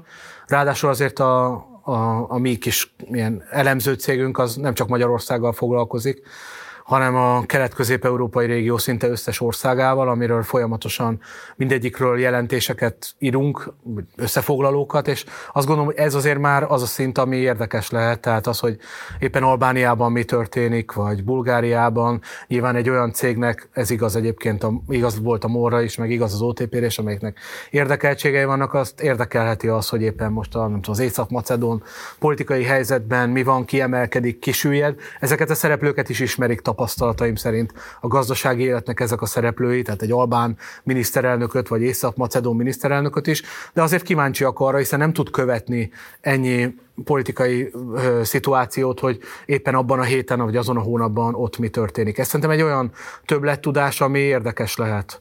Különösen egyébként így magyar szemüvegen keresztül, regionális szemüvegen keresztül. Egyszerűen arról van szó, hogy nyilván azért hozom ezt a tőzsdei jellemző hasonlatot, mert nyilván, ha ezek a szereplők, ezek az emberek belásták magukat, sokkal többet tudhatnának esetleg, mint egy tőzsdei jellemző. De azért bíz meg egy tőzsdei jellemzőt, mert az 20, a nap 24 órájában a tőzsdét figyeli, és ha neki valami döntéséhez fontos, akkor megkérdezi, hogy mi van ott éppen. Én azt gondolom, úgy ez a politika világa is. Ezt mindig mondom a hallgatóknak is, mert egyébként egy teljesen szerintem nem bejátszott területe a politikai tudásnak, vagy a politikai elemzőknek, a politológusoknak. Nyugaton nagyon sok helyen cégek, vállalkozások, politológusokat, politikai tudással rendelkező embereket alkalmaznak, mert fo- nekik fontos, a gazdaságnak fontos tudni azt, hogy mi és miért történik éppen a politikában. De nyilván nem arról van szó, hogy tőlem fogja megtudni, hogy mire készül a miniszterelnök, vagy mire készülnek ellenzéki pártok, bár talán ebben az esetben ez talán még igaz is lehet, hiszen nyilván nem tudja figyelni az összeset, de azért az, hogy a, hogy éppen mik a nagyobb folyamatok, az egyes szereplők mire készülnek, talán ez érdekes lehet. Én ezt gondolom, nem hiszem, hogy tartana a kapcsolatunk most már lassan két évtizede vele is, meg másokkal is, hogyha, hogyha ez, ez annyira érdektelen lenne, hiszen más érdeke ebben nincs. Döntés előkészítésben vagy tárgyalás előkészítésben vagy inkább az ő segítségére? Ezt én nem tudom. Tehát nem, ezek nem konkrét dolgokhoz kapcsolódnak. Mi elemzéseket írunk, Én hogy, személyesen... Amit elmondhatsz róla, tehát hogy néz ki a munkaviszonyatok? Tehát, hogy te nem tudom, heti szinten riportolsz neki, vagy van havonta egy nagy értekezletetek, tehát hogy hogyan néz ki a munkakapcsolat? Hát általában, nem általában, minden ügyfelünknek alapvetően elemzéseket írunk, és van, akivel személyesen is találkozunk, ha én magam, hogyha ezt, ezt igényli, vagy esetleg esetileg, vagy rendszeres jelleggel. Azt meg lehet tudni, hogy Csányi Sándorral nagyságrendileg milyen nagyon teljesen, frekventáltan találkoztok? Komolyan mondom, teljesen változó, tehát attól függően éppen az ő érdeklődése az mennyire leghosszabb idő, kimaradt két találkozó között? Hát ugye mi a Labdarúgó Szövetségben is kapcsolatban vagyunk, ugye az MLS elnöke, én az elnökségi tag vagyok, tehát viszonylag gyakran van szerencsém találkozni vele.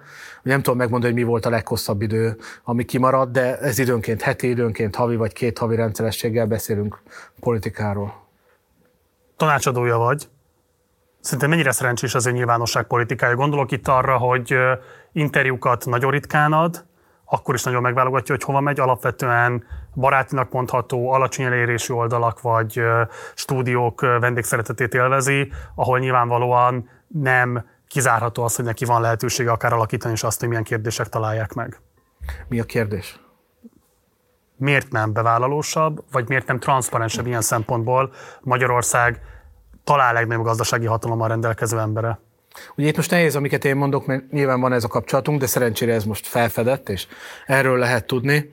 Másrészt nem, az ő kommunikációjára nekem semmilyen hatásom nincs, ez nyilvánvalóan professzionális szereplők dolgoznak azon az OTP-ben is, a labdarúgó szövetségben is, sok más helyen, tehát, és nyilván ők alakítják, vagy nekik van befolyásuk arra, hogy milyen legyen a kommunikációja. Hogyha az én véleményemre vagy kíváncsi ezzel kapcsolatban, de csak azt kezdett, hogy, hogy, hogy ő miért nem, hát azt nyilván nem tudom. Én azt gondolom, hogy azért ahhoz képest, hogy, hogy mások mennyire kevésbé adnak interjúkat, vagy mondják el a véleményüket fontos kérdésekben, ha hosszú távon nézed, akkor azért elég bátran és elég fontos ügyekben volt ő megszólaló. Tehát nekem nem ez a, tudom, nyilván van közöttünk egy kapcsolat, ezért, ezért bizonyára nem mondhatnék róla rosszat, szerintem egyébként lehetek kritikus is, de nekem őszintén nem az a véleményem, hogy ő, ő elrejteni a véleményét. Hát azért volt jó pár olyan eset, amikor az elmúlt időszakban kormánypárti politikusokkal, vagy akár még fontosabb vezetőkkel szemben is megfogalmazta álláspontját fontos kérdés. Sporadikusan voltak ilyenek az elmúlt 13 évben, vagy pláne az elmúlt 30 évben. Így Elmondom, mire gondolok konkrétan. Tehát Csányi Sándor egy önálló intézmény ebben az országban. Gyakorlatilag talán az utolsó olyan szereplője a gazdasági életnek, akiről feltételezhető az, hogy képes még állni az ütéseket egy esetleges kormányzati attak esetén is. Tehát, hogy Orbán Viktor neki direktben nem tud diktálni, ez legalábbis az a konszenzus, ami övezi a személyét. De közben meg azért ez annak is köszönhető, hogy nagyon kevéssé átlátható az, hogy például mondjuk milyen politikai manőverek és gazdasági döntések eredményeképpen tudta ő a saját OTP-beli pozícióját megszerezni, aztán pedig tartósá tenni hogy például hogyan mozgott a különböző kormányzatok kamarilla politikájában, adott esetben mikor tett szívességeket, és mikor pedig utasított el szívességeket. Elég sokat lehetett azért ezekről olvasni, nem? Nyilván nem ő beszélt nem ezekről. alapon. Nyilván. Nyilván dolgoznak ebben az országban szerencsére meg oknyomozó újságírók.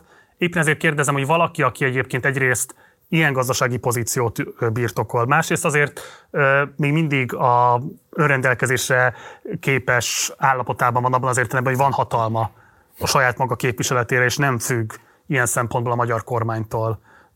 Nem lehetne transzparensebb abban a kérdésben, hogy akkor mégis milyen szerepe van politikai döntéshozatalokban, politikai dinamikákban. Nem tudom, ismersz ilyen példát? Tehát, hogy tudnál ilyet mondani, hogy, hogy valaki ennél transzparensebben saját helyzetére, döntéseit megmagyarázva, nem politikai szereplőként így kiáll a nyilvánosság előtt, bár, bárhonnan a világból. Van ilyen? Biztos vagy benne, hogy a német bankrendszer ebből a szempontból nagyságrendekkel transzparensebb, de valószínűleg még az osztrák is. Ö, tehát, hogy azt gondolod, hogy ott ö, tulajdonosok, azok sokkal jobban felfedik azt, hogy egy politikai döntésben nekik milyen szerepük van, vagy a politikának milyen szerepe van. Nem az, hogy ott is ugyanez a helyzet, csak talán Magyarországon gyengébben tudja kikényszeríteni a nyilvánosság, hogy ezekről tudjunk. Tehát én, én ezt teljesen irracionálisnak gondolnám, hogy ő azt a versenyelőnyét, ami nyilván a befolyásával megvan, azt felfedje, vagy azt veszélyeztesse azáltal, hogy politikai döntésekben az ő személyes közreműködéséről beszéljen, vagy akár régebbi, vagy akár mostani ügyekről. Én ezt egy olyan, nyilván, tehát a kérdés úgy hangzott, hogy lehetne transzparensebb, persze mindenki lehet transzparensebb, te is, én is lehetnénk transzparensebb. A te szempontodból, a te, nem tudom én, demokrácia felfogásod szempontjából kívánatos volna egy transzparensebb pozíció Csányi Sándor számára? Én szerintem ő példaszerű ebben az ügyben. Tehát ő a lehető legmesszebb szerintem elmegy, amíg, amíg ebben a pozícióban el lehet menni mi volt az utolsó komolyabb érdeksérelem, amit vállalt azért, hogy akár a saját érdekeit is hátrább sorolta azért, mert azt gondolta, hogy a közérdek egy adott információ megismerése szempontjából előrébb való. Aha, hát a közérdek. Ezt nem tudom megmondani. De azt tudom, hogy a saját időnként gazdasági érdekeivel szembe menve is elmondta a véleményét, amikor ez esetleg talán nem tanácsoltam volna neki, ha megkérdezte volna a véleményemet. Mondasz egy példát? Nem, mert nem tudom pontosan. Csak ö, ilyen benyomások vannak bennem ezzel kapcsolatban. Az elmúlt egy évtizedben voltak olyan pillanatok, amikor, amikor magam azt gondoltam, hogy ez talán még sok is volt. Hogyha megkérdezett volna, akkor azt mondtam volna, hogy talán ez, ez, ez túl erős, ez a válasz. A Lázár csörte például? Hát a, a Lázár csörte abszolút, így van. Akkor nézzük meg, hogy ez, ez hogy milyen valójában példa, de jó, hogy akkoriban, és akkor szeretnék erről majd kérdezni. Ez nagyon jó példa. Itt a sajtótájékoztatón reagált először Lázár arra, amit Csányi Sándor az OTP elnöke még júliusban trafikügyben mondott róla. Nekem azt mondják, én nem ismerem őt személyesen annyira jól, hogy meg tudjam állapítani, nagyon tehetséges politikus, jó szervező. Láthatjuk, milyen jól elintézte a trafikügyet is, nem? Nincs más választásom, mint ennek a engem lesajnáló és lenéző megjegyzésnek a tudomásul vétele hiszen eh, mégiscsak Csányi Sándor az ország első számú uzsorása, ezért, eh, ezért eh, bárhogy is páváskodik a devizahitelesektől szerzett milliárdjaival, én természetesen meghunyászkodom és tudomásul veszem, hogy egy ekkora ember engem tehetségtelen vagy ilyen-olyan más jelzővel illet. El is felejtettük ezeket, pedig milyen jó mondatok. Azért színvonal. Nem? Egyébként nem csak vele kapcsolatban volt ilyen, közben eszembe jutott, a, amikor a fociba próbáltak meg fideszes politikusok véleményt mondani, Wintermantel Erzsol, talán Igen. Dajcs Tamás, a 8-1-es vereség után, azt tudom, hogy te nem követed a focit, de amikor volt egy súlyos veresége a válogatottnak Hollandiában azt követően, ott is azért elég élesen szólt vissza. Tehát a, nyilván ez persze mondhatjuk azt is, hogy ez, ez nyilván nem a közérdeket szolgálja, hogy te mondtad, hanem, hanem ő azt gondolta, hogy neki erősen kell visszaszólnia, de voltak komoly konfliktusok. Tehát azt mondani, hogy, hogy, hogy ne vállalt volna konfliktusokat, szemben egyébként más magyar gazdasági szereplőkkel, akik ilyeneket nem vállaltak. Nem sok mindenkitől tudnál ilyet a, mondjuk a top 20-ból idézni, amikor, amikor, amikor nyilván ez mindig kockázat azért. Ez taktikai hiba volt Csányi részéről? Hát, mint utólag kiderült, nem. Erről... Akkor azt gondoltad? Nem, akkor nem. Akkor azt gondoltam, hogy mit is gondolhattam akkor. Hát ezt most már nem tudom megmondani, hogy mit gondoltam, de én mondjuk biztos, hogy nem ennyire erélyesen vagy erősen nem fogalmaztam volna, vagy nem javasoltam volna. Azt nyilván javasoltam volna, hogy ne hagyja szó nélkül, hogyha őt le. Mi is volt az első? talán nem valami pók, pók, pókálós történet? Ez egész a bankadóból indult igen, igen, igen, igen. Tegyük helyre, tehát itt alapvetően arról van szó, hogy a kormány egy ágazati extra vetett ki, és az ígéretivel szembe menve valójában azt tartósította. Van. Um, itt. De Lázár János nagyon kemény mondatokat mondott, amiket nyilván más, Igen. más kormánypárti politikus nem. Erre jött ez a válasza Csányi Sándornak, és mint utólag kiderült, az ő taktikája vagy stratégiája helyesnek bizonyult. A politikai nemzetek mi az értékítélete Csányi, bocsánat, Já, Lázár itt a saját véleményét tolmácsolta, vagy Orbán Viktor üzenetét közvetítette? Hát ez, na, ez az, amiről beszéltünk az előbb. Ezeket szeretném tudni. Ezeket biztos, hogy tudod, Gábor. Legfeljebb... Onnan. Ki tudja? Szerint, hát Felte, ha nem szerinted tudod, Csányi Sándor tudja? a Csányi Sándor? Hát nem ezért semmiképpen. Ez nem azért, hogy Orbán Viktor titkos gondolataiba ott uh, belelássak, vagy tudjam azt, hogy pontosan milyen viszony van közöttük. Szerinted a Lázár... Most még azt nem tudod kideríteni, azt nem tudom elhinni róla, tehát akkor valószínűleg nem tartanál ott, tartasz a szakmádban, hogy egy ilyen mondat elhangzik, akkor ezt Lázár János egyeztette, nem egyeztette, szerinted, nyilván tudsz. Szerinted, ha Lázár János megkérdezem erről? Hát ti nem Lázár János kell de, de, de, de, akár őt megkérdezem, ő megmondja az igazat. Ha Orbán Viktort megkérdezem, megmondja az igazat. És nem is őt kell megkérdezni, te is pontosan tudod. Kit? Hát például a környezetükben lévő embereket. Ők szerinted tudják a közöttük lévő viszonyt pontosan? Hát egy titkár egy bármilyen beosztott valószínűleg sokkal többet hmm. tud ezekről a viszonyokról, vagy hát nem tud többet, de többet elmond, okay. mint az érintette. Teljesen őszinte leszek. Én tényleg megpróbáltam megkérdezni ezeket, ahogy sok más ügyben megpróbálom. Nem, nincs, nincs, nincs, nincs biztos válaszom. Se erre nincs biztos válaszom, se más, ennél fontosabb politikai kérdésekre. De azt elmondtad. Találgatásom van. Elmondtad anélkül megnevezést, hogy mit mondtak, hogy Lázár és Orbán válasz ebben a kérdésben egyezett legalább? Orbán Viktor nem tudtam erről megkérdezni. De hát találkoztak gondolom 2013 óta Orbán Viktorral. Igen, többször találkoztam, de hát nyilván lenne egy ezres lista, amit szívesen megkérdeznék tőle, ezt nem tudtam tőle megkérdezni. Hát de ez pont az ügyfél érdekeit szempontjából egy kiemelten fontos kérdés. Szerintem Csányi Sándornak volt alkalma megkérdezni. És megosztotta veled a... Nem. nem. De ha megosztotta volna, sem mondanám el nyilván.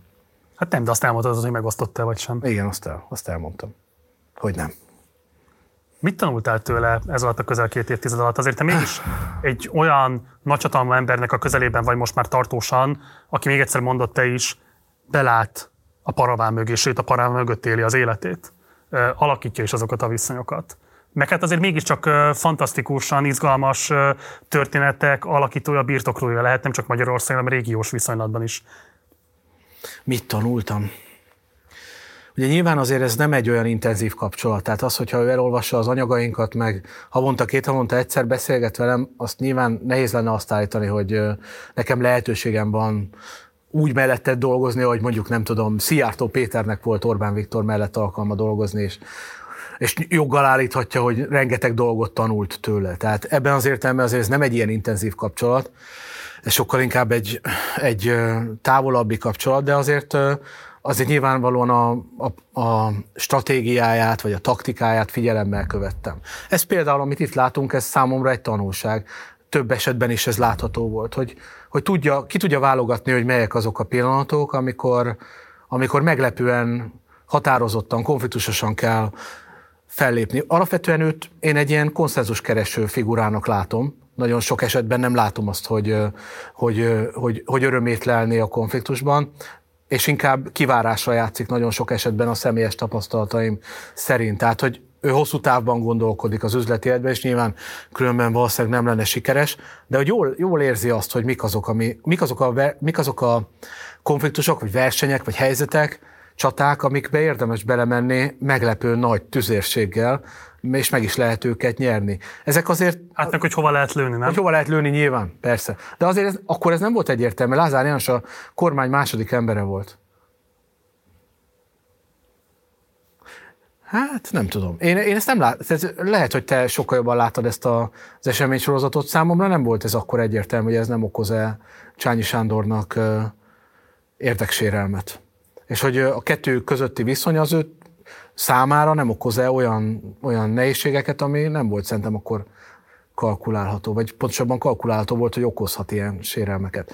E, ezeket jól válogatta ki. E, nekem a vezetési stílusa, vagy akár a labdarúgó szövetség, mert ott, ott szinte többször látom, mert ott MLS elnökségi tagként nyilván ott is sok-sok érdek viszonyal találkozik, ráadásul politikusok ülnek is ülnek ugye az MLS elnökségében, tehát velük is együtt kell működnie, Bánki Erikkel például, vagy jelentős más gazdasági szereplőkkel, mint Garancsi Tiborral. Nekem a, vezetési stílusa az például, ha nem is azt mondom, hogy tanultam tőle, de imponáló. Tehát azt kell, mondjam, hogy az, ahogy, ahogy kezeli ezeket a helyzeteket, nyilván más az ő eredeti helyzete, az ország egyik leggazdagabb embereként, te nyilván könnyebb fenntartani ezt a, ezt a tekintét, vagy, a, vagy azt, hogy, hogy ő irányítani tudja ezeket a helyzeteket, de folyamatosan képes rá. És hát, amit talán leginkább lehet tőle tanulni, most eszembe is jutott, az a munka, munkabírás. Ezt kevesen tudják, én sokszor szoktam erre gondolni, de azért egy ilyen, egy ilyen pozícióban nem biztos, hogy elengedhetetlen, de ő úgy gondolja, hogy elengedhetetlen az, hogy, hogy szinte reggeltől estig folyamatosan dolgozik, tárgyal, fogad embereket.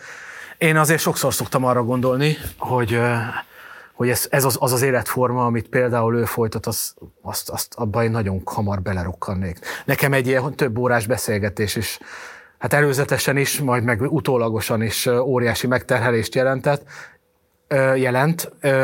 Ő ezt folyamatosan több nyelven folytatja, és azért ez kemény, azt gondolom. Nyilván nem, nem kell sajnálni, tehát nem, nem erre gondoltam, csak kérdezted, hogy mit lehet tőle tanulni. Leginkább ezt, hogy, hogy azért nem, vannak olyan pozíciók, ahol azért a munkának is van szerepe, nem csak a jóistennek, meg a szerencsének, meg Orbán Viktornak. Mi az a menedzseri képesség, ami kiemeli Csányit?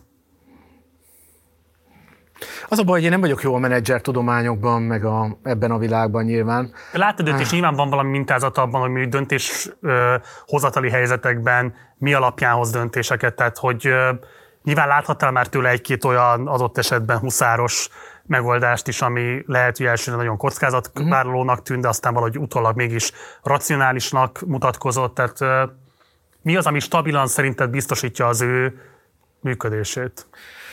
Szerintem az, hogy jól tud különbséget tenni ügyek között. Tehát olyan ügyek között, általában, ha, ha konfliktus van, vagy hogyha ellenvélemény van, amit mondom, inkább a labdarúgó szövetségben látok, nagyon odafigyel más véleményekre is, és nagyon, nagyon, nagyon megérti a, a, próbálja megérteni az érveket. Még én is, nekem is voltak olyan ügyek, amelyekben nyilván pici, apró ügyek, amelyekben kettőnk között konfliktus alakult ki a labdarúgó szövetségben, abszolút, már föl sem tudom idézni, hogy melyek voltak ezek, de mást gondoltam én, mint ő, és nem lesöpörte az asztalról a véleményeket, hanem, hanem, hanem foglalkozott vele, átgondolta.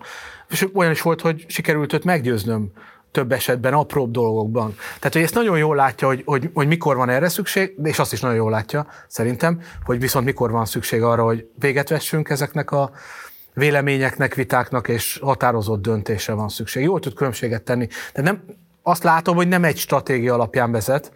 Sok ilyen példát látok más üzleti döntéshozóknál, akik egy-egy pont ilyen menedzser tudományi elképzelés alapján vagy mindig ilyenek, vagy mindig De. olyanok. Ő jól tudja ezeket váltogatni, és jól tud különbséget tenni. Őszintén szólva ez, ez számomra meglepetés volt. Az, amit én gondoltam róla 2005-ben, ahhoz képest, hát fényévekkel jobb ma a véleményem róla, ezt kell, hogy mondjam. És ez tényleg nem csak azért van, mert a bizalma töretlen. De ez azért is van, mert azt látod, hogy a NER igen komoly kitettségei közepette is igen. tudta őrizni azokat a pozíciókat, amiket 2010 előtt törzött?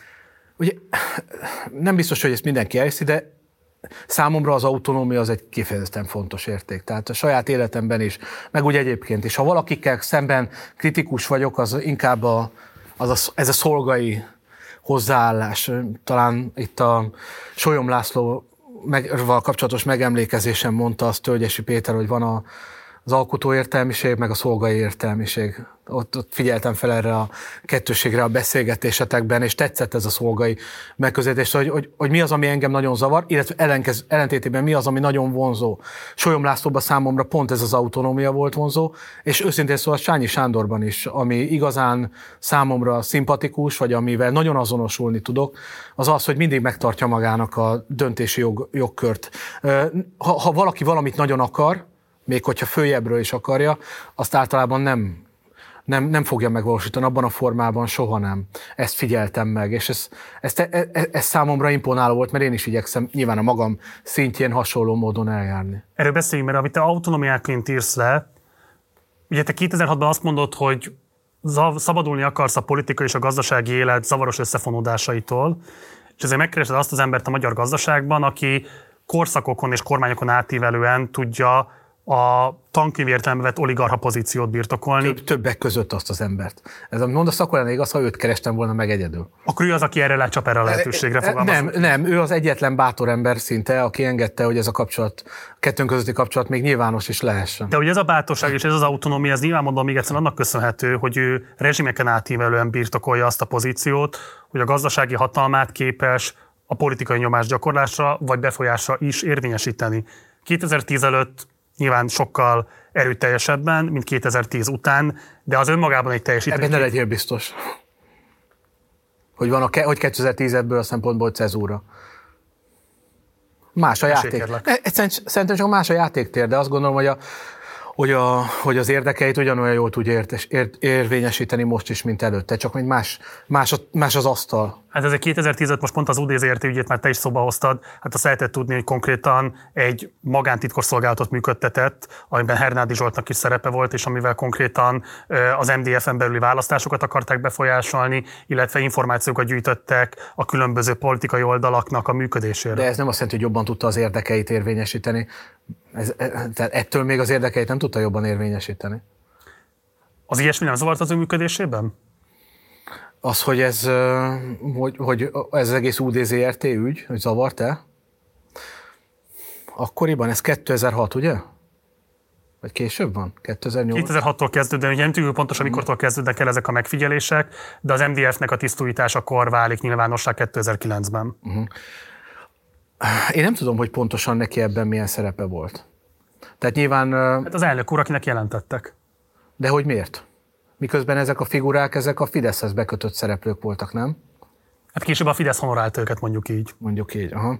Őszintén szóval nem ást, tehát most ez, tudom, hogy ez a hülye politikusi válasz, hogy nem olvastam az újságot, meg, de őszintén szóval nem ástam bele ebbe az ügybe magamat. Engem ott jobban érdekeltek a, kollégáim szerepe ebben az ügyben, azt, azt tartottam érdekesnek. De egy pont, hogyha a kamarilla politizálás az, amit téged nagyon érdekel, akkor az UDZRT az a legcupákosabb falatok egyike. Igen, ez azért még a, az eleje annak, hogy én ezzel a dologgal elkezdtem foglalkozni.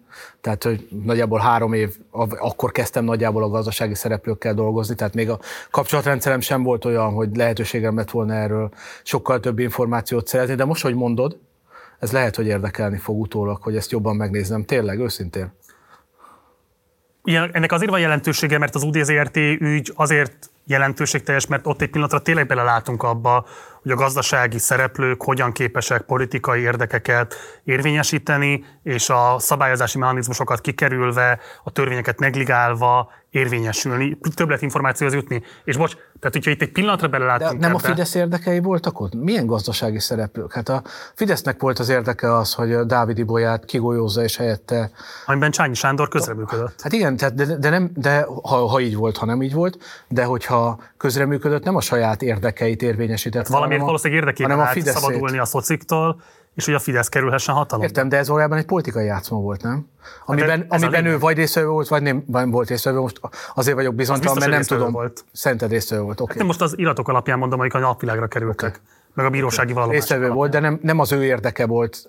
Ezért mondom, a, a, amilyen játékokról viszont 2010 óta gondolunk, vagy tudunk, azokban nyilván, és amire te is utaltál, az autonómia, önállóság, hogy nyilván nem a Fidesz érdekeit próbálja érvényesíteni. Tehát én ezt nem, nem érzem egy ilyen jó, prób- jó bocs, példának. Ez az egész probléma együttes, hogy nem tudjuk eldönteni, hogy ő mikor teljesít szívességet, uh-huh. mikor követi a saját érdekeit, mikor követi a saját érdekeit, de úgy, hogy az másnak is hasznos, és kinek hasznos, és közben úgy mozog régiókon átívelően, hogy ebből kázi semmit nem tudhat meg az átlag állampolgár, de hol ezt tudhat? Te nem érzed, ezt te nem érzed egy demokratikus deficit? Nem, mert hol tudhat erről meg többet az átlag állampolgár hasonló? Mindenhol vannak ilyen személyek, nálunk az a baj, hogy ilyenből, tehát aki autonómiával is bír, kevesebb van. A többiekről még kevesebbet tudhatsz, mert nyilván azok az esetek többségében nem önálló szereplők, hanem hanem a politika meghosszabbított karjai. Jó lenne, a sok ilyen lenne, de ez nyilvánvaló, hogy, hogy egy ilyen szereplőnek van a politikával kapcsolatban érdeke. Én ezt nem is értem.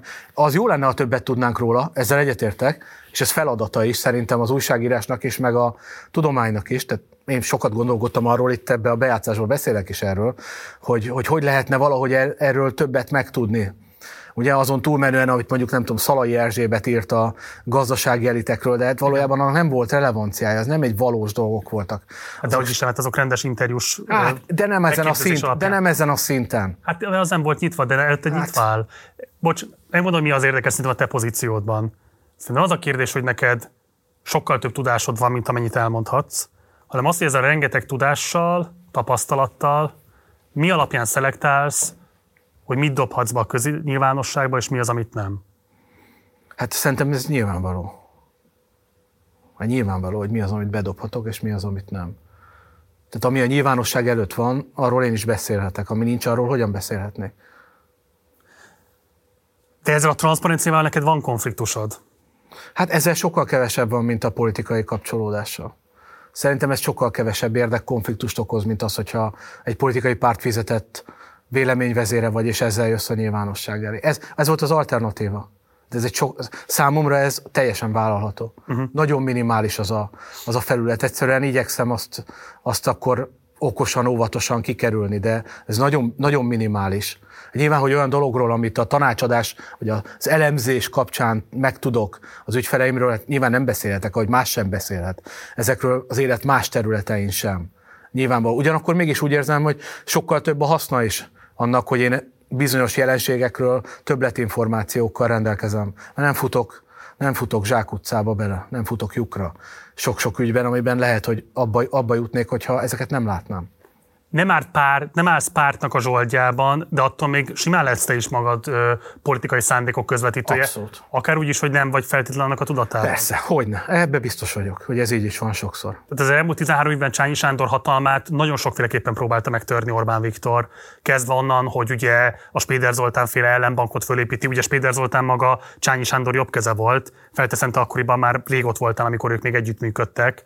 Um, folytatva a bankadóval. 2005-ben szakadt meg, nem a kapcsolatuk talán. De már nem, de ezt se tudom pontosan. Figyelj, szerintem a kérdés az, hogy tudsz-e mondani ilyet? Tehát, hogy, hogy volt-e olyan, amikor én az ő érdekeit szolgálva a nyilvánosságban vettem részt úgy, hogy erről a nyilvánosság ne tudott volna. Hát ez a legtranszparensebb dolog, hogy erről beszélek. Hát érted? De nekem van más ügyfelem is, akiről nem lenni, is... hogyha föltétlenül minden ilyesmit fölismernék, nem? Hát persze, világos, oké. Okay. De hát szóval hol, hol lennének azok a pontok? Nyilván, nyilván előfordul, de egyébként nekem vannak olyan ügyfeleim is, akikről nyilván a nyilvánosság nem tud. Hát nekik is lehetnek ilyen kéréseik, vagy ilyen akármicsodájuk, de még baráti alapon is teljesíthetsz ilyet, ha egy politikus megkér rá, akár anélkül is most mondj rólam jókat vagy rosszakat. Ez abszolút csak az elemző hosszú távon kiderül, amit Csolyom László mondott, ugye, hogy a tisztesség hosszú távon megéri, nem csak hosszú távon éri meg, hanem hosszú távon derül ki. Uh-huh. Engem annyi mindennel vádoltak. Már hát emlékszel, Vona Gábor tanácsadója is voltam hosszú időn keresztül. Majd Már, hogy... oda is, még ott én nem tartom. Úristen. De bocs, hát Csányi hát... Sándor hatalma szerinted az elmúlt 13 évben mikor volt a legjobban fenyegetve a NER részéről? Mikor érezted azt, hogy neked a stratégia alkotásban adott esetben olyan szereped van, hogy annak súlya lesz, hogy most ebbe vagy abba az irányba lép Csányi Sándor? Szerintem 2006-ban. Haha, ugye? Ezen most meglepődtél. De azt gondolom, hogy Gyurcsány Ferenc alatt volt leginkább fenyegetve. Igen, ott voltak szerintem olyan pontok, mint nyilván azokról kevesebbet tudok. Esély. Nyilván azokról kevesebbet tudok, de akkor olvastam ezekről a legtöbbet. És akkor látszott, hát Gyurcsány Ferenc volt eddig az egyetlen olyan miniszterelnök, aki szavakban legalábbis a legélesebben támadta őt. Emlékszel, volt valami moszkvai útja a miniszterelnöknek, ahonnan üzent, vagy mondott olyan mondatokat, amelyek szerintem nyílt konfrontációt jelenítettek, és akkoriban sokszor beszéltek arról, hogy na majd akkor lesz egy, hogy is mondták? Talán még újságok is írtak erről, hogy magyar Hodorkovszki ügy, és akkor Gyurcsány neki támad Csányinak. Szerintem a legközelebb ehhez abban az időszakban állt messze nem a 2010 óta terjedő időszakban, de ez csak nyilván az én véleményem, vagy ahogy én látom a dolgot. Hm. Én nem hiszem, hogy 2010 óta lett volna olyan időszak, amikor reális veszélye lett volna hogy, hogy az ő hatalmát fenyegették. Nyilván a, a, a portfólióját, a birodalmát és egyebeket itt-ottam ott próbálták nyesegetni, és nyilván vannak is ebben feltételezem sikerek, vagy olvasom, hogy vannak ebben sikerek is, meg vannak kudarcok is, de, de az, meg azért ő is köszönhet egy-két dolgot a rezsimnek. Nyilván, nyilván. De az, aki, a, a, a, az a pillanat, de Megyesi Péter is kifejezetten jó viszonyban volt, ugye egy időben a fideszesek folyamatosan szokták is mondani, hogy Megyesi Péter miniszterelnökségét az Csányinak köszönhetik. Szóval, hogy sok ilyen fölmerült, tehát a politikával való kapcsolódásra, de szerintem egyetlen olyan miniszterelnök volt, aki esetében el lehetett azt képzelni, hogy esetleg ő tesz olyan lépéseket, amelyek komolyabban fenyegethetnék. Tehát akkor igazából Gyurcsány Ferenc magának köszönheti azt, hogy Csányi Sándor végül is így vagy úgy, de besegített a Fidesz hatalomra kerülésébe? Már hogy mivel? UDZRT például, csak a, hogy csak tényleg a legevidensebbet mondjuk, mert azt, hogy egyébként finanszírozta a kampányát a Fidesznek vagy sem, arról semmilyen információnk. Hát igen, azt viszont szerintem ott már nem nagyon kellett segíteni a Fidesznek. Gyurcsány Ferenc segített a legtöbbet a Fidesznek. Azért ahhoz kellett pénz is hogy azt az üzenetet el lehessen juttatni a legutolsó magyar faluba Szerintem amikor biztos volt már, és nagyjából 2007-8-tól biztos volt, hogy a Fidesz nyer, akkor nem hiszem, hogy, hogy a Fidesznek olyan nagyon kellett keresnie, hogy honnan kaphat a... Hát voltak cashflow problémák akkoriban a párt Igen? Belül. Én nem tudok erről. De komolyan. De, tényleg nem tudok róla. De, nem tudom, miért nézel így, mert tényleg nem tudom. olvastam róla kétségtelen, de, de hogy ez valóban lett volna, nekem az az elképzelésem, hogy, hogy ha, ha valakiről biztos az, hogy megnyeri a következő választást, ott azért vannak, akik szívesen befektetnek. Hát csak nem volt mindegy, hogy ez egy alkotmányozó többséggel történő váltás lesz, vagy egy sima többséggel történő Föl sem merült akkor, hogy alkotmányozó többséggel. Hogy Gábor, hát miről beszélsz? Hát igen, Debreceni József írt erről, de azért nem volt annyira valószínűnek látszó a régi választási rendszerben, hogy ez így megtörténhet szerintem. Jó, fölmerült, oké, okay, kétségtelen, az utolsó fél évben már igen, az igaz. A bajnai Leg, kormány Legkésőbb idején, a négy igenes, nem még, bocsánat, a három igenes. A szociális. Szociál, úgynevezett szociális népszavazás után. Igen. Hát ha valaki megnézte a választóköri adatokat, megnézte az össz, szavazói létszámot, akkor lehetett látni, hogy Igaz. Megvan a választói tömb. Igaz, igaz. Abból kijöhetett. De azért még azt se gondoltad, hogy abból 176-ból 173 választókörzet lesz. Tehát én emlékszem azokra a mandátumbecslésekre, ott 2010-ben azért Budapest kapcsán ennél árnyaltabbnak látszott még akkor is a kép. Na mindegy, kétségtelen persze, ebben lehet igazság, amit mondasz, hogy az nem mindegy, hogy alkotmányozó többség vagy sem. De azt nem biztos, hogy az döntött el, hogy, hogy mennyi pénzből kampányol a Fidesz. Ott már a szocialisták folyamatosan maguk alatt vágták a fát. Tagasztatlan. Igen. Ha te tanácsodon múlna,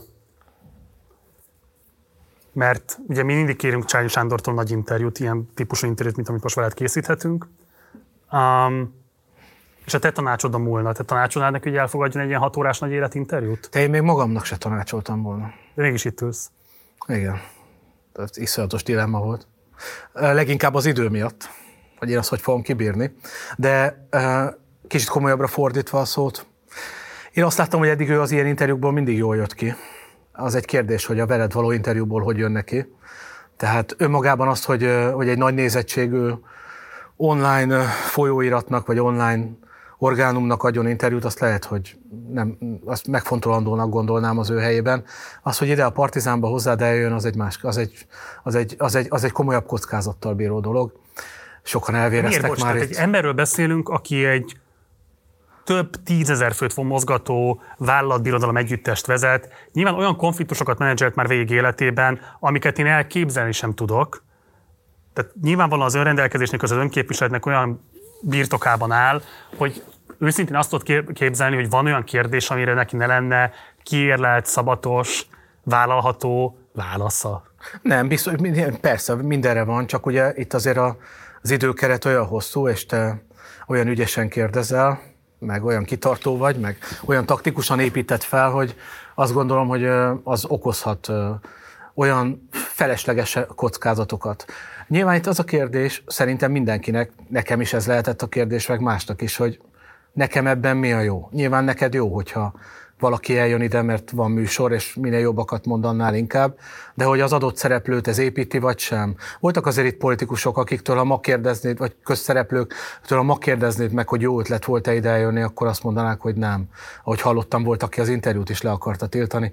Későbbiekben... Bocs Gábor, tehát hogy te azért politikai tanácsadással foglalkozol, ezt tegyük helyre. Tehát, hogy azt te is pontosan tudod, most ne nevezünk meg konkrét személyt, de nincs olyan, hogy definitív interjú, ami után egy politikai karrier végérvényesen kisiklik.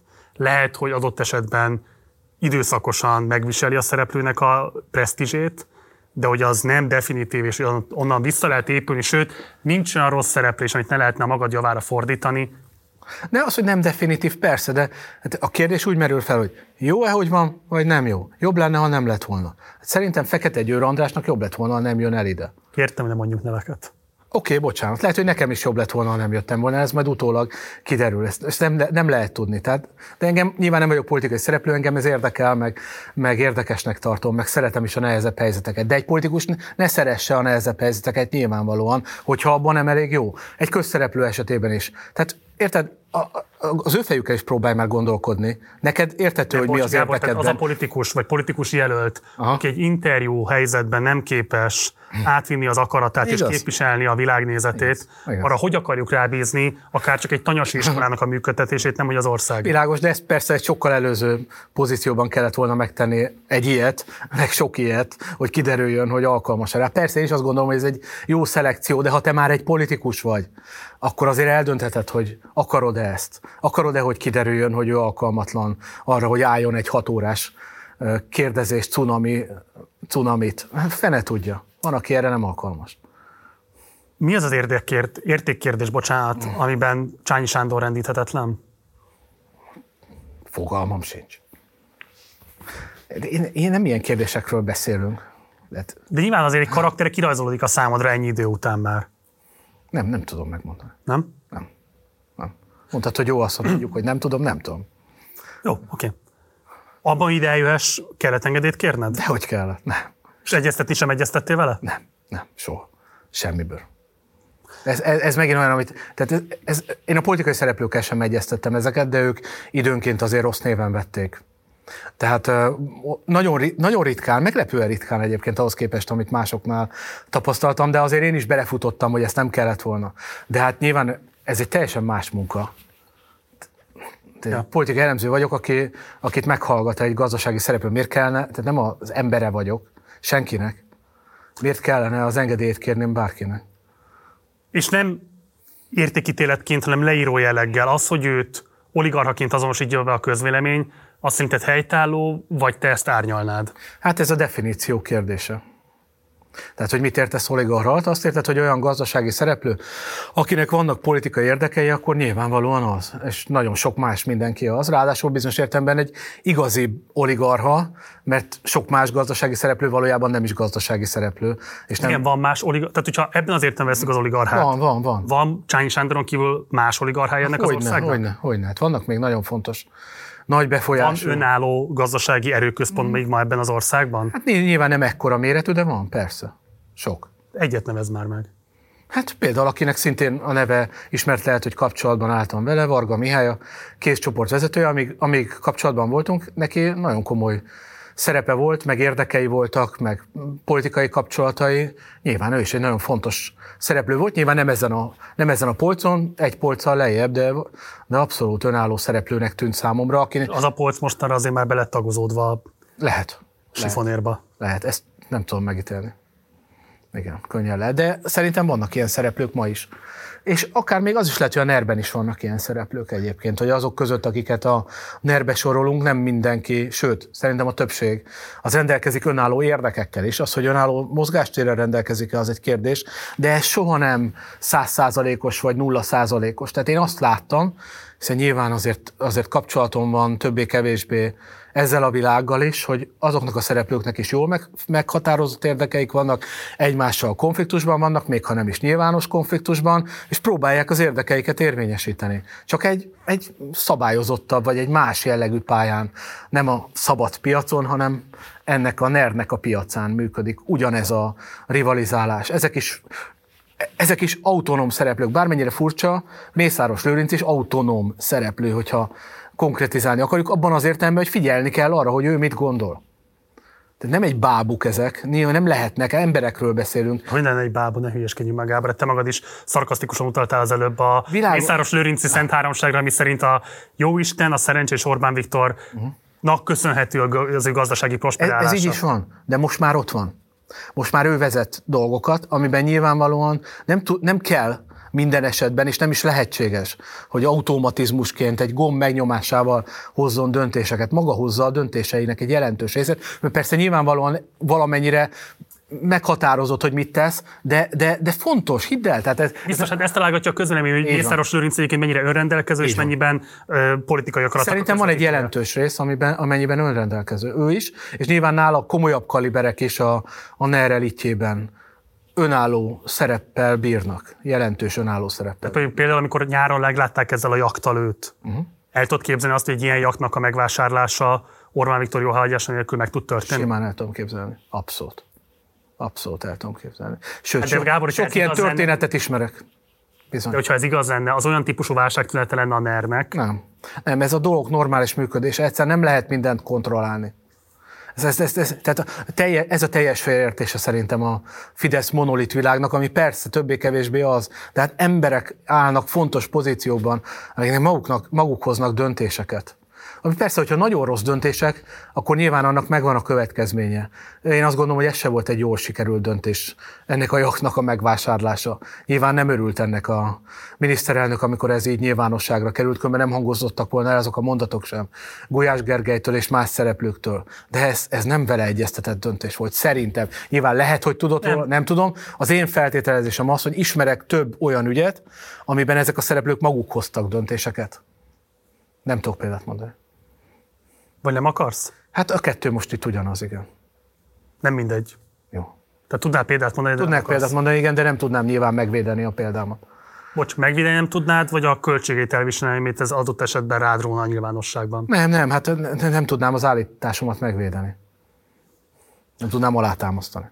De az, hogy szarkasztikusan utaltál a Mészáros Lőrinc érvényesülés filozófiájára, vagy krédójára, ez bosszantja Csányit? Már abban az értelemben, hogy azért itt 2010 óta, bocs, 2010 óta itt olyan vagyonok halmozódtak föl, olyan szereplők váltak meghatározó, akár mondom, komplet nemzetgazdasági ágazatok irányítójává, ami lehet csak minden gondolni Csányi Sándorról, de az, hogy neki a politikai érvényesülés mellett volt saját elköteleződése és tétje, adott esetben kockázatvállalása is az OTP fölépítésében, azt még szinte a legéresebb kritikusai sem tagadják.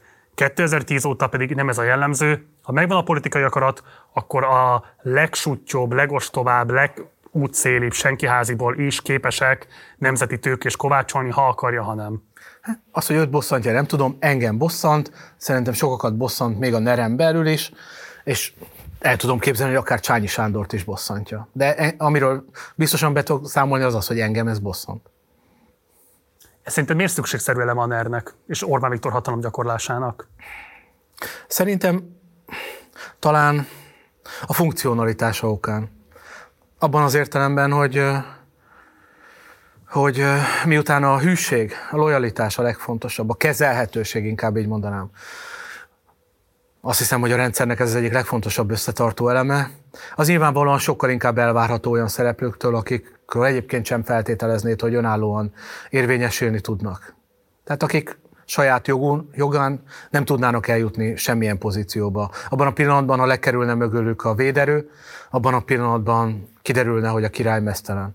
Ilyen emberek sokkal szívesebben, ilyen embereket sokkal szívesebben lehet alkalmazni akkor, amikor a hűség a fontos. És ez nem csak a gazdaságban igaz, hát a politikai mezőnyben is. Hát nézd meg a Fidesz parlamenti frakcióját, minden tiszteletem mellett azt kell mondanom, hogy látszik a tudatos, jókezű, jó szemű összeválogatás. Hogy inkább olyan emberek jöjjenek, akiknek nincs más lehetőségük a politika mellett, mint Orbán Viktor szolgálata.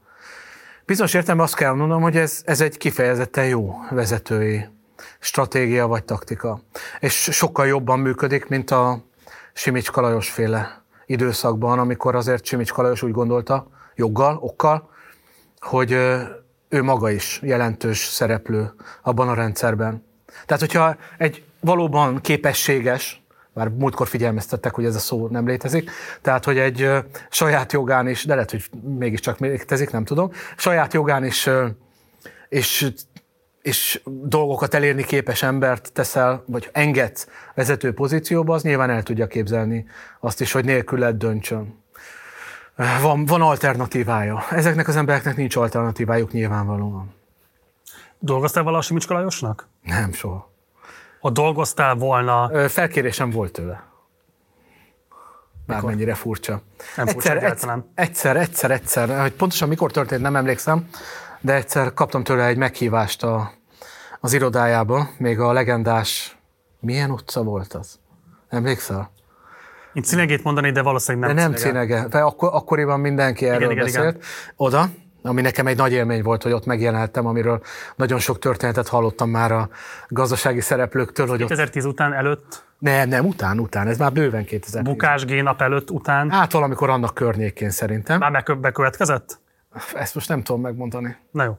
Szóval elmentél De szerintem, szerintem pont akkoriban lehetett, és azt kérte, hogy, hogy vállalnék olyan munkát, hogy közvéleménykutatásokat készítek számára. Most nekem azért a közönkutatásokhoz viszonylag kevés közön van, de azt mondta, hogy az is jó, hogyha értelmezésekkel, és akkor a, a valamelyik általa irányított labban jelenének ezek meg. Nem is nagyon ért, értettem a dolgot, és nyilván nem vállaltam el részben kompetenciájában, részben pedig azért, mert őt valóban politikai szereplőnek gondoltam már akkor. De, de ez egy nagyon érdekes, tanulságos szituáció volt. Jó, hogy láttam azt a főhadiszállást, amely tényleg pont olyan volt, mint ami ennek leírták. Azzal az eklektikusságával és furcsaságával. Ahol az ország legfontosabb dolgait dőltek el, de mégis egy abszolút kis, egyszerű házikó valahol a 12. kerületben. Itt, amit láttunk bejátszást a Kadarka Endre interjújában, tehát te demokrácia veszélynek élted meg Simicska Lajost? Én ez, ezzel nagyon óvatos vagyok ezzel a kifejezéssel, bizonyára túl óvatos. Az én demokrácia képem az sokkal megengedőbb. Inkább minőségromlást látok sok dologban, és nem a demokráciának a, az elvesztését. Szerintem még mindig demokrácia van Magyarországon például, ami nyilván egy felháborító álláspont, de ez csak azért van, mert én másképp kitágítottabban látom ezt a dolgot, hogy gondolkodok Mi a róla. hogy a demokráciának szerinted? Szabad választás, szabad részvétel, szabad nyilvánosság. Szabad nyilvánosság esetén nyilván e, már vannak buktatók, de azért összességében az, hogy hogy minden vélemény meg tudjon jelenni, nyilván ma nem ugyanolyan súlya, de sose volt az, hogy ugyanolyan súlya jelenne meg. Tehát a szabad választás, szabad részvétel, szabad nyilvánosság minimumai, ha megvannak. Akkor ezekről beszélünk, mint háromról külön külön. Ajaj, kár volt ezt előhozni. Azt mondod, hogy szabad nyilvánosság. Az állami tévében nem lehet bejutni ellenzéki képviselőnek, vagy bármilyen civil kezdeményezésnek. Nekem sem. 2015 azért az nyilván másként nézett ki. A Budapesten kívüli nyilvánosság napilapiacot tekintve teljes egészében le van uralva, a híradók, híradások, MTI mindegyike kormányzati irányítás alatt áll. Mm. Um, igen, de a legnagyobb elérésű televíziók csatornájában van egy, amelyik nem a kormányirányítás alatt van, a legnagyobb internetes portáloknál van olyan, nem is egy, amelyik nem a kormányirányítás alatt áll. Tehát a, a, a figyelő szempontjából, vagy az olvasó szempontjából, a néző szempontjából van lehetőség alternatív tájékozódásra. És akkor nem beszéltünk még az internetről, ahol mi is itt vagyunk, ahol nyilvánvalóan messze piacvezetőbb a kormánykritikus hang, mint a kormánypárti. Szóval azt gondolom, hogy mindig az, amit mondtál, és valóban ez a helyzet, de talán a tájékozódás szempontjából jobb a helyzet, mint 1998 előtt volt. Amikor azért egy jobboldali hang sokkal nehezebben tudott eljutni a nyilvánossághoz, sokkal kevesebb lehetősége volt, nyilván sokkal szűkebb piacon is, mint ma mondjuk egy ellenzéki hang. Ma azért egy ellenzéki nagyon könnyen megtalálja azt, amit akar. Hallgatni, olvasni, nézni. De ugye azért 98 előtt mégiscsak az volt a helyzet, hogy nem voltak ilyen típusú erőközpontok, Igen. mint ma. Tehát lehet, hogy ebben igazad van, hogy a jobboldali hangokat kevésbé volt lehetőség detektálni a nyilvánosságban, de nem is volt olyan típusú tőkekoncentráció a nem tudom én, balliberális oldal kezében, mint amilyen ma van. És sem tőke koncentráció, sem ilyen mértékű utasításos rendszer a sajtóban. Ez mindig az. De hát látod egyrészt, másrészt. Ezek érvek, ellenérvek, tegyük egymás mellé. Én ebben nem látok olyan nagy különbséget. Mindenkinek megváltozni ahhoz, hogy te a mostani rendszernek a karakterét ne demokratikusnak éld meg. Van-e vörös vonalad? Hát ez a három.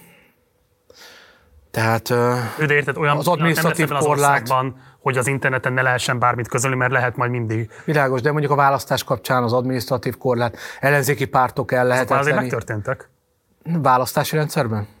Hát például csak önmagában az, hogy a 22-es választás előtt 80 nappal, azt te magad is egyébként úgy ítélted meg, hogy kifejezetten kirívóan um, uh-huh. problémás, mondjuk akkor így, hogy a választási eljárásról szóló törvényt még 8 hónappal a választás előtt módosítják. Amikor felemelték a... Igen. Aha. Igen, illetve, illetve azért az állami, szám, állami számvevőszék beavatkozása, Igen. a jelentős büntetések, azokat én administratív korlátoknak látom. Tehát azért mondom, hogy minőségromlás szerintem még ezen a téren is van, de talán nem történt meg a, a, a az a határátlépés. De nyilván az éjhatáron mondom nagyon messze van, és teljesen megértem azokat, akik azt mondják, hogy már szürke zónában vagyunk.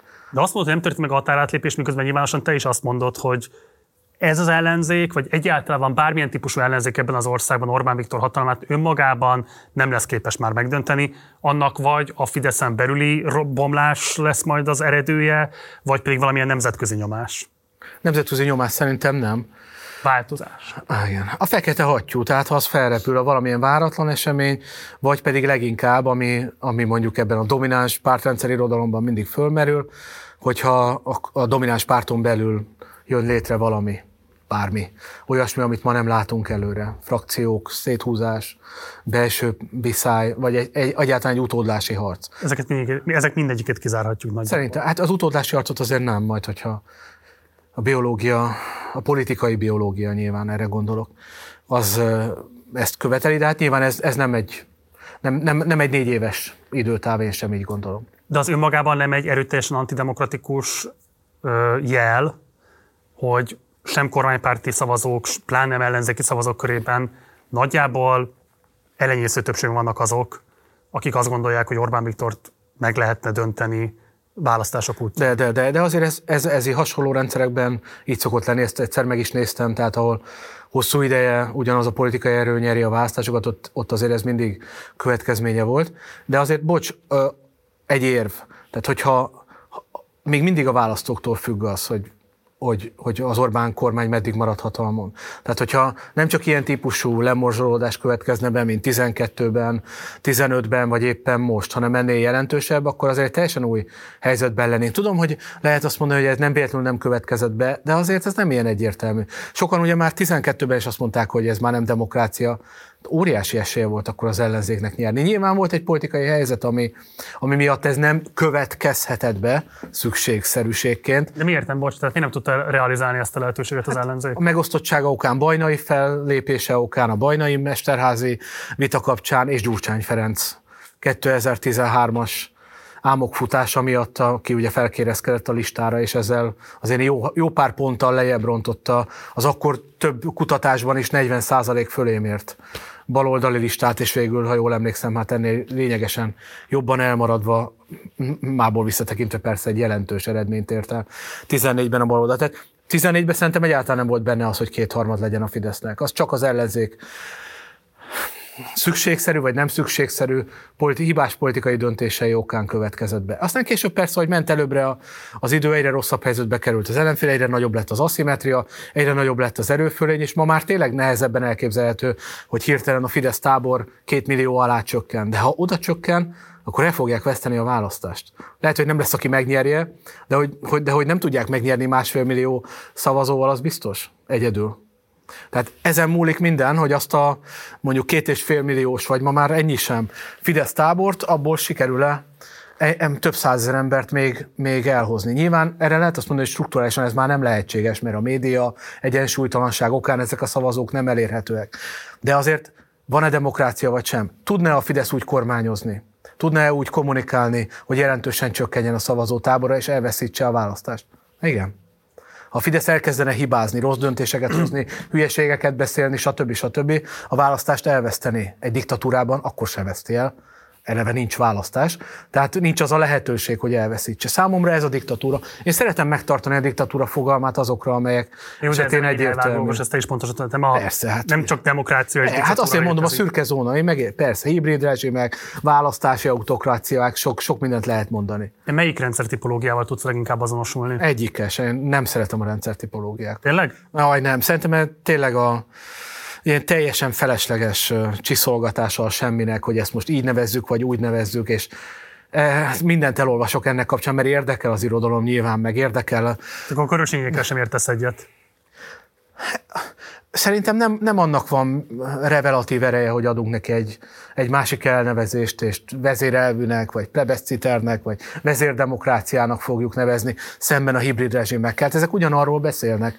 Mind arról beszél, hogy van egy köztes zóna, amikor nem, sok minden már nem olyan, mint egy demokratikus rendszerben. Ennyit kellene állítani, de nyilván sokkal jobb, ha mindenkinek van egy saját elmélete. Nem szeretem ezeket az elméleteket. Nyilván én én szerintem ez az egész egy személyfüggő rendszer, amelyben alapvetően a, a személyi kapcsolódások azok, amelyek dominánsak, és ezért sokkal nehezebb intézményi alapon leírni. Számomra a jó metafora vagy hasonlat az sokkal inkább egy középkori udvar, egy, egy királyi udvar. Ezt szoktam mindig mondani, de nyilván ez se jó, mert ez nem egy feudalizmus, sok-sok különbség van, amiket egyébként mások tök jól le is írnak, hogy, hogy, hogy ezek, ezeken a pontokon nem teljesül az. De a logikában, ahogy működtetik a rendszert, abban én azért inkább egy középkori udvarra ismerek rá, mint, mint egy vezérelvű demokráciára, vagy, vagy, vagy, vagy más rendszerekre. Nagyon, nagyon fontosnak tartom az egészben a személyt, meg a, nyilván a vezető személyét. többször hírbe hoztak Mesterházi Attilával, mint akinek a tanácsadója lettél volna. Tényleg? Ezt cáfolod, vagy meg tudod erősíteni? Hát abszolút cáfolom. Nem működtél vele együtt soha semmilyen formában? Nem, nem hát beszéltem vele nyilvánvalóan többször. Mert sokakkal beszélsz nyilván, Igen. de hogy semmilyen formában nem segítetted az ő politikai működését. Nem, de remélem nem is ártottam, de nem segítettem. Jó. Um, és akkor elérkeztünk ehhez a pontjához a beszélgetésünknek, amikor nagyon szeretném, hogyha egy picit részletezettebben belemehetnénk ezekbe a transzparencia dilemmákba, amik téged szerintem erőteljesen foglalkoztatnak. Így van. Um, és ugye, ahogy mondtam, beszéltél a politikai és a gazdasági összefonódások intranszparens mi voltáról, és arról is beszéltél, hogy valószínűleg ezt fikcióban lehetne legjobban földolgozni. Uh-huh. Foglalkoztat az, hogy uh-huh. hogyha a saját szakmád eszközei erre nem is alkalmasak, akkor milyen más eszközökkel Aján. írható le ez az élmény együttes? Persze, hát itt a, a talán már nem is emlékszünk rá, mert régen volt, de a bejátszóban pont erre próbáltam utalni Kadarkai Endrénél akkor 2011-ben. Én akkor úgy éreztem, hogy az, amit el kellene mondani, ezt nem lehet elmondani a politikai elemzés nyelvén, és nem nagyon láttam más utat, mert el akartam mondani, mint, mint valamilyen irodalmi műfaj, nyilván nem szép irodalmi műfaj, de valamilyen fikciós műfaj, és el is kezdtem írni. Egy pol- egy regényt? Hát nem írtam meg, elkezdtem írni, beszéltem olyanokkal, akik, akik ezzel foglalkoznak. Miről beszéltél? Hát már nem emlékszem pontosan. Fejtamással? Fejtamással beszéltem, de nem erről. Nem, nem, tehát őt, őt, vele nem osztottam meg ezt a, ezt a részét. Nem, szak... Hát lényegében egy csinált egy ilyesmit. Hát igen. Bárdos András is csinált egy ilyesmit. Igen. igen. Ezek voltak azok, amik elriasztottak a dologtól leginkább. Ez a kettő. A fogadtatás, vagy pedig a megalkotott művek minősége? A művek minősége. Igen. Próbálok őszinte lenni, de nyilván nem szeretném őket megbántani, de úgy éreztem, hogy ezek nagyon messze vannak attól, hogy, hogy ezek segítsék azt, hogy többet tudjunk, ezek inkább a, az ő fejükben élő fikciók voltak, és nem az, ahogy ez a dolog kinéz. Ahogy elképzeljük, hogy hogy néz ki Svájcban a, a Nerelit, vagy hogyan hozza a döntéseket Orbán Viktor. Ezt, nyilván ezt valaki bentről tudná legjobban megírni. Szóval, hogy elkezdtem ezzel foglalkozni, ugyanakkor 2014-15-ben olyan események történtek, és annyira kicsit beláttunk a paraván mögé Simics Kalosnak köszönhetően, hogy úgy éreztem, hogy erre nincs szükség, tehát most már sok mindent tud erről a nyilvánosság, vagy aki akar, az sok mindent megtudhatott részben általa, meg a vele kapcsolatos oknyomozó újságíró műfajokból is. És hát nyilván van egy erős műfai problémám is, hogy, hogy ezek a regények, ezek elriasztottak abban, hogy, hogy van-e elég tehetségem ahhoz, hogy egy ilyet jól megírjak. Úgyhogy ez, ez még mindig ott van az íróasztalomon. Mennyit írtál meg belőle? Hát nem sokat, keveset, nagyon. De Nyilv... bocs, egy szüzsét van nagyjából? Igen, igen, igen. igen. Milyen, azt elmondott, hogy milyen sztorit akartál elmesélni? Hát egy gazdasági szereplő történetén keresztül szerettem volna bemutatni azt, hogy, hogy a politika útvesztőjében hogyan, mi, mivel találkozik, és, és, és hogy néz ki belülről a politika, hogy azokat a mondatokat szerettem volna leírni, amiket a politikusok nekem mondanak háttérben arról, hogy ők hogyan dolgoznak. Nagyon jó mondatok vannak. Azzal kapcsolatban, hogy mi a politika. Jaj, egy mondatot osz már meg, de anélkül, hogy elmondanád, hogy ki Oké. Okay. Hát, hogy az a politikus, aki, hogy a politikus egy olyan, olyan szereplő, mint a családban az az ember, aki amikor megszületik tíz kis kutya, akkor nyolcat bedob a kájhába. Csak kettő maradhat meg. A politikusnak kell ezeket a döntéseket meghoznia. Tehát ezek a, szerintem még elég jól megmutatják, hogy, hogy a szereplők hogy gondolkodnak a saját feladatukról, szerepükről, milyen mértékben szükségszerű a cinizmus, és ez milyen mértékben hatja át a, a munkájukat, hogy egyszerűen még azok is, akik valamifajta ideával rendelkeznek, és ez megint visszacsatol a beszélgetés egy pont, pontjához, azok idővel ezt szükségszerűen el kell, hogy veszítsék. Mert azt a nyolc kis kutyát az be kell dobni a kájhába és sokszor be kell dobni a kiskutyákat a kájába, és ez nyilván ez kiöl minden lelket, ideát, meg eszmét a politikából, a politikai szereplőből. Ez így működik. Rengeteg ilyen kompromisszum van. Nyilván van, aki ezt élvezi, és szívesen dobja be a nyolc kis kutyát, van, aki meg egyszerűen csak megérti, hogy ez a feladata. Na, ilyeneket szerettem volna elmondani. De ez egy jó... Legalább most itt el tudtam hát mondani. ez egy jó mondat, ez nagyon Ugye? jó mondat. De Én akkor, szeretem. De akkor hadd vezessem ezt át egy pillanatra az értékválasztás kérdéséhez, jó? Mert nagyon nem mindegy, az ember miért, vagy a politikus miért dobálja be azt a nyolc kis kutyát. Igen, persze. Mert ha arról van szó, hogy egyébként megtehetné, mind a tizet fölneveli, Így van. és a saját életét akarja megkönnyíteni, uh-huh. akkor az egy bestiális cselekedet. Uh-huh. Ha az a helyzet, hogy olyan szegénységben él, hogy azt a kettőt se fogja tudni fölnevelni, de talán kettőt még nem fog halára éheztetni, akkor fölvethető, hogy van-e mögötte uh-huh. uh, olyan érv, ami nem arról szól, hogy uh, a saját kényelmét akarja védeni, hanem pont azt mondja, hogy kettőért vagyok képes felelősséget vállalni, és nem én arról, hogy tíz gyerek, vagy két, tíz kis kutya született. Vagy, hogy van-e mondjuk például a kutyamenhely a környéken, uh-huh. ami lehetővé teszi azt, hogy ne a kájha várja azokat a kölyök kutyákat, hanem esetleg más gazdák. Igen, szép ez a metafora, messze el lehet jutni. Én azt tapasztaltam, hogy a politikusok többsége nyilván azt mondja, hogy ez egy szükségszerűség, pont azért, mert nem lehetne. De ez a baj, nem, hogy ennyire beszűkül a politikai képzelőerejük. Hát idővel ez szerintem normális. És az nem baj, hogy ezt normálisnak tekintjük? Ebből a nézőpontból, amiben te meg én ülünk, szerintem baj. Vagy szóval érthető, hogy mi nem tartjuk ezt normálisnak. Én sokkal megértő vagyok a politikusokkal kapcsolatban. Ha valami igazán jellemez, az ez egyébként. Én ezt értettem meg, hogy ez egy írtozatosan nehéz munka. So, sokkal több tiszteletet érdemelnének. Tényleg, bár nyilván nem mindenki, meg ugyanakkorát, de összességében az a feladat, amit egyszerűen kiöli belőled. Én, bocs, én, én, én maximálisan egyetértek azzal, hogy szerintem is egy bitang nehéz szakma. Nagyon súlyos problémának tartom azt, hogy nincsen semmi becsület ebben az országban, de nem tudom nem megérteni azt, hogy miért alakult ez így, mert hogy hát hogy mondjam én, tettek érte, hogyha így lehet megfogalmazni, de leginkább tudom, mivel szerintem, és ebben érdekelne a véleményed, hogy, hogy ezt a dilemmát, hogy mit kezdünk a nyolc kis kutyával, akit nem vagyok képes fölnevelni, nincs rá pénzem, nincsen, nem tudom én, időm, lehetőségem, hogy abban szükségszerűségnek mutatni azt, hogy csak a kájha a lehetőség a megoldásra. Az nekem inkább szól arról, hogy hogyan lehet a saját, egyébként okkal megkérdőjelezhető közpolitikai döntéseidet magadnak is, meg neked, meg nekem, meg mindenki másnak igazolni tenni, sőt, az egyedül lehetséges megoldásá tenni, mint arról, hogy egyébként várjunk egy pillanatra, egyetlen miért lesz hirtelen tíz kis kutya? Hm. Vagy ha van tíz kis kutya, akkor annak a nyolcnak miért gondoljuk azt, hogy kizárólag a kájha lehet a sorsa? Jó, és akkor beszéljünk a mi felelősségünkről is.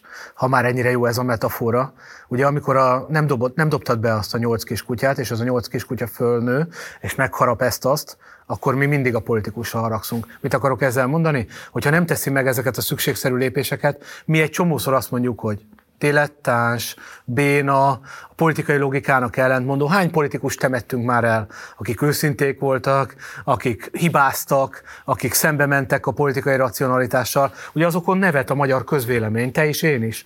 Egy csomó ilyen van. Loser nem, én próbálok, nem, tehát én próbálok ebben próbál lenni, az jó. Igyekszem ezt a nézőinknek is átadni, uh-huh. de hogy szerintem az, az, de arról viszont nagyon élesen gondolkodom, uh-huh. hogy ugye a politikai képzelőre leszűkítése az igenis érdeke a mindenkori hatalomnak, mert ha kiderülne az, hogy nem szükségszerűségek vannak, ah, hanem igenis értékválasztás és döntés, uh-huh.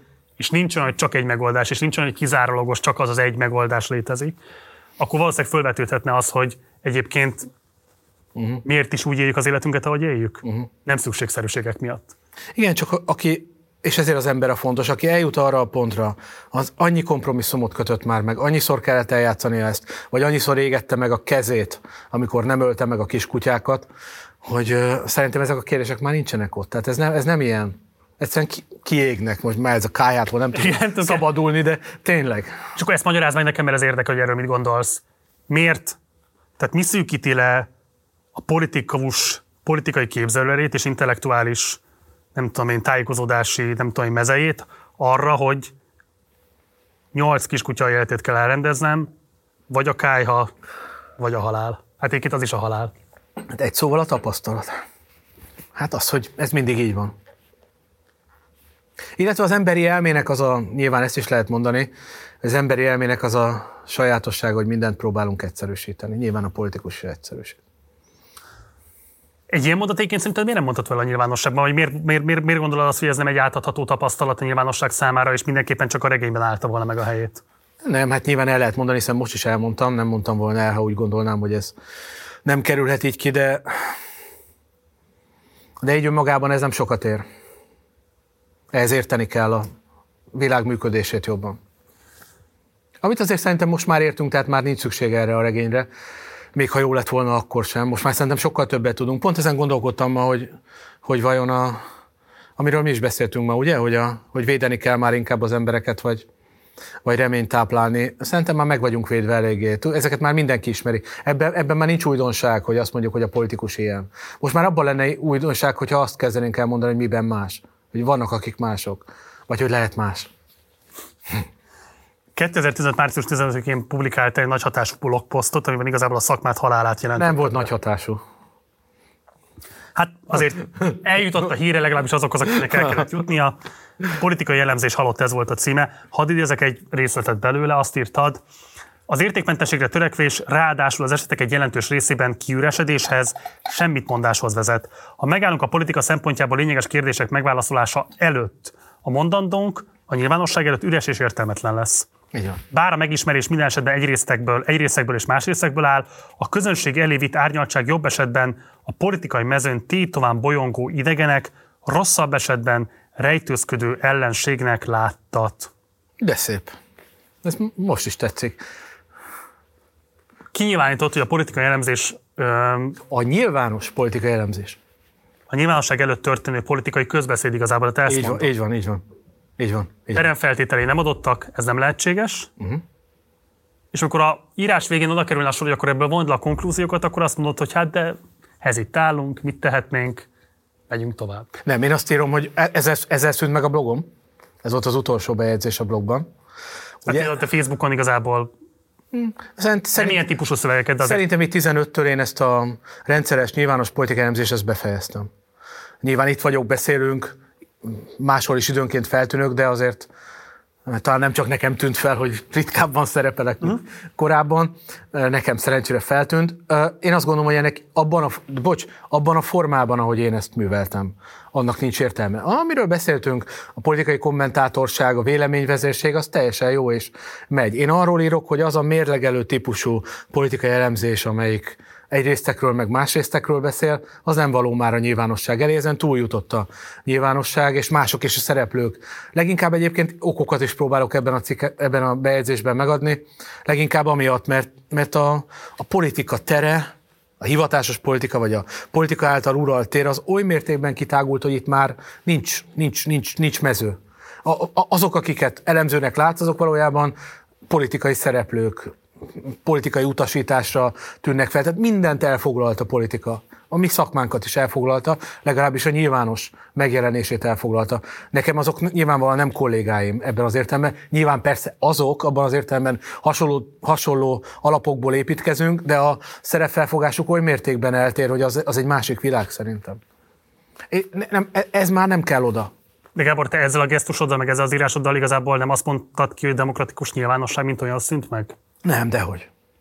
Nem, dehogy. Oh, nem. Demokratikus nyilvánosságban az értelmes politikai közbeszéd lehetősége? Nem, milyen érdekes, hogy tényleg mennyire, me, me, mennyivel inkább az olvasóról szól egy cikk, mint az íróról.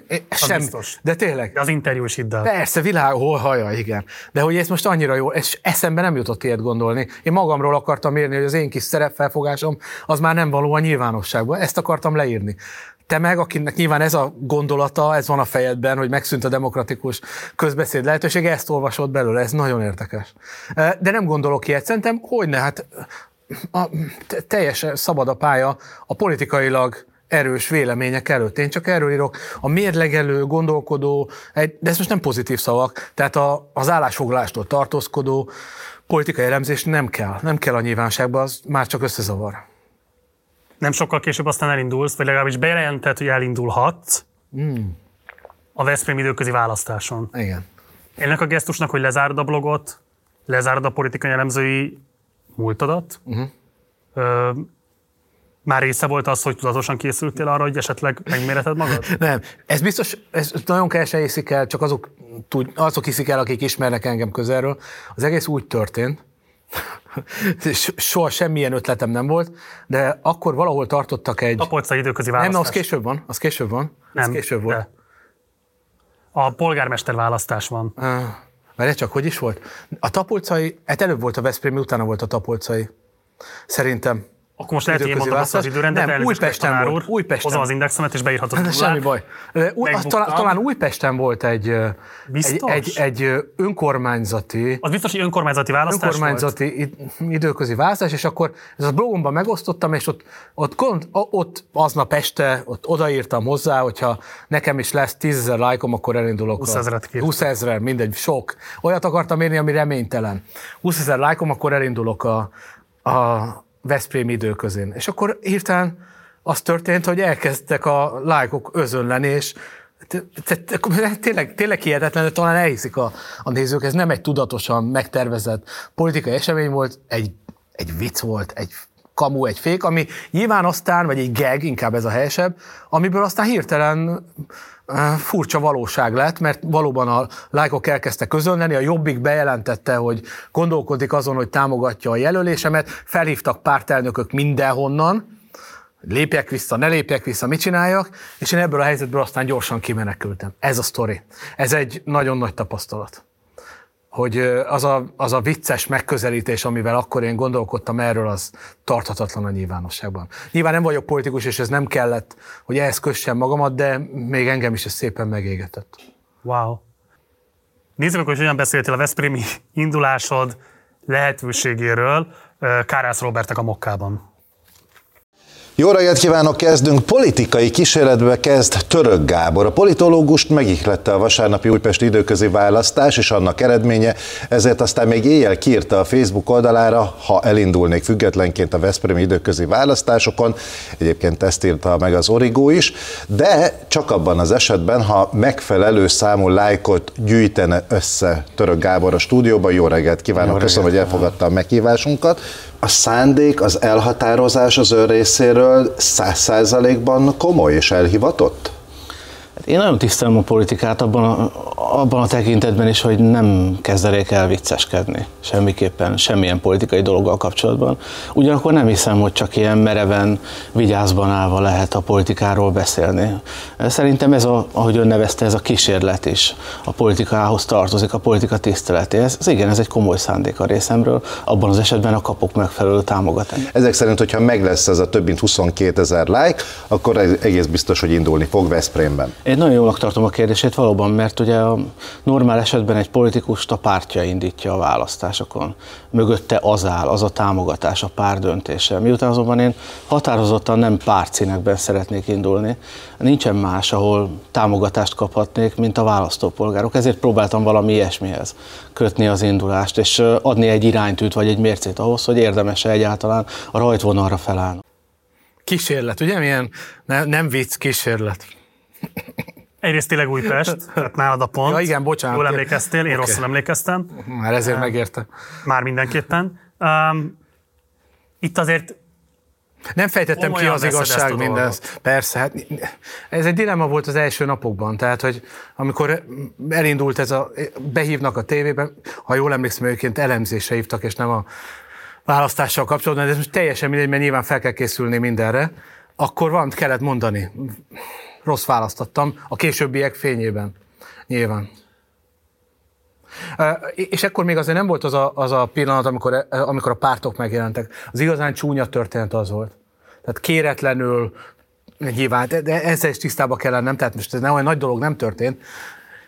Magamnak ezt úgy foglaltam össze egyébként, hogy, hogy a Schusternek lyukas a cipője, tehát a, a politikai nem vettem észre, hogy, hogy egy ilyen milyen térbe kerül egy pillanat alatt bárkinek kellett volna tanácsot adnom, hogy ilyet kiírjon, vagy ne írjon, vagy ilyen, ilyen, ilyen kísérletbe kezdjen, vagy sem, akkor azt mondtam volna, de hát ez, ez azonnal bekerül egy politikai térbe. Én meg pont ezt nem gondoltam át, hogy ez azonnal egy politikai térbe fog bekerülni, és az, amit még az első napokban elgondoltam, hogy esetleg majd tényleg független jelöltként el tudok indulni, ez nem működött. Hát jobbik bejelentés, fontolgatták a, baloldali pártok is, hogy mit csináljanak. Navracsis Tibor, akivel kifejezetten jó viszonyban voltam, adott egy nagyon durva interjút az Inforádiónak. Ha jól emlékszem, azt mondta, hogy hogy idegenek bejönnek az ő kertjébe és letapossák a virágokat, mert hát ugye ő Veszprém megyei Igen. képviselő, jelzem, hogy aztán később átment Tapolcára letaposni a virágokat, és ott lett képviselő, tehát hogy azért ez ebben, na mindegy, de hogy, hogy, hogy úgy éreztem, hogy ez,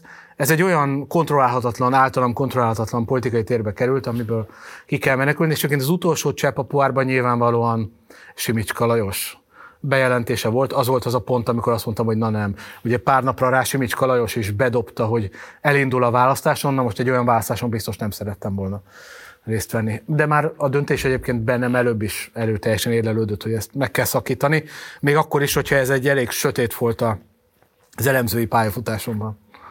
Ugye ennek különleges jelentősége volt ennek a választásnak. Így van. A Fideszes alkotmányozó többség volt a tét. Ez volt az, amit csábított?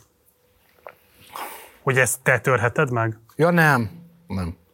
Nem. Hát nyilván tisztában kellett lenned azzal, persze, hogy persze, ez, de ez a Fidesz a... szempontjából egy különösen súlyos. De azt fel sem merült bennem, hogy egy ilyen választást megnyerhetek. Független jelöltként. Hogyan?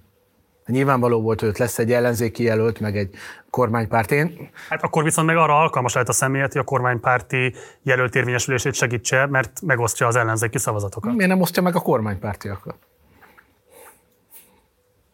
Oké, okay, tehát ezek nyilvánvaló volt. Tehát, hogy én azt gondoltam, hogy milyen vicces lesz, vagy milyen, milyen ez a vicces, ez persze nem igazam volt itt az interjúban, hogy több tiszteletet a politikának. Tehát milyen tanulságos lehetne számomra résztvevői megfigyelőként ebben, ebben szerepet játszani. De ez is az útkeresés. Gábor, az... tehát azért te akkor, akkor már közel másfél évtizede voltál a politika frontvonalában, de nem résztvevőként. A dinamikákat. De nem résztvevőként. De azért azt átlátod, hogy mivel jár a kétharmadot biztosító mandátum meglétért való ringbeszállásod. Persze, átláttam, utána átláttam, előtte átláttam, akkor nem láttam át annyira pontosan. De mi volt, ami ennyire édes volt számodra, hogy De nem látod, hogy Hát ellen, ellen bír találni, mert tulajdonképpen pár nap után Később igen, de ott abban a pillanatban vasárnap este nem, amikor megírtam Akkor jó ötletnek tűnt, veled még ilyen nem történt meg. Egy adott pillanatban jó ötletnek tűnt, ezt kiérni, nyilván nem elindulni a választáson tűnt jó ötletnek, csak utána lett egy helyzet ebből, ami, amit kezelnem kellett, és ezt valóban rosszul kezeltem. Nem Csányi Sándor kérte, hogy szállj be egy kicsit, és karad meg a viszonyokat? Jézus. Nem.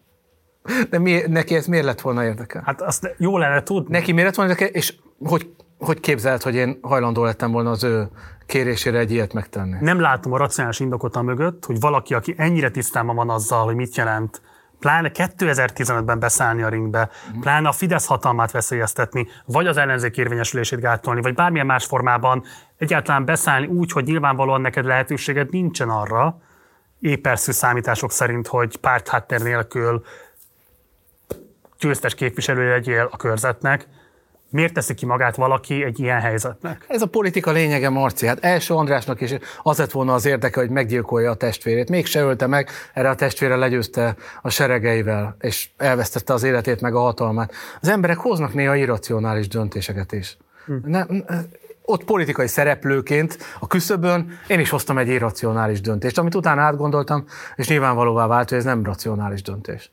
És ebből ki kell menekülni ebből. És ez üzletileg sem jutott vissza, tehát nem volt olyan megrendelő, aki azt mondta, hogy ne haragudjon Gábor, de hát hogyha maga ennyire csélcsap figura, akkor inkább maga ne adjon nekem tanácsot. Nem, ilyen nem volt, de azért kritikát elég sokat kaptam. Jogos kritikákat. Igen. Én azt gondolom, hogy ez egy sötét volt, ahogy mondtam.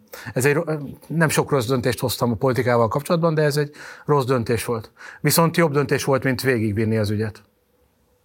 Ugye ott két alternatíva volt, hát miután, miután komolyá vált a dolog, az, hogy visszalépek gyorsan, és azzal a hitelemet veszélyeztetem valamennyire, ezt a döntést hoztam meg. Szerintem az már ott, ott világosabb döntés volt. Vigyázni kell, hogy az ember vasárnap esténként 10 óra után miket posztol. Már nem is szoktam. Öröktanulság. Öröktanulság. Öröktanulság. Azon elengedem, de ne arra, hogy ezt még egy körig rágom, mert annyira nehezen fér a fejembe, hogy valaki, akinek ilyen tudásai vannak, és alapvetően mindig nagyon racionálisan lejelöli ki a határait, uh-huh. racionálisan méri fel azt, hogy milyen kockázatokat játszik meg, és vállal egyáltalában. Marci, én őszintén azt gondoltam, hogy kapok maximum ezer lájkot, és akkor azt tudom mondani, hogy hát, hm, érted? És az... De várj, bocs, oké, hogy, hogy a poszt kimegy, oké, uh-huh. de másnap a tévében... De hát akkor már komolyra várt a helyzet. Valamit kellett ezzel kezdeni, és még nem volt meg a stratégia. Hát és miért nem mondtad azt, hogy oké, bocsánat, elnézést, ez egy vasárnap esti geg volt, köszönöm szépen a támogatást, nagyon kedvesek. Hát kellett gondolnom. Hiba volt ide elmenni egyébként. Várni kellett volna, hogy mi lesz a...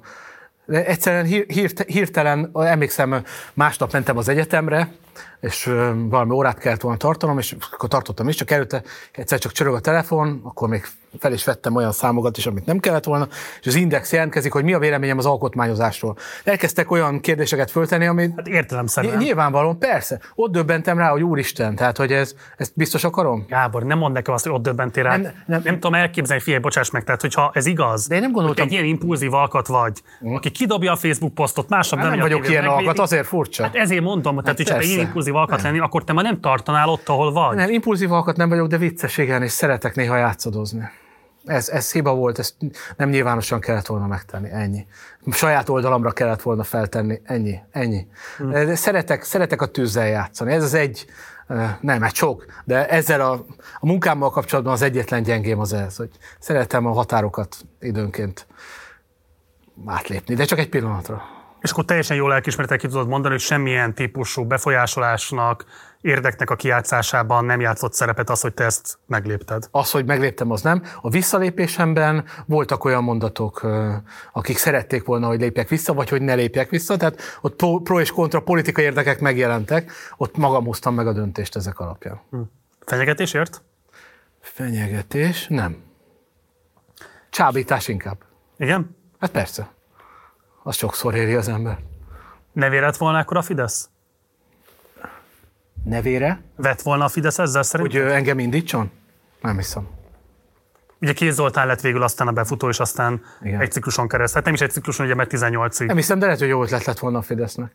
Lehet, hogy nem vesztik el a választást. Vállaltad volna? nem, nem, szerintem nem.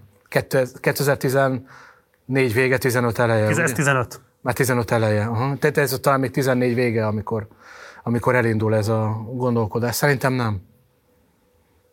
Szerintem nem. De ilyen beszélgetés nem volt. De jó lett volna, lett volna, ha már egyszer ez van, mert abból is sokat lehetett volna tanulni. Olvastad a Magyari Péternek a Makro 2 című kötetét, amit a 444-nél adott ki? Igen. Anno? Igen. Ott szerepel egy kitétel rólad, amit nem kommentáltál még a nyilvánosságban, amiben úgy írja le Magyar igazából a te mozgásodat, hogy a 2017-18-as időszakban a Jobbiknál te azt a szerepet járt, töltötted be, hogy Simicska és Vona között Jézus. az információkat szállítottad. Tehát nem voltál, nem azt állítja, hogy tanácsadója voltál, vagy megbízással lettél a foglalkoztatva, de azt igen, hogy te amiközben esetlegesen találkoztál egyik vagy másik szereplővel, a közön információkat is szállítottál, vagy pontosabban tudásokat cseréltél ki a szereplők között? Én kétszer találkoztam Simics Kalassal, egyszer, amikor elmondta a megbízást, vagy azt a felkérést, másodszor, amikor elmondtam neki, hogy nem, három nap múlva, ha jól emlékszem, talán ez volt. Úgyhogy érdekes lett volna, hogy hogyan tudtam volna szállítani. Hát én biztos, hogy Simicska közvetlenül bízom Ja, értem. Vele. Simicska embereivel sem találkoztam, soha senkivel, szerintem. Mi volt a pontos szerepvállalásod a Jobbik 18-as kampányában? Semmilyen szerepvállásom nem volt a Jobbik 18-as kampányában. De akkor miért nem kommentáltad ezt a makrós megállapítást, hogy csak közben azt mondod, hogy ez nem... Hát mert, mert milliószor ugyanilyen megállapítások tömkerege jött szembe. Mindenhol. Soha nem szoktál perelni? Nem, de hogy... Életem nem pereltél meg? Soha. Bármit lehet mondani rólam. Miért perelnék, semmi értelme. Szóval, és nagyon hiszek a szólásszabadságban. Nyugodtan lehet azt mondani, hogy a jobbik tanácsadója voltam, vagy Vona Gábor. Én tudom, hogy nem igaz. Hát de tényszerűleg nem igaz állítást terjeszteni az de a hát, szólásszabadság kérdése. De az már értelmezés kérdése. Nekem mondta már azt kollégám, hogy de hát azzal is a tanácsadója voltál, hogy a nyilvánosságban, még az, nem is az volt a szándékod, olyat mondtál, hogy a jobbiknak van esélye, nem tudom mire. Tehát, hogy mi, mi, mi, mindenfajta értelmezés belefér a nyilvánosságba a politikával kapcsolatban. Én nagyon nem kedvem, amikor perelnek. Én beszéltem ex-jobbikos sajtóosztályon dolgozó emberekkel, akik azt megerősítették nekem, hogy volt olyan ukáz a jobbikos vezetés részéről, hogy készüljetek, mert a Gábor fog valamit posztolni, és annak a sajtóban történő megpörgetésével foglalkozniuk kell. Ami azt feltételező, hogy tudhattak előre arról, hogy esetlegesen mit fogsz írni a Facebook oldaladra. Hát ez érdekes. Soha nem egyeztettél Vona Gáborral vagy Jobbikos elnökséggel? Arról, hogy én mit írok? Hogy fogsz esetleg olyasmit írni, mely nekik kedvező lehet? Nem, soha. Nem. Ah, hogyan? De ez, ez, ez, Marci, hát tehát volt egy, van egy ügyfélköröm, ez abszolút nem férne ez bele. És nyilván azért én azt elhatároztam, hogyha bárkinek is a tanácsadója leszek, akkor én azt nyilvánosan fogom csinálni, ezt nem lehet másképp. E, e, az összes korábbi hát, élesen, kapcsolatról... De alapvetően a te megélhetésed, egzisztenciád egy részben nem azon is alapszik, hogy információbróker vagy? Kifizetne azért, hogy én információbróker vagyok. Hát, hogy amikor te tanácsadást végzel, ott hol a határa között, hogy üzenetet közvetítesz, és elemzést biztosítasz. Tehát ahogy járkálsz körbe, és összeszeded az információkat, amiben egy elemzésnek a tartalma összeáll, ott hol tudod azt megszabni, hogy egy információ, amit itt hallok, oda eljuttatva lehet, hogy adott esetben a te személyedet közvetítő csatornának használja, azért, hogy innen oda ez az információ de, átérjen. De hát én ugyanazt mondom a megrendelőimnek, amit a nyilvánosság előtt mondok. Tényleg? Hát ennyi, ennyi értelemben lehetek információvivő, hogyha, hogyha azt mondod, hogy valaki nekem valamit egy politikus háttérbeszélgetésen azért mondja, hogy az én értelmezésemet befolyásolja, ugye ezt hívják spinnek, és én nem vagyok elég óvatos, akkor lehet. Tehát biztos, hogy voltam is már ilyen egyébként. Tudsz is hogy volt már ilyen helyzet? Hogy így megvezettek? Olyanról tudok, amit észrevett, tehát hogy észrevettem, és nem. El tudod mondani, melyik volt az? Nem, nem, nem emlékszem rá de tudom, hogy voltak olyan események. Meg nyilván az ember tudja, hát mi másért beszélgetne velem a politikus, nem? Ha nem üzleti kapcsolatban vagyunk, nem szolga, megbízott viszonyban vagyunk, a- akkor csak azért, hogy befolyásolja azt, amit én gondolok, amit itt-ott, ott majd el fogok mondani. Egy nagyon kell figyelni erre. Ez szerintem az éjszakmámnak a transzparencia mellett, amivel igazad van, én foglalkozom, ez a másik legnagyobb nehézsége, hogy, hogy nehogy, nehogy mások használjanak. Így van. Nyilván mind a ketten érdekeltek vagyunk abban, hogy én többet tudjak, csak nyilván ő meg abban érdekelt, hogy az ő értelmezését tudjam. Hát igen. Ehhez viszont több helyre kell járni, és akkor bizonyos értelemben, ha másokkal is beszélsz, ellenszereplőkkel is beszélsz, hogy idő után kialakul azért egy kép, meg kiderül az is, hogy kik azok, akik. De hol a határ? Tehát mi a külön, tehát hol a határ között, hogy valaki információbróker, és a között, hogy tájékozódik a félnyilvánosságból is annak érdekében, hogy jobban rálásson a közéleti eseményekre? Szerintem ez a szándéktól is függ. Vagy nem tudom, én csak a szándékomról tudok, tudok számot adni. Tehát nekem nem az a szándékom, hogy én információt vigyek A pontból a B pontba Jobbiktól Simicskának, vagy vissza, hanem az a szándékom, hogy többet tudjak arról, hogy mi történik, mert ezzel lépek a nyilvánosság elé, és most már kevesebbet, és ez az értékem, amit a megrendelőimnek tudok nyújtani, hogy értem, hogy mi történik. Hát mi, miért lenne nekem az az ért, értékem, hogy a megrendelő, akitől én a megbízást kapom, az át legyen verve egy hamis információval, ami érkezik egy politikai szereplő. Hát az nem szükségszerűen átverés. Ö, akkor egy olyan információt, ami valós, Persze. Hát akkor az beépül az elemzésbe, az jó. Hát én azt tudom, hogy a miniszterelnök miért döntött úgy, hogy... nem mondhatja el direktben. Tehát most mondok egy nagyon, most jó. nyilván ez nem így zajlik, csak most a, egy nagyon leegyszerűsített példát mondok a példa kedvéért. Orbán Viktor mondjuk valamiért nem beszélhet közvetlenül Csányi Sándorral. De ilyen nincs, beszélhet mindig. De mondjuk, hogy egy pillanatra fedjük fel. Biztos, hogy vannak olyan szereplők, akik nem szeretnének egymással okay, nyilvánosságban összeköttetésbe kerülni. Te A szereplővel beszélhetsz, beszélhetsz B szereplővel is, és önmagában csak annyi, hogy mondjuk mindkettőjükkel beszélsz arról, hogy milyen témák merültek föl, megtörténik az információ cseréje. Igen, ez Anélkül, hogy ők érintkeztek volna. Ez lehetséges, igen. Ez lehetséges, ezt, ezt elismerem. Ez lehetséges, igazad van. Igen, ez, ez kikerülhetetlen. Nekem az a szándék, hogy minél többet tudjak. Mert... És érezted azt, hogy volt olyan, hogy mondjuk politikai szereplő kifejezetten arra használ, hogy ha ti neked mondja, azzal kvázi tudja, hogy elmondhatja ezt adott esetben Hernádi Zsoltnak, Csányi Sandra, vagy a nagy nyilvánosságnak mm, például. Persze. A nagy nyilvánosságnak olyan, hogy többször éreztem, igen. Mi más lenne neki az értelme? De sok, sokan kérdezik tőlem, amikor erről van, szó van, hogy hogy hogyan lehet információkat szerezni, meg egyáltalán miért állnak veled szóba a politikusok. Hát nekem is az egyetlen megfejtésem. Nyilván nagyszerű beszélgetőtárs vagyok, ahogy ez itt már bebizonyosodott a Abszolút elmúlt négy és fél órában, de hogy a, nem, nyilván azért emiatt nem állnának le velem beszélgetni, hanem azért állnak le velem, mert szeretnék, hogy az az értelmezés az valahogy átkerüljön. De én ezt komolyan gondolom, én, én, de bocs, én várom is ezt. Is ez. Hát persze, azt mondom, én ezt várom is, hogy írjatok rám.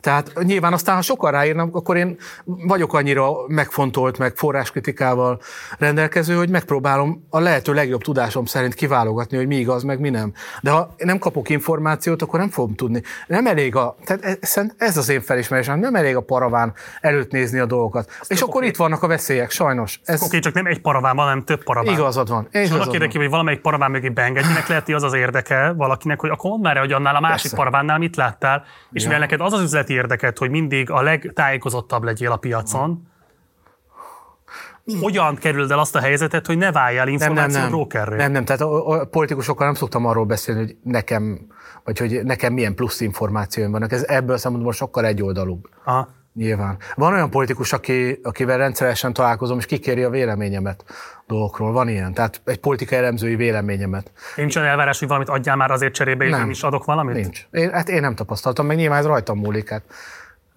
Szóval tök igazad van, tök jó, hogy ez a, ez a beszélgetés erre kanyarodott, mert ezek az én dilemmáim. Tehát jó, hogy ezekről beszélünk, és nagyon jól látod. Csak összességében az a, az a kérdés, amit fel kell tenni, hogy nekem ez megéri-e. Már úgy értem, hogy ha többet akarok, az a célom, hogy többet tudjak, akkor ennek vannak kockázatai. De én ezeket a kockázatokat szerintem jól átgondoltam, Nincsenek is ezzel kapcsolatban sem hátsó politikai, sem üzleti szándékaim, tehát a dolgot nem azért csinálom, mert politikai szereplőknek akarok segíteni, vagy üzletileg ebből akarok, nem, nem tudom micsodát, nem a, az üzletfeleimmel való kapcsolatban, hanem politikusoktól, hogy megfizetnek az, hogy ezeket nem akarom, akkor viszont ezt a kockázatot vállalnom kell, hogy időnként átvernek, időnként nem veszem észre, amikor hírvivőnek, vagy dolgok előhozak, hozójának tartanak, amikor megpróbálnak befolyásolni, ez ezzel jár. De azt kategorikusan tagadott, hogy te tudatosan információkereskedelemmel próbáltál volna javítani az üzleti pozíciódon. De milyen üzleti pozíció? Nem, persze, tagadom. Hogyne. Ilyenkor szok... Azért nagyon kérdés, mert, mert figyelj, bocs, tehát egy rendkívül transzparencia hiányos társadalomról beszélünk és nyilvánosságról, ahol azt nem lehet tudni, hogy közvéleménykutatásokat kik finanszíroznak hát, és kik rendelnek meg. A módszertanáról nem lehet tudni nagyjából semmit sem, vagy nagyon keveset igazából érdemben, hogy egyébként még egy telefonos kutatás rendben van, azt egyébként melyik telefonos adatbázis és, és dispatcher, nem tudom, ilyen hálózat intézte el. Figyelj. Benned fölmerült-e valaha az, vagy, vagy, vagy, vagy nem tudom, a tanácsadó szakmán belül fölmerült-e az dilemmaként, hogy nem kellene mondjuk bizonyos értelemben rákényszeríteni a szakmát arra, hogy sokkal transzparensebb legyen a nyilvánosság? Milliószor, persze, abszolút. És mi nem tud ez megvalósulni? Nem tudom. Hány ilyen törekvés volt már, de azért tényleg, tehát nem akarom magamat mártírnak beállítani, világért se, de hát most amiről beszélünk, amit mondtál, hát rólam tudsz a legtöbbet ki, ki volt az az elemző, aki legtöbbet beszélt azokról a dolgokról, amikor nem kellene beszélni. Simán ülhetnénk itt úgy, hogy fogalmat sincs, hogy én Persze. mit dolgozom, milyen üzlet... is kérdezem, hogy ha már te válasz ilyen nyilvánossággal kapcsolatos Aha. költségeket, akkor nincs meg benned az a típusú indítatás, de, hogy de. És ő is, ő is, ő miért De nem? próbálom, hát, de példamutatással próbálom rászorítani másokat, hogy a nyilvános... látod? Hm? teljes kudarcnak látom nyilván. De hát sokszor megtörtént ez már, hogy, hogy hasonló körben ültünk a nyilvánosságban, és pont azért kezdtem ezekről beszélni, hogy hát ha a másikban is előjön, hogy ő beszél róla. De hát tényleg az elmúlt két évtizedben nem nagyon tudsz más mondani, aki beszélt azokról a kérdésekről, hogy, mivel, mi, mivel, hogy mit dolgozik, hogyan szerez információkat, stb. stb. Ezért mondtam azt az előző példát az UDZRT kapcsán, hogy még szereplők is képesek voltak úgy ülni a stúdióban, hogy elemezték a dolgot úgy, hogy miközben maguk érintettek voltak benne. Ez óriási probléma. Amikor még a Magyar Politika Tudomány Társaságnak voltam a főtitkára, akkor adtunk is ki a sajtó számára ilyen felhívást, hogy próbálják meg bemutatni, hogy a megszólaló az, az milyen kapcsolódásokkal rendelkezik. Senkit nem érdekelt ez. Nyilván nem érdeke az egyik oldalnak, hogy a sajátjait fölfedje, a másik oldalnak sem érdeke, meg egyébként is praktikusan és az újságírónak csak az a fontos, hogy valaki beszéljen, elmondja azt, amit ő nem mondhat el. Az nem érdeke, hogy, hogy bemutassa, hogy az az ember kicsoda. Hány ilyen Hány ilyen, hány ilyen cikk született? Hány, kinél meddig lehetett eljutni? Sem meddig. Miközben nyilván azért mi egymásról elég jól tudjuk, vagy, hát gondolom. vagy van információ. Gondolom. Mm, ezért érzem azért néha furcsának, amikor én állok a, vagy megyek éppen fel a keresztre, de hát ez nyilván ilyen. És abban mennyire vagy tudatos, hogy mondjuk hol és milyen formában nyilvánulsz meg? Tehát most mondok egy, mondok egy, hozok egy konkrét példát, amikor meg lezajlott az előválasztás, az ellenzéki előválasztás, és volt egy miniszterelnök jelölti vita, akkor te azt az indexen, amit akkor már átvett a NER, jelentettél meg még aznap este, vagy talán másnap reggel egy elemzést, aminek az volt a címe, hogy ez a vita csak ellenzéki szépségverseny volt, ami egy erősen értékorientált leírása volt annak, amit láttunk a képernyőn. Hozzáteszem úgy, hogy 2006 óta nem volt igazából miniszterelnök jelölti vita ebben az országban. És te ezt tartottad a legfontosabbnak kiemelni. Hát az Index tartotta a legfontosabbnak címében kiemelni. Abba, arra semmi ráhatásod nem volt? Szerintem a címet nem én ottam. De... Kellemetlen volt számodra? Nem. ez is benne volt. De hogy azt mérlegeled, ahogy mit jelent mondjuk az ellenzéki előválasztásról, egy miniszterelnök jelölti vitáról, a NER tulajdonban lévő indexen elemzés közölni másnap?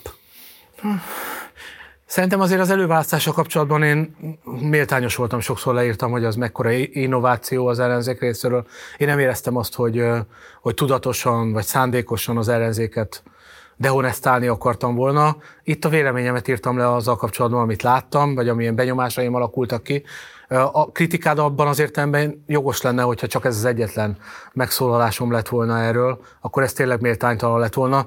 De itt a feladat arról szólt, hogy, vagy a felkérés egész pontosan, hogy az előválasztás próbálja, vagy azt a vitát próbáljam meg értékelni. Az, hogy miért az indexen, ez egy dilemma nyilván. És ez, ez nem csak az Index kapcsán, nagyon sok ATV, Hír TV, millió hely kapcsán fölmerül bennem, hogy, hogy akár a Partizán kapcsán is, hogy, hogy érdemes-e oda eljönni. Én őszintén szólva két dolgot szoktam mérlegelni. Az egyik az, hogy van-e lehetőségem azt mondani és írni, amit akarok. Nyilván egy ilyen helyzetben van, és hogyha beszélgetős a műsor, akkor pedig az, hogy, a, hogy olyan-e a beszélgető partner, aki Hát akivel lehet beszélgetni, most nem tudom másképp, aki engem inspirál, uh-huh. ez a jó kifejezés, és így szoktam megválogatni, sokszor mellé is lőttem már. A, az Index garantálta, hogy nem fog változtatni azon, amit írok, és nyilván ez az jött le, amit én írtam. Még néhányszor ezt megtettem az Index kapcsán, aztán kevésbé, de még a napokban is érkezett felkérés az Indextől, hogy valamivel közönkutatásokkal kapcsolatban írjak, írjak, ha van időm vagy kedvem megírom, ha nincs nem, általában ne, nem szoktam megírni, az az igazság, mert nincs már közléskényszerem a nyilvánosságban.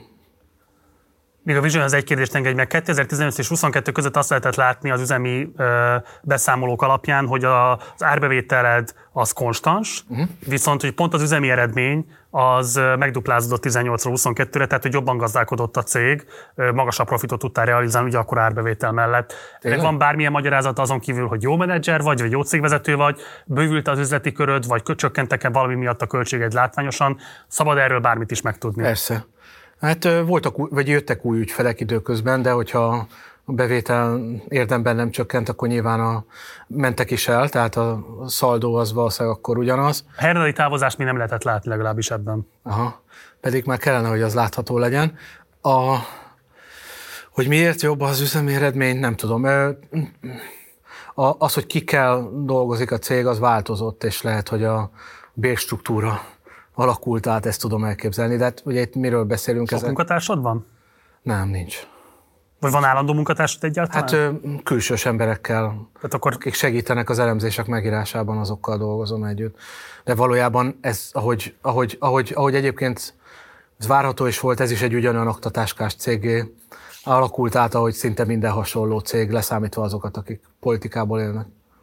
Van bárki, akit esetleg meg lehet nevezni a nyilvánosság előtt? A munkatársak nincs. közül? Nincs. nincs. Akit meg lehet, nincs.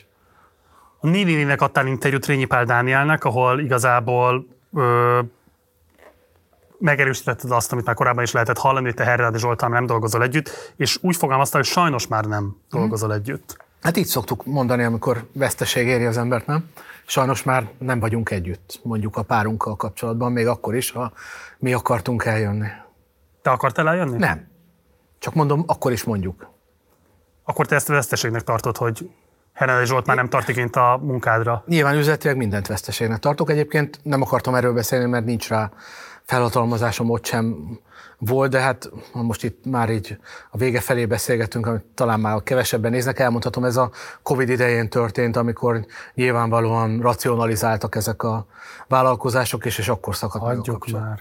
Így történt. Én e- ezt az indokot hallottam.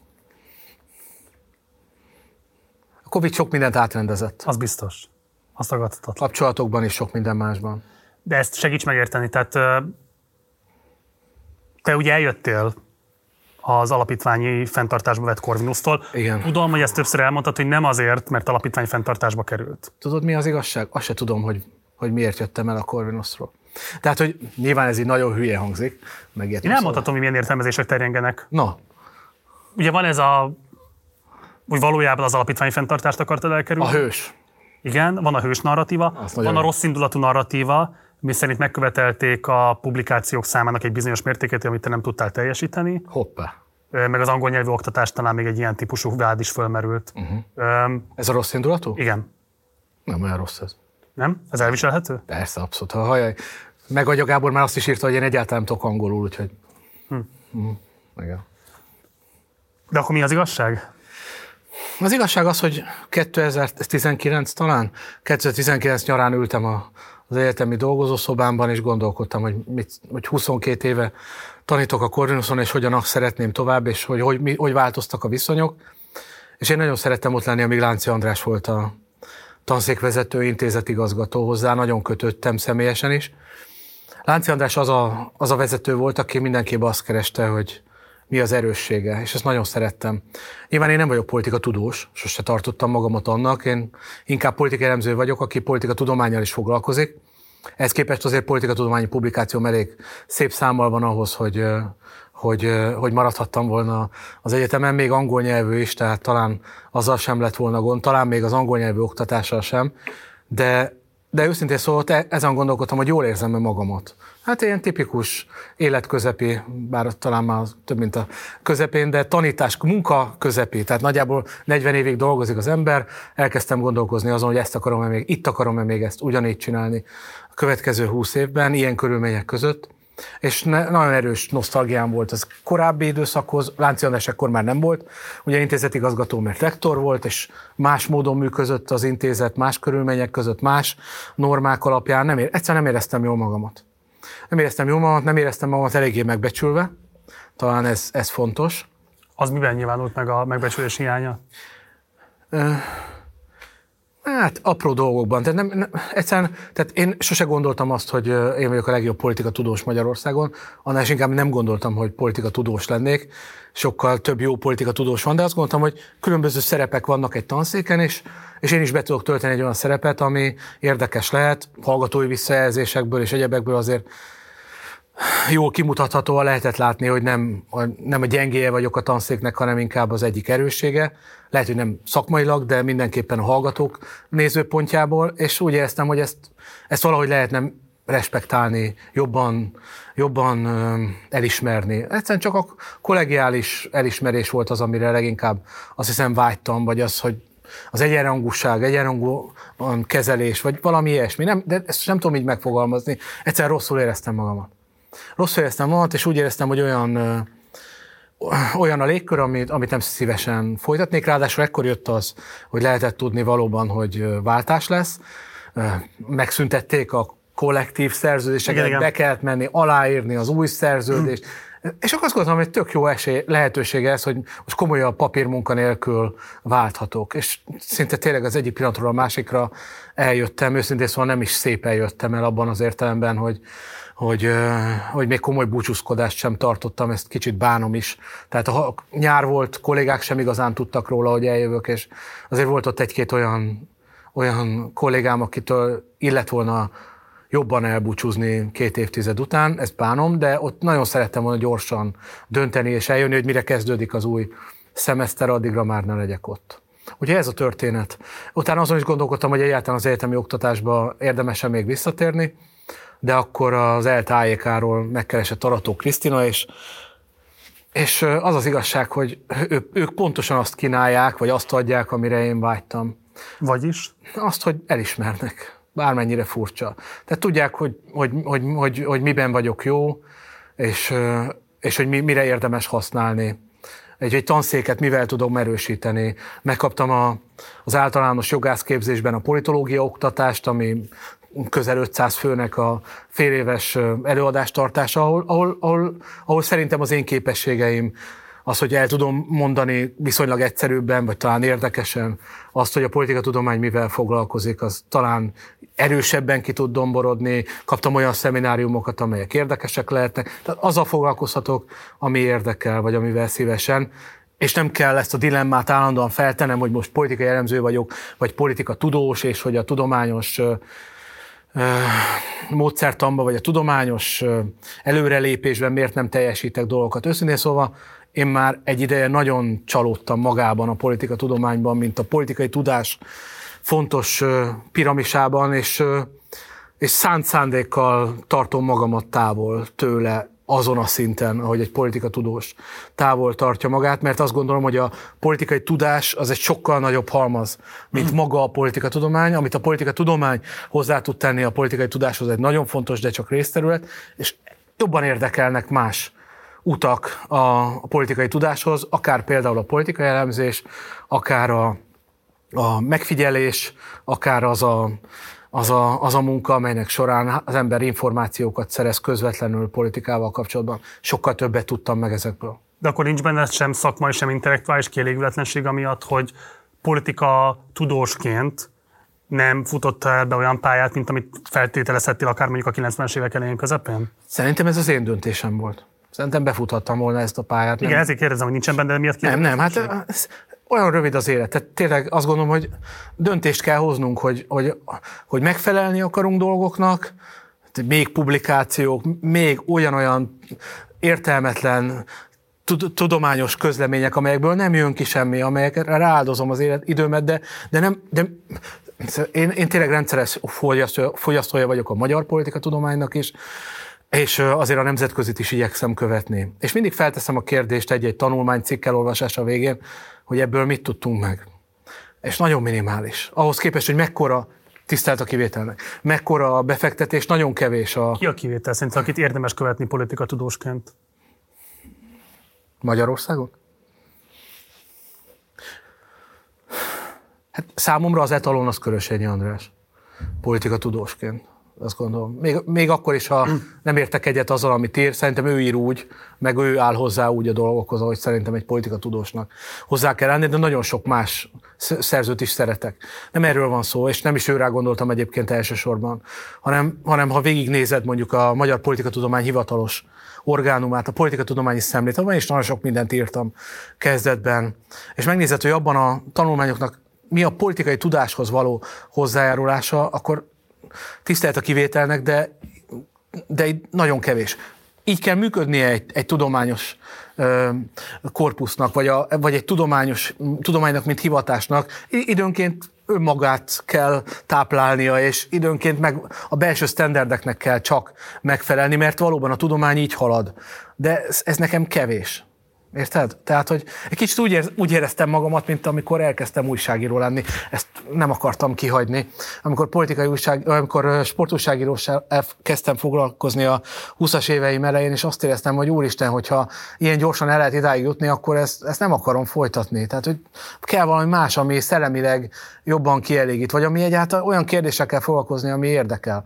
És most is ezt érzem, hogy engem más, szóval komplexebben érdekel ez a kérdéskör, és ez egy nagyon komoly, komoly kompromisszum, mert kétségtelenül hát a tudományos közösség részéről jogos sok kritika az én teljesítményemmel kapcsolatban. Nagyon keveset publikálok, már elég régó, régen volt, hogy mondjuk könyvet írtam volna, vagy cikket írtam volna, de nem érzem úgy, hogy van olyan dolog, amit megtehetnék. Ugye Orbán Viktor mondta egyszer, hogy, hogy az ember olyan dolgokkal foglalkozzon, amihez ő kell amit nélküle más nem tud megcsinálni. Én azt érzem, hogy a, az a politikatudomány, az tud nélkülem is uh-huh. működni. Talán ez, amivel most foglalkozom, ez, ehhez én kellek. E, ebben jobban érzem magamat, meg azt gondolom, hogy, hogy ez, ez testre szabottabb.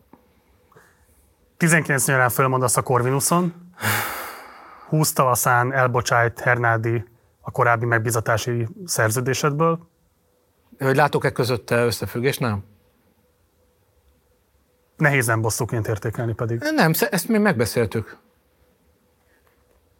Költségracionalizálás, ez az oka? Ne, nem azt beszéltük meg, hanem a Corvinusos történetet, szerintem ő értette.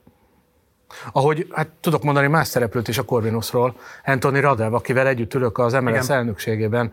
Én őt kifejezetten elismerem, és szélesen dolgoztam volna vele együtt. Az a baj, hogy, hogy nem velük dolgozol együtt, amikor, amikor egy egyetemen dolgozol, hanem a kollégáiddal. Az hogy egy modellváltás, nyilván nekik minden típusú használható ember nagyon jól jön az egyetemen, ráadásul nyilván azért a te hírneved az magára az egyetemre is jó hatással volt.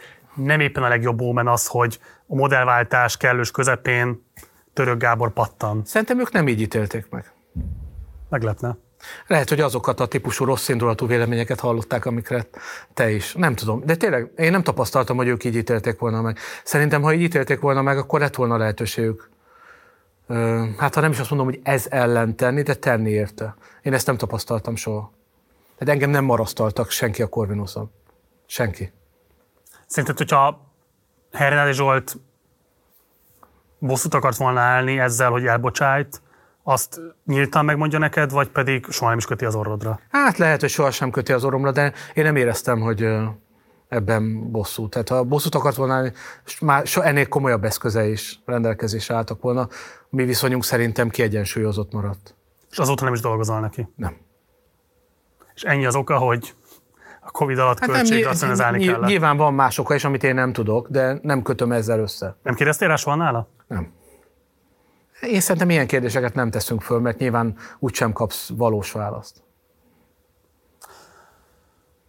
Orwell 1984-re már hivatkoztál az interjúban is, és ugye amikor volt a sorosozós plakát kampány, akkor szintén a 84-ből idéztél egy részt, ami ugye a Goldstein, mint ellenségkép képzésnek a gyakorlatát írja le a regény világán belül.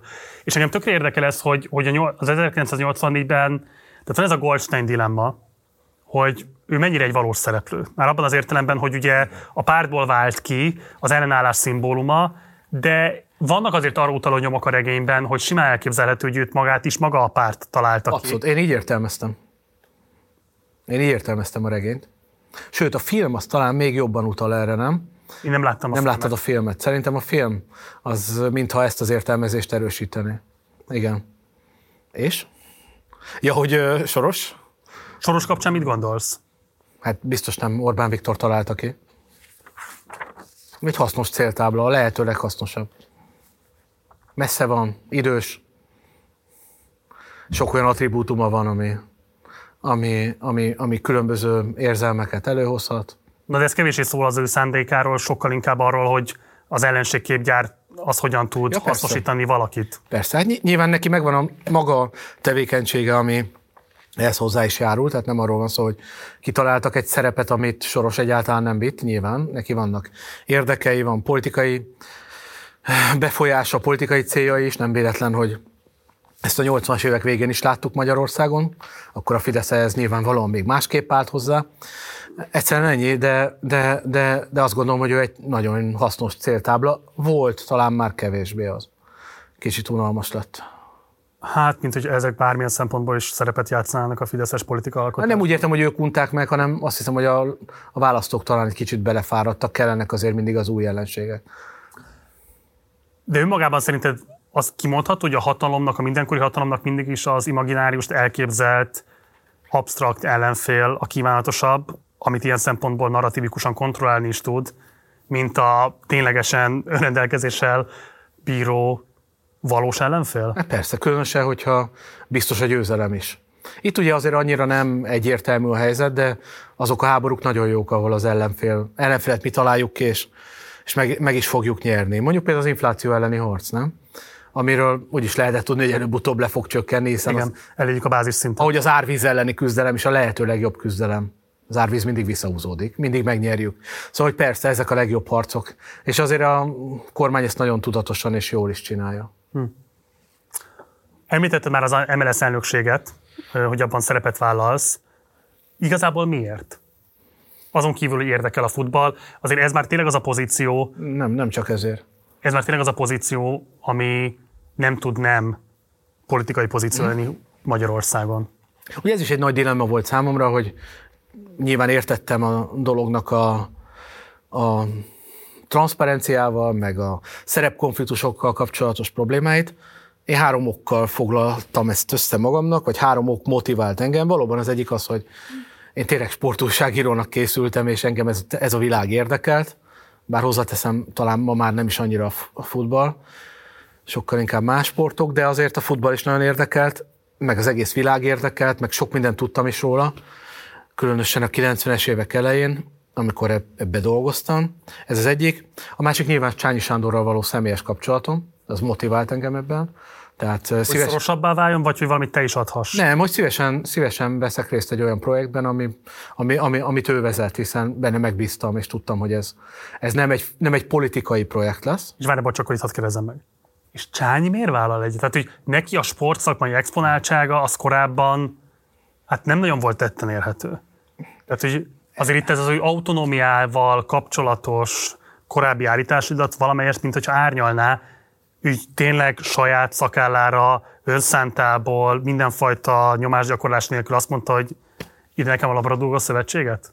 Én nem tudom, hogy ő miért döntött emellett. Én azt tudom, hogy a labdarúgó szövetséget meglepően autonóm módon vezeti, és ez sokkal inkább egy az ő, korá, az, az ő ügymenetének megfelelően működő dolog. De hadd mondjam el a harmadikat, mert ez is fontos. Harmadik pedig az, hogy tudtam, hát nyilván akkor ezt láttam, hogy a politika, vagy bocsánat, a sport, vagy a foci mennyire politikailag érintett. Hát igen. És azt gondoltam, hogy ez egy érdekes dolog lesz, és az is, hogy, hogy egy másik formában, egy más közegben ugyanúgy megfigyel, még jobban megfigyelhetek politikusokat, viselkedésüket, döntésüket. Résztvevői megfigyelés ez is, mint a Veszprémi, csak egy sokkal jobb ötlet. Mert nagyon hasznosnak tartom azt, hogy látom, látok politikusokat ebben a mezben, ebben a szerepben, és sok mindenkiről árnyalódott is a véleményem, vagy, vagy pontosabb lett a véleményem, akik politikai szerepben láttam csak eddig, de látom őket most egy más szerepben, ahol, ahol vagy megerősödött, vagy cáfolásra került az, amit velük kapcsolatban gondoltam. Nyilván az is fontos, ezt se lehet tagadni biztos, hogy személyes kapcsolatom is meg tudott erősödni néhány politikussal, az bizonyára segíthet abban, hogy, hogy több információm legyen, vagy közelebb kerüljek hozzájuk, de alapvetően az akkor nem motivált, azt inkább járulékos haszonként látom most utólag, hogy teljesen őszinte akarok lenni. Tehát politikai többletudás szerzése is alkalmas volt az MLS elnökségi ne, igen, igen, igen, ez hülyén hangzik, meg furcsa hangzik, Nem, de ismerve furcsán. a magyar viszonyokat szerintem ez, ezt, ezt, igen. Én ezt nagyon élvezem benne, hogy, hogy, hogy, hogy, hogy, hogy, hogy, hogy, hogy egy teljesen más viszonyrendszerben, ahol nyilvánvalóan mások a sikerkritériumok, nem olyan, mint a politikában, másképp jelenik meg, azért más az elköteleződés, Nyilván itt az a cinizmus az nem fog működni. Ami, és nyilván senki nem azért megy el egy, klubhoz, akár klubelnöknek, akár támogatónak, akár egyszerűen csak szurkolónak, mert az neki politikailag racionális lenne. Tehát sokkal kevésbé van jelen az a tipikus, típusú cinizmus, érdekvezéreltség, itt is van egy csomó érdek, nyilván ezt a VIP azért lehetett látni, de hogy ez nagyon sok tapasztalatot jelentett. Nem tudom, hogy ezt elmondjam de lehet, hogy, hogy talán ezzel se követek el olyan nagy hibát, meg talán, talán hozzájárul egy kicsit ahhoz, ahogy gondolkodunk, hogy én például Mészáros Lőrincel is először egy, a, e, először futballmérkőzéseken találkoztam még, még a 2000-es évek elején, és, és kifejezetten jó vélemény alakult ki bennem, hogy mennyire lelkes, mennyire akkor még egyszerű gázszerelőként, vagy egy, egy kisebb cég vezetőjeként jelent ott meg, mint Orbán Viktor barátja, és még Orbán Viktorról is a véleményem olyan kifejezetten pozitív volt akkor, hogy hogy, hogy, hogy mennyire rendes, hogy mindig elhozza ezt a barátját a mérkőzésekre. Tudom, hogy ez mind viccesnek hat. Ma már, de nem, ma, de értem, amit mondasz. De hogy, de, hogy, de hogy tényleg, tehát az ő viszonyukat, például ezen keresztül sokkal jobban látom és értem azt, hogy azért ez nem csak egy, egy ilyen hűvös érdekalapú viszony, és nem hiszem, hogy azért vitte a 2000-es évek elején a barátját, akit azért akkora kevésbé volt kompatibilis mondjuk a, a VIP páholyok világához, mint ma, tehát nem abban a formában jelentott meg, mint ahogy manapság, hanem akkor az akkori státuszának megfelelő formában és Hányba találkoztál vele először? Hát nem tudom, ez valamikor a 2000-es évek eleje. Legeleje? 2002 után. Tehát ez, ez az az időszak. Tényleg azt látod, hogy Orbánt és Mészáros szívbarátság kötés? Igen, igen, igen, igen. Szívélyesség. Abszolút. És, Szeretetteljesség. Abszolút, abszolút. És, és, és az az ember, akiről... Úgy szurkoltak együtt, hogy az az kellett, ember, akkor sírtak, ha kellett, akkor vigasztak. Az az ember, akiről, akiről akkor nem tudta, azt sem tudom, hogy kicsoda, az, ez egy ilyen csupa szívembernek tűnt számomra. Tudom, hogy furcsa hangzik ez. Nem, ez nem tűnik Most Mészáros Lőrincről beszélek. Tehát egy, egy, egy, tényleg egy iszonyatosan nyitott, kedves, barátságos embernek láttam. Nyilván láttam, hogy nem a budapesti elit értelmiségből érkezett, hanem, hanem egy, egy szakma képviselője, de eleve én kedvelem is ezt a, ezt a társadalmi csoportot, és jól szót is tudok vele érteni. Tehát szívesen jó volt vele beszélni, vele szerettem a legjobban beszélgetni, amikor lehetőségem volt, volt a közelében. Hát nem emlékszem, nyilván fociról beszélgettünk, és mondom, azt sem tudtam sokáig, hogy ő kicsoda. Csak ott volt melegítőben, kedvesen, tényleg Gabinak nevezett, szóval, hogy érted, hogy, hogy, hogy amit nem szeretek egyébként kifejezetten, de, de, de közvetlen. De közvetlen, csak hogy azt mondom, hogy még ez is egy tapasztalat. Ez most itt nagyon hülye hangzik, és aki ezt majd megnézi, ezen nevetni fog, meg majd kivágják ezt a részt, és arról fognak írni, hogy de mégis talán érted, hogy arról akarnak meggyőzni, hogy ezek, ezek mind be tudnak épülni. Ha tényleg arra vagy kíváncsi, hogy kik ezek az emberek, akkor itt tudod megismerni őket. Ezen az emberi viszonyrendszeren keresztül. Igen, nyilván sok más. Sok amikor Orbán is. már hatalomban volt, de Mészáros még nem volt az, akinek ma ismerjük, hogy már akkor ott lehetett Orbán Viktor mellett a páholyban. Így van, így van. Így van. De ez a szívjóságról szól, vagy inkább a tudatos klientúraépítésről? Hát nem tudom, hogy akkor, akkor már ez zajlott-e. Szerintem fel sem merült, hogy ő belőle akkor legfeljebb csak az, hogy a, a felcsúti klub, ami esetleg majd az MB2-be szerepelhet, annak lehet valami vezetője. Én azt gondolom, hogy ez volt a maximum, ami az ő fejében akkor. És szerinted ez mikor változott meg? Hát az idővel. Idővel. Nyilván leginkább, amikor, amikor Simics Kalajos és Mészáros Lőrinc között is kialakultak konfliktusok, és ezek eldőltek. De a Simicska Orbán konfliktusnak nem volt az valamilyen módon ö, okozója, hogy esetlegesen a Mészáros építkezése már elindult de, ezzel párhuzamosan? De. Szerintem igen. Szerintem igen. Szerintem igen, azért ott sok konfliktus volt, ahogy én tudom, kettejük között. Mészáros és Simicska között. Így van. Így van. És te Simicskával, nem, bocsánat, te Mészárossal valaha tudtál arról beszélni, hogy ő ezt a kulturális váltást hogy éltem? Nem, sajnos nem. Később nem volt alkalmam vele beszélni. Tíz után már nem? Nem, nem. Hát legfeljebb csak egy köszöntés erejéig, de, de mi háttérbeszélgetés kapcsán nem. És azt gondolom, hogy ez ma már, már lehetetlen is. De te Gabi vagy neki még most is, hogy nem hiszem. meglát? Szerintem erre nem emlékszik, remélem nem is nézi meg azt, hogy erről beszéltem, mert félreérthető, amit mondtam. Biztos, hogy eljut hozzá, ne aggódj. Akkor jó. Szerinted az MLS elnökségbe ülhet be bárki, aki nem bírja Orbán jóváhagyását? Hát például én. ne, nem tudom, de szerintem ülnek azért ott olyanok. Én nem hiszem, hogy, hogy Csányi Sándor megengedte volna az bármilyen pillanatban, hogy, hogy ebbe beleszólás legyen. Ezek presztízs kérdések szerintem ezen a szinten. Én ezt tapasztaltam. Én sok helyre nem ülhettem be, vagy nem mehettem, ami, ahova kellett volna Fidesz jóváhagyás, akár még tudományos jellegű munkákban is. Itt meg, itt meg soha fel nem merült, hogy ez problémát okozna. Tudsz mondani példát? Nem.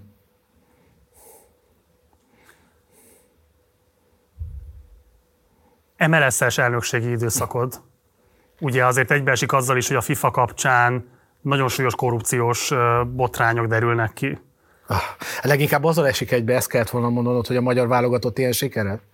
De mindegy, oké. Okay. Most nemzetközi viszonylatokról beszélek. Um, mennyire látsz rá erre a részére a futballgazdaságnak? Na, sajnos egyáltalán nem. Nem is érdekel? Hát dehogy nem. Dehogy nem. Dehogy nem. De nem, ilyen kérdésekkel nem találkozom. Jó lenne, de nyilván ahhoz, ahhoz nagyobb ambíció kellene már hogy ebben a futball elitben, vagy a futball, futball irányításban nekem ennél komolyabb ambícióm nincsen. De azért a világfutball mozgására jobban rálátsz, mint egy egyszerű hát nyilván olvasok róla, igen, de... Nem csak olvasol, gondolom ott vagy, amikor esetleg nem. Csányi elnök találkozik más típusú nem, futballvezetőkkel. Soha. soha. Nem? Nem. Ez egy érdekes dolog egyébként, mert ez nagyon komoly, nehez, nehezen értelmezhető dolgot okozott általában. Ugye a, az e- futballvezetők azok mindig arról voltak ismertek, hogy ők mindenhova utaznak.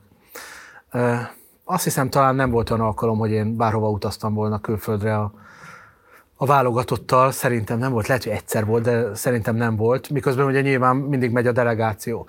Ez az egy, amit, amit, amit, amit abszolút korlátként én ezt nem léptem meg, de ez a saját személyes korlátom pedig hasznos lenne, mert ott is nagyon sok tapasztalatot lehetne szerezni, de valahogy azt gondoltam, hogy az, az már közpénzen utazni, az már nem, biztos értem, áttételesen közpénzen utazni, az, az nem, nem állna jól. Hm. Nyilván nem is szeretek utazni ráadásul, úgyhogy nem, nem volt olyan nagyon nehéz lemondani erről. De akkor az, hogy Csánynak mi lehetett a motiváció az MLS elfogadásával, elnökségi pozíció elfogadásával? Neki? Igen.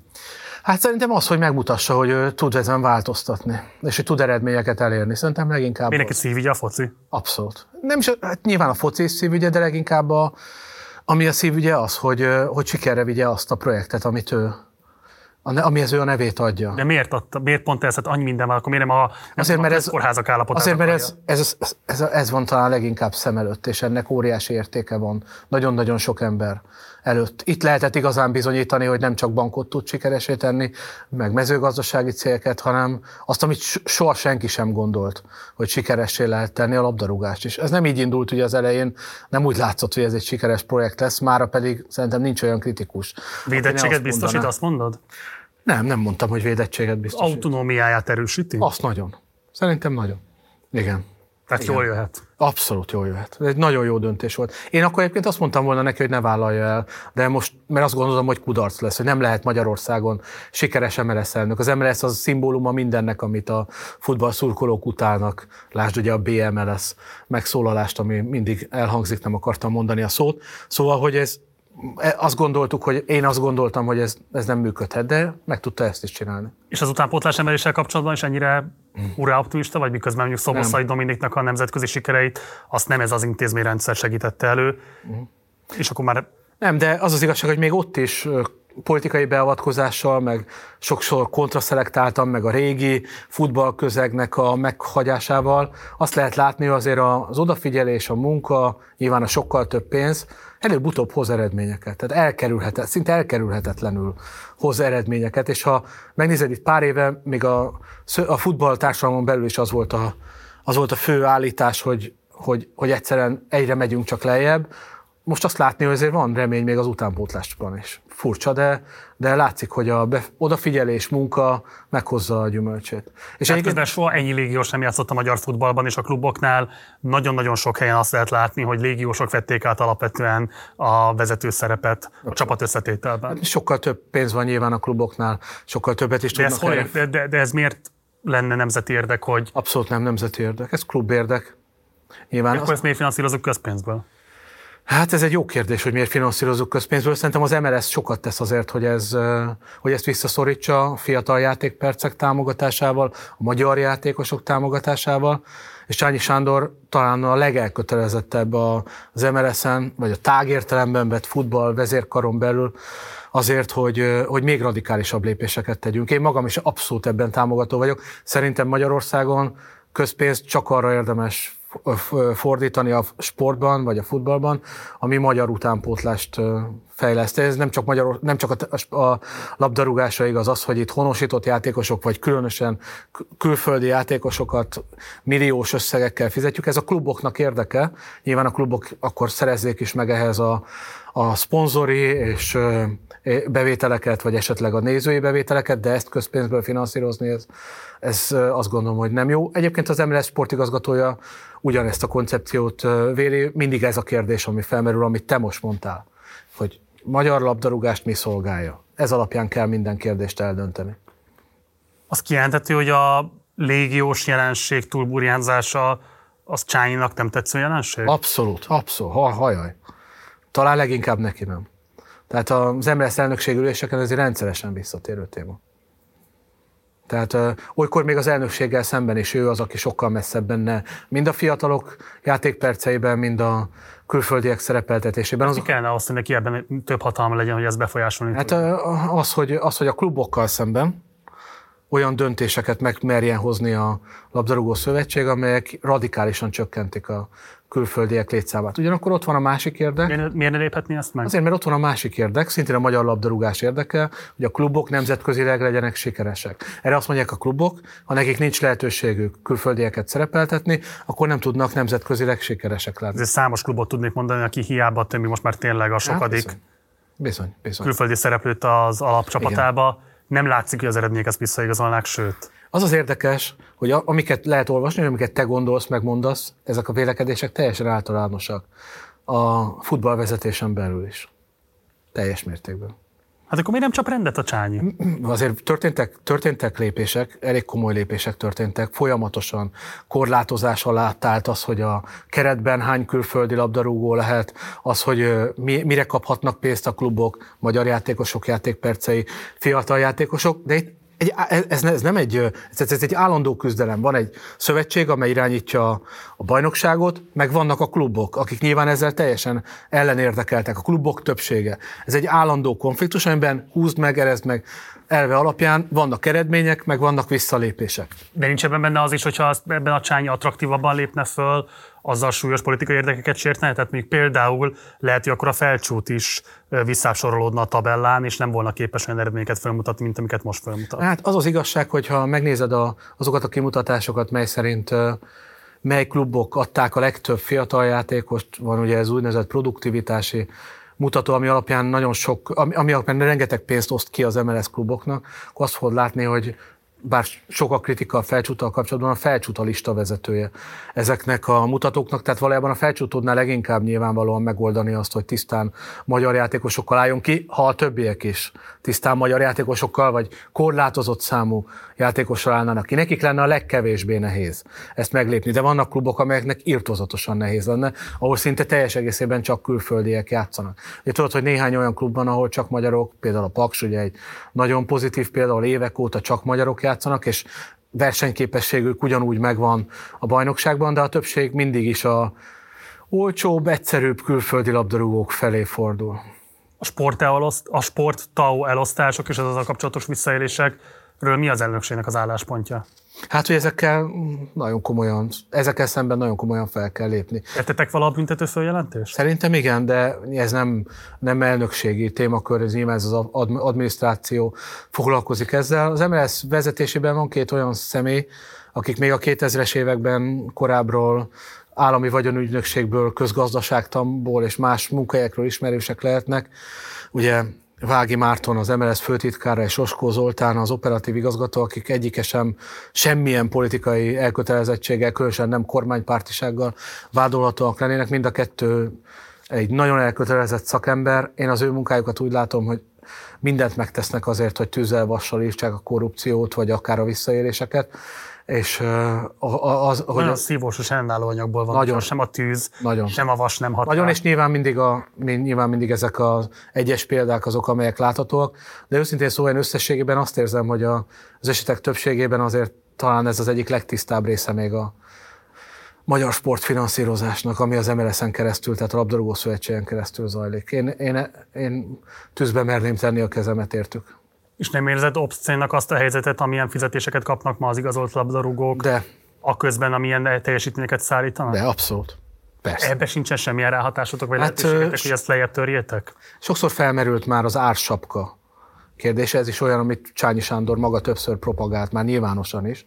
Ennek a bevezetését, ez megint a klubokkal való szembenállás. Azt ne felejtsd el, hogy valójában a foci nem a szövetségről szól, hanem a klubokról szól. Ha az MLS olyat lép, ami teljes mértékben ellentétes a klubok érdekeivel, a klubok azért radikális ellenlépéseket tehetnek. Akár létrehozhatnak egy önálló ligát is, és külön is szervezhetik a labdarúgást. Nyilván ezek már nagyon messzire vezető... Ez nyílt háború lenne. Nyílt háború lenne, de, de azért vannak érveik a kluboknak, és azt se tagadjuk el nyilván, amit te mondtál. Ezeket a klubokat befolyásos szereplők vezetik, vagy oda kötődnek, sok esetben politikusok, a legtöbb első osztályú csapat nyilvánvalóan egyértelműen köthető a mostani kormánypárt valamilyen hátsó emberéhez, vagy akár frontpolitikusához, de nyilván ez egy nagyon erőteljes érdekérvényesítéssel rendelkező társaság. Nem olyan egyszerű ezekben a kérdésekben előrelépni, de egyébként maguk a tulajdonosok is küzdenek ezzel a problémával. Nyilván a tulajdonos se szívesen fizet ki 5-6 millió forintot játékosoknak egy hónapban, tehát a, bizonyos értelemben talán meg lehetne találni a, a, a közös érdeket a tulajdonosok és a szövetség között, de egyelőre ezt nem sikerült. Írtál arról többször is, hogy Orbánnak egy nagyon fontos versenyelőnye az, hogy képes a mandátumot nem egy szabott felhatalmazásnak tekinteni, hanem gyakorlatilag ez egy ilyen diszkrecionális dolog, ő maga határozza meg, és feszigeti ennek a határait folyamatosan. És engem nagyon érdekel, hogy szerinted ő ezt kitől tanulta, tehát ki az, aki szerinted ilyen szempontból mintául szolgálta számára, hogy, hogy nem kell ezeket az eljárásrendeket, pláne az ilyen formalitásokat túl szigorúan kezelni, és nyugodtan lehet ebben kreatívabb, kezdeményezőbb az ember. Nem tudom, de én már a 2000-es években hallottam áttételesen is, talán tőle is azt, hogy, hogy az intézmények helyett sokkal fontosabbak a személyek, emberek, ugye ez szintén a nyilvánosság számára is ismert gondolat. igazsága volt, vagy igazsága lett? Há, jó, igen. Szerintem egyébként igazsága volt, tehát ha a politika lényegét tekintjük, akkor szerintem igaza volt, hiszen az intézményeket is maguk a szereplők hozzák létre, működtetik, vagy változtatják meg. Tehát igaza volt abban, hogy az emberekre kell építeni, és nem Boston Politics? az intézményekre. Az, szerintem ez túl van értékelve a Boston Politics, hogy az a tudás, ami ott bejött. Én azt gondolom, hogy Orbán Viktor saját maga is eljutott ezekig a felismerésekig a saját tapasztalatai alapján. Nyilván az újságírás mindig akar ki, megtalálni embereket, meg különösen ilyen, ilyen irodalmakat. Én azt tapasztaltam, hogy ezeket nem, nem a frontpolitikusok, hanem inkább a stábok olvasgatják, és ezek a nagy gurukot, magukat nagy guruknak képzelő stábtagok azok, akik, akik ebből legendát próbálnak gyártani. Ez szintén ugye nem magyar jelenség, az amerikai vagy a brit politikát is jellemzi, hogy ezek a háttéremberek aztán később megpróbálnak valami fajta ilyen ideológiát gyártani, vagy legendává válni, inkább ez a helyesebb. Szerintem a miniszterelnök egyszerűen elég okos ahhoz, talán nem futball okos, ahogy ő maga, maga nevezte, hanem politika okos ahhoz, hogy, hogy ezeket a felismeréseket megtegye. Neki kifejezetten komoly taktikai, stratégiai érzéke van szerintem a politikához. Nagyon hamar, hanem is olyan nagyon hamar, mert nyilván azért voltak tanuló évek, de megértette, hogy hogyan lehet sikeresebb. Voltak azért ebben komoly kudarcok.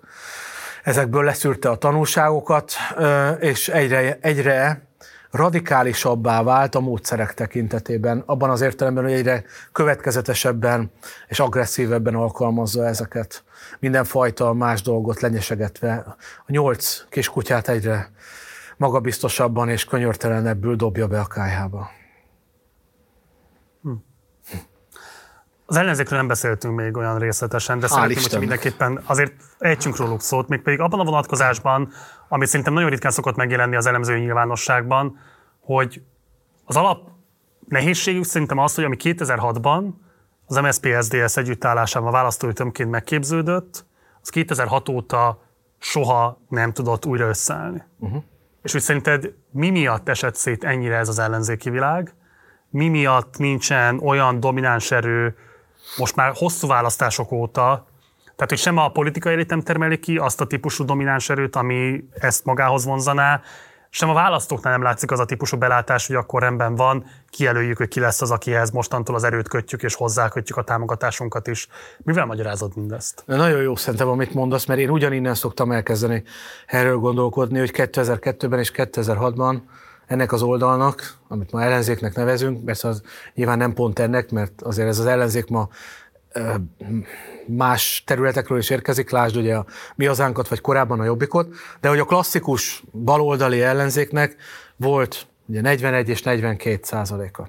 Az MSZP meg az SDS együtt majdnem 3 millió szavazóval rendelkezett, 2 millió, 2 millió 700 ezer körüli szavazóval. És ezek az emberek nem tűntek el két választásra egymás után, amikor azt, az volt a politikai elemzői konszenzus, hogy itt egy ilyen kvázi két pártrendszer lesz bebetonozott MSZP SZDSZ-szel az egyik oldalon és egy fidesz a másik oldalon, és tényleg így tűnt. Tehát Magyarország két pártrendszerűbb volt akkor, mint Nagy-Britannia a leadott szavazatokat tekintve. Az első két nagy párt szavazat aránya több volt, szavazat mennyisége több volt, mint a brit első két párti. Málta volt az egyetlen ország, amelyben két párti volt a struktúra, majd csak két nagy párt van. Szóval, hogy hogy, hogy és mi történt? Mit, szóval, hogy, hogy, hogy, hogy, hogy, hogy esetett ez ilyen mértékben szét? És persze az egyik magyarázat nyilvánvalóan az, ami 2006 után történt.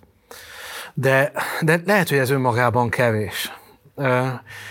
De nyilván persze minden magyarázható abból következményként, de azért ott nagyon sok olyan politikusi döntés is volt, ami persze nagy valószínűséggel a sikertelenség következmény. De volt egy olyan pártunk, amiről mindenki azt gondolta, hogy, hogy akkor is megmarad, akkor sem mehet egy szint alá, hogyha bármi történik. Emlékszem ezekre az elemzői mondatokra, különböző beszélgetésekből, hogy hát az MSP az egy olyan ős bivaj, amit nem lehet kikerülni. Lehet, hogy többiek eltűnnek, de az MSP megmarad. És hogy, hogy mindez ott pár év alatt lenullázódott, persze fokozatosan, mert hát ugye 2010-ben azért ma örülne az MSZP egy olyan eredménynek, persze. amit akkor, még a DK is örülne egy olyan eredménynek, mint amit akkor az MSZP elért. Onnantól kezdve valószínűleg Ta, talán szerintem a legjobb magyarázat ebben az, az útfüggőség, biztos ismered ezt az elméletet, amíg azt mondja, az elején azért még sok alternatíva volt, amikor kihúzzuk a piros meg a zöld labdákat a dobozból, de hogy egyre inkább húzunk egyfélét, és ugyanolyat teszünk vissza, ugye ez a matematikai modell, vagy ez a prezentációja, akkor egyre inkább világos lesz, hogy arra fogunk menni. Én ezzel magyarázom, hogy egyszerűen olyan mértékben elszaporodtak a piros vagy a zöld golyók, hogy utána már nem voltak jó döntések. Lehettek volna döntési alternatívák, de valójában már nem voltak, mert a kontraszelekció, a széthúzás, a széttagoltság bizonyos értelemben érdekalapon feszítette szét ezt a tábort, és hát persze azért a másik oldal politikai törekvése is jelentős mértékben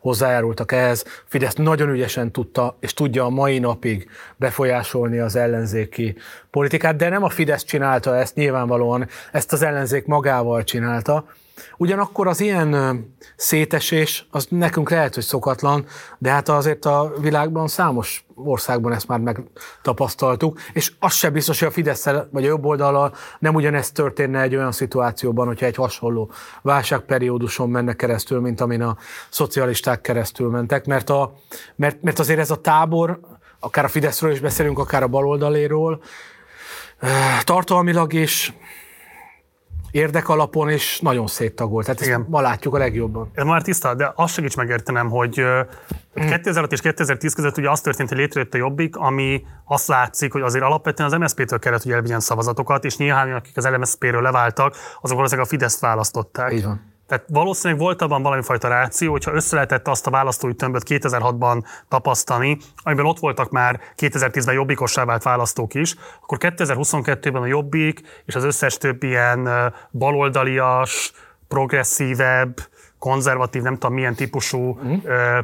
pártok szavazói, hogy az mégiscsak talán újra összetapasztható, és látványosan kiderült, hogy nem lehet újra összetapasztani. De miért? És miért? Ez a jó kérdés. Én, én azért inkább arra az, azok, azzal értenék egyet, hogy lehetne olyan kínálat, amelyik össze tudja tapasztani. Lehet, hogy nem száz százalékig, de össze tudja tapasztani az ellenzéki tábort. Olyan erős a, a jobbik, az, a, jobbik a, a fidesz szembeni meghatár öndefiníciója ennek a tábornak Orbán Viktorral és a fidesz és nincsenek olyan vad távolságok, hát ezt láttuk azért, különösen eseti jelleggel. Hát emlékezz a 2018-as választásokra, amikor a spontán átszavazás milyen mértékben volt képes működni, még vidéki körzetekben is szocialista szavazók szavaztak át tömegével a jobbikos jelöltre. Igen. Elképesztő volt arra a jobbikra, abban az állapotában. Tehát én azt gondolom, hogy önmagában az nem jó magyarázat, amit most 2022 után hallottunk, hogy a konstrukció volt rossz. Szerintem a konstrukció nem feltétlenül volt rossz. Legalábbis nem indokolja ezt a típusú földhöz, földnek csapódást, vagy falnak csapódást, ami megtörtént. Nincs, nem volt olyan, olyan kutatás, ami, ami ezt a mélypontot mutatta volna féle egy-két évvel a választás előtt, amit az ellenzék elért, és, és nem volt az a, az a típusú ellenszem, vagy, vagy, vagy széthúzás sem, ami indokolta volna, hogy, a lista miatt ennyien távol maradnak. Én ezt nem, nem, nem, érzem, nem érzem teljes magyarázatnak. Nyilván akkor jönnének, a, ha nem fundamentális okok, akkor jönnének az eseti magyarázatok, a miniszterelnök jelölt személye, a pártok kampánya, a pártok közötti viszonyok a választási kampányban, az elhibázott választási kampány. Én azért ezeknek adnék egy jelentősebb súlyt a választás eredményben, és azt gondolom, hogy ha esélye nem is volt arra, hogy Márkizai Péterrel vagy pontosabban bárkivel az ellenzék megverje a Fideszt, arra azért lett volna esélye, hogy egy jobb ajánlattal, jobb kampánytevékenységgel, és szerintem sokkal alkalmasabb miniszterelnök jelöltel, hát közelebb kerüljön a Fideszhez, és mondjuk például a kétharmadot szerintem papíron meg kellett volna akadályozni az ellenzéknek. Az, az egyértelműen az eseti az eseti dolgoknak a következménye, az eseti elemeknek a következménye, hogy ez nem sikerült. Az volt a választás legnagyobb meglepetése szerintem.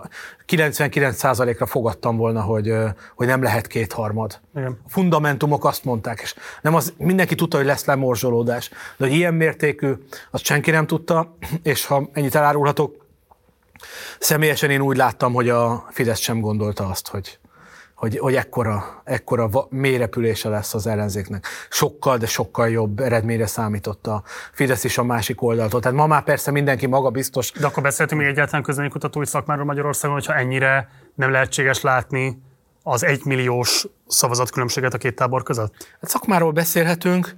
A politikai közvéleménykutatásoknak szerintem a a technikai háttere és a pénzügyi háttere is, meg talán időnként néhány kutatóintézetnél a szakmai megalapozottsága vagy a politikai befolyásolása olyan mértékű, ami nem teszi lehetővé, hogy pontosabban lássunk. Ez, de de hát azt lehet mondani, hogy például a Fideszen belül azért elég komoly pénzügyi lehetőségek álltak rendelkezésekre kutatásokra, és azok sem az elejétől mutatták azt, ami történik. A végén mutatták. Tehát az utolsó napokban már lehetett látni. Ezért gondolom azt, hogy inkább változás következett be, lefelé tartó változás a választási kampány, és nem az volt a helyzet, amit sokan állítanak, hogy eleve a konstrukció volt elébázott. Lehet, hogy a konstrukció sem volt jó, bár szerintem adott körülmények között választási rendszer, blablabla, bla, bla, egy sokkal rosszabb eredmény jött volna ki egy külön indulással. Nem tudott volna olyan sokkal rosszabb kijönni, mert nyilván a kétharmadnál nincsen rosszabb eredmény az pont ez az, amit ellehetetlenített a Fidesz a igen, igen, igen, igen, ha lehetett volna. De szerintem ez volt az egyetlen reális esélye a, a, az ellenzéknek arra, hogy, hogy elvegye a Fidesz kétharmadát. Meg is tudta volna szerintem ezt akadályozni, ez volt a valószínű forgatókönyv. Én a legnagyobb szerepet ebben Márkizai Péternek tulajdonítom, a választási kampánynak tulajdonítom ebben a sorrendben, és harmadrészt pedig a pártoknak a részvételében, vagy a pártok viselkedésében viselkedésének a választási kampányban, az amennyire félszívvel egymással szemben politizálva vettek ebben részt, az nevetségesé tette sok választó számára meg hiteltelenné az együttműködés. De azért a legnagyobb hibákat nyilvánvalóan a miniszterelnök jelölt követte el. Én azt gondolom, személyes tapasztalatom is ez, meg én is így éreztem, hogy leginkább az ő karaktere, és még inkább politikája, kommunikációja volt az, ami eltántorított nagyon sok embert, aki egyébként szavazott volna egy, egy számára jó szívvel vállalható ellenzékre. Sokszor jön be az a magyarázat, hogy hát az erőforrás többség az a Fidesz oldalánál Szerinted mik azok a természetes erőforrás lehetősége az ellenzéknek, amikkel még ebben a környezetben is tudna élni, viszont nem él? Hát leginkább olyan politikai vezető megtalálása. Ez a legegyszerűbb szerintem.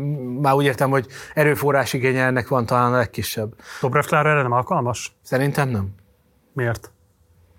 Hát a demokratikus koalíció, mint háttér, a demokratikus koalíció elutasítottsága és Gyurcsány Ferenc személye miatt nyilván. De képességeit tekintve ő magában ő? Hát, hogyha nem Gyurcsány Ferenc felesége lenne, hanem a demokratikus koalíció vezetője lenne, hanem az ellenzék politikusa, bár, vagy csak éppen egy, egy, egy tanárember valahol, akkor azt gondolom, hogy neki nagyon komoly képességei vannak Ugyanakkor hát nem tudunk így beszélni róla, vagy vele kapcsolatban, de, de, de, de, de szóval kevés dolog akadályozta meg az ellenzéket abban, hogy maga találjon olyan személyeket, és ne azok a személyek maguk jöjjenek elő. Márkizai Péter egyébként ilyen, nyilván ő egy saját magát előállító figura volt, aki lám még utólag jobban megismert képességeivel is képes volt nagyon komoly tábor teremteni magának, azáltal, hogy, hogy egy ilyen ellenzék ellenzéke Igen. szerepbe manőverezte magát. Miért nem tehette meg, volna meg ugyanezt az ellenzék? Hogy maga, maga talál meg egy figurát, épít fel erre a szerepre, aki tudatosan, bizonyos értelemben a pártokkal szemben is jelenik meg, és, és ezt a pozíciót viszi. Szerintem ez egy kifejezetten jó opció lett volna. Persze ez azt kellett volna, hogy az ellenzéki pártok ebben egyetértsenek, miután nincsenek, nincs ellenzék, csak pártok vannak, ezért ez, ez hanvában volt kísérlet lett volna. De azt gondolom ma is ez a legegyszerűbb dolog. Ez a hát legegyszerűbb. Anna? Hát sok, sok, az elmúlt 13 évben sok ilyen messiás jelölt volt, magam is néhányról egy adott ponton azt gondoltam, hogy lehet belőle valami. Donát Anna is szerintem ebben a szerepben volt, van. Én, én nyilván itt, itt ezt nehéz megmondani, mert itt az ember személyes politikai véleménye, ízlése is belejátszik. Én nem látom, hogy neki az ellenzéki táboron belül lenne olyan karizmája, ami ezt az egyesítést megvalósíthatná, de őszintén szólva több esélye lenne, mint azoknak, akikkel szemben komoly ellentáborok alakultak ki. Tehát minden olyan személynek sokkal több esélye lenne erre, akivel kapcsolatban nincs ilyen antipátia, és van valamilyen megépíthető személyes szimpátia. Van még szerinted rajtuk kettőjükön kívül más olyan politikai személyiség, aki vezetőjévé nem esethet az ellenzéki oldalnak? Szerintem most nem látunk ilyet. Nem látunk ilyet. Talán még Vona Gábort lehetne mondani, mint egy ilyen potenciális figura, de azt gondolom, hogy neki is olyan komoly elutasítottsága van az ellenzék bizonyos táboraiban, meg hát nyilván nincs olyan felépítettsége, nincs háttere, hogy ezt ő sem tudja rövid távon biztos nem befutni, ráadásul nehezen tudom elképzelni, hogy mögébe állna az ő előtörténete alapján az ellenzéki tábor. Én ezt úgy tudnám elképzelni leginkább, hogy az ellenzék felépít egy ilyen szereplőt, az ellenzékhez tartozó közös szereplőt, mondjuk például egy főpolgármesteri pozícióban, vagy bármilyen más pozícióban. Karácsony Gergely lehet még vala ez a figura? Lehetett volna. Lehetett volna. Azt gondolom, hogy... hogy, hogy Miért nem lett? Hát azt gondolom, hogy saját politikai hibái miatt nem lett, igen. Leginkább, leginkább amiatt, hogy elvesztette azt a tudatosan vagy sem, de elvesztette azt a meccset Márkizai Péterrel szemben, amiben teljesen rosszul mérte fel szerintem a helyzetet. E, és hát nyilván vannak más okai is, de alapvetően én azt gondolom, hogy ez akadályozza meg leginkább. Ott olyan rossz politikai döntéseket hozott, és olyan negatív vélekedés alakult ki emiatt a tábor egy jelentős részében, az ellenzéki tábor egy jelentős részében vele kapcsolatban, amit persze el lehet felejteni, meg nyilván át lehet értelmezni, hogy ez, ez nagyon megnehezíteni, hogy ő ezt a pozíciót betöltse. Én azt furcsálom inkább, hogy, hogy ennek az átértékelését ő nem kísérelte meg. Tehát nyilván lehetett volna egy hősies lépésként is eladni a közvélemény előtt azt a visszalépést, de hagyta, hogy szabadon értelmeződjön butaságnak, gyávaságnak, és egyebeknek az a lépése, meg sem, nem, nem történt kísérlet arra, hogy ezt egy narratívába beleépítse, ezt furcsának tartom, ezért azt gondolom, hogy most ő sincs abban az állapotban, de ő van messze a legközelebb ehhez a mai ellenzéki politikusok közül. Szerintem, de hát azért ő is egy már veterán, sok sebesüléssel. Itt egy, itt egy új csillagra lenne szüksége az ellenzékre. Tudom, hogy ez annyira ilyen, ilyen ez is megint a messiás várás. Igen, igen, de, de egy reális csillagról beszélek nyilván, nem kell ez különös, különösen kivételes képességek, hát azért de. de egy hit. Hát nyilván kell, persze. De. Hát, de hát akiről akit miniszterelnök jelöltnek indulunk, azt indítunk, azt azért indítjuk, mert De lehetséges, elhisszük. hogy a semmiből egyszer csak előjön egy ilyen jelölt, és nem inkább az lesz, hogy előbb vagy utóbb ki fogja termelni ez a létező szín a, a már meglévő alakok közül azt, aki... Így. De, de, de. de Vona Gábor visszatérését hogy értékeled ilyen szempontból? Ugye az előbb fölmerült ez a Vona Gábor tanácsadója kérdés. Én Vona Gáborral sokszor beszélgettem, tehát ugyanúgy, mint más politikusok. A visszatérés előtt is? Nem, nem. Azóta, hogy ő leköszönt a pártelnökségről, csak talán egyszer vagy kétszer találkoztam vele és beszéltem, de korábbról azért személyesen is elég jól ismerem szerintem a, a gondolkodását, vagy a, e, Hát azt nyilván ezt azért erős állítani a gondolkodását, de, a, de legalábbis a politikai habitusát, és számomra azért egyértelmű volt, hogy a, pártelnökségről való lemondás nem lesz egy végleges döntés az ő esetében. Ezt azt én... érezted, vagy jelezte neked? Nem, de hogy jelezte. Nem, szerintem a környezetének se jelezte, hogy, hogy, hogy ilyesmire készül, és talán maga sem gondolta ezt komolyan.